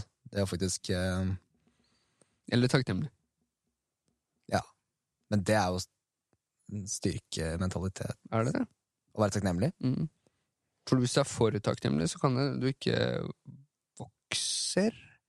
Hva hvis du er så takknemlig i den grad at du er så fornøyd med det her at du prøver å holde det så mye at du kveler det? Skjønner du hva jeg mener? Jeg skjønner hva du mener. Jeg er så glad i det rommet her i Noroff. Det akkurat det studioet her, at jeg søker og feiler her Mm. Bare for å Men du fortsette holder holde eh, fast, du slipper Ja. ikke. Eller, Ja. men det, det, er interessant. Jeg tror for mye av alt, for mye av det er ikke bra. Vann Det er så weird med livet, mann. Fordi det, det, det er så mye glede, så mye sorg. Mm. Og så handler det om å ikke dyrke noe av det, og konstant være i balanse i alt. Ja. Alltid bare få alt til å bli sånn igjen. Mm. Hente det inn igjen. Mm. Og så bare holde det gående hele veien. Mm. Det er jo jævlig sært. Er dritweird. Balanse er liksom key i alt. Det er det. Og, det, og det, er, eh, det, det er noe jeg har eh, reflektert en del over den siste tida, med tanke på det at når jeg har bra dager, så kan jeg gå så høyt opp at jeg bare Fuck, det her er dritbra, jeg elsker det her. Men det gjør også at jeg vil ha en dårlig dag på motsatt side. Mm. At jo bedre Så jeg sier ikke at du ikke skal embrace en god dag, men bare være litt cold med det. Være litt sånn, Observere litt. Og dette er en bra dag, dette får en bra mulighet. Ikke gå i taket for det. Bare liksom Dette er for min del, da. Bare vær litt i det og bare observer. Vær takknemlig for det. Vær takknemlig for muligheten. Det er chill. Ja. Og, og, og Ja, et resultat av det er at du vil ikke gå like langt ned i kjelleren. Ja, ja. Det er i hvert fall min For, erfaring. fordi det blir, like, det blir eh, som metaforisk. Så Mm. blir det samme som en kar som liksom har opplevd tidenes beste fyllekule lørdag kveld. Prisen for det er jo søndag morgen. Mm. Ikke sant? Ikke sant? Men så prøver han å jage det neste lørdag, neste lørdag, neste lørdag, da, neste fredag, neste mandag, neste tirsdag. Og da har jeg mista Mm. Det er da han har glorifisert den og ikke vært takknemlig for den. Ikke sant? Og prøvd å jage den hele tida. Mm. Samtidig som at han ikke ser hva prisen for det er. Ikke sant? Og det er alle de søndagene som plutselig blir til mandager. Mm. Tirsdager. Så ja, enig. Balanse, ass. Balanse er essensielt. Balance is key. Balance is key. Føler det er en god sånn avrunding. Balanse. New balance. New balance. Absolutt. Hva er det du kan gjøre fremover for å holde en best mulig balanse for deg selv? Skulle jeg runde av, så kommer jeg med enda spørsmål. Ja, uh, så er å faen meg holde meg på trening. Altså. ja, Trening er fantastisk. det er det. Det er helt nydelig.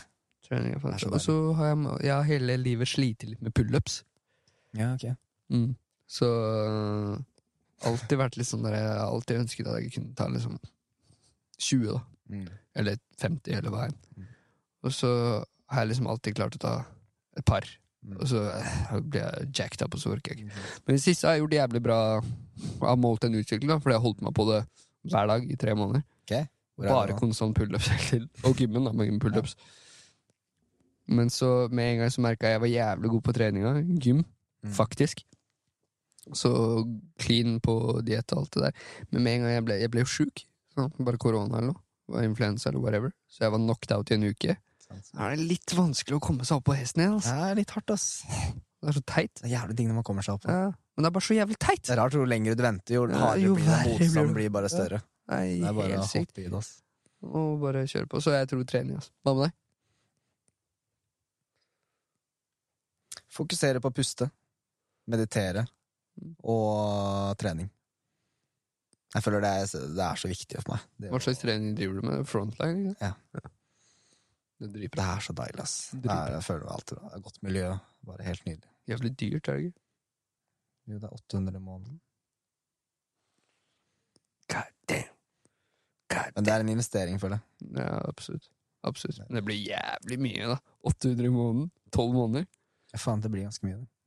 det. Til utstyr. Jeg jobber hardt. Uh, for. Jeg hadde, apropos siden du sa pizza, jeg, sa, jeg tenkte det kunne vært en kul avrunding. Har du smakt digg pizza, eller? Digg På. Løkka? Ja. Er den digg, syns du? Nei. Nei? Nei. Hva Det er faen, mann? Det er helt forferdelig. Er grusomt. Hva er den beste pizzaen? Beste pizzaen? Ja. Ah, bro. Mammas, vet du. Nei, nei, nei. Jo, den er fin, den òg, men uh, hun taper mot italieneren. Altså. Det er Mm. en borti her Det er det, eller? som jeg egentlig har gatekeepa. Uh, men vi kan si den, hvorfor ikke? Og der, er, eh, han vant eh, Han har vunnet norgesmesterskap i pizza noen to år på rad, og han konkurrerer i EM. Mm. En italiener som eier Vesuvio på Sankthansheim, rett bak eh, Du vet Alexander Kiellands plass? Mm. Og så Falk Ytters plass lenger opp. Ja. Bak Reman, Ok. på baksida, liksom, så er det en liten diskré sjappe som heter Vesuvio. Og hvis ikke den, En som er litt mer uh, tyngre, sånn New York-style. Mm. Fordi det er tynn italiensk, men litt mer sånn New York-style. Ah, for- Mad Love på Grønland. De to pizzasjappene er nydelige. Dritbra.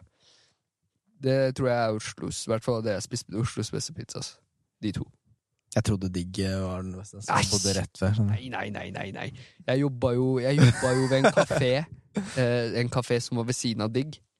Um, Som ja, et kopp. Med Det, det som er sånn fint rom bak, ikke sant? Sånn der sofaer Det og eksisterer ikke nå lenger, da. ah, ja, okay. Fordi den, gikk, eh, den konka i korona. ja, jeg skjønner. Men uh, det åpna det samme dag som korona ble annonsert. tror jeg. Ja. Så fikk jeg jobb der eh, når korona roa seg litt ned, og så Ja. konka det etter hvert fordi ja, korona. Men uh, da var jo digg naboen vår. Ikke spis digg, bro. Nei, Ikke at de har noe health violation eller noe, men jeg hadde ikke spist det. nei, men greia var at jeg For jeg bodde jo rett ved. Ja. Uh, nå, jeg flytta vel for tre-fire måneder siden nå. Og da Men jeg følte at den har tapt seg litt, for den gangen jeg fikk det, så var den bare jævlig god. Så Ja, den er litt for Men kanskje Men det her er perspektivet. Ja. Jeg har ikke testa de der andre du snakker om. Bro, det er det er pizza-pizza, da, hvis du setter ordentlig pris på Fordi for Ja, ja. Det, det er en digg greie, syns jeg. Jeg, jeg liker ikke sånn pizza at du holder sånn, så kan det renne fett av det. Nei, ikke ok, det er for mye for meg.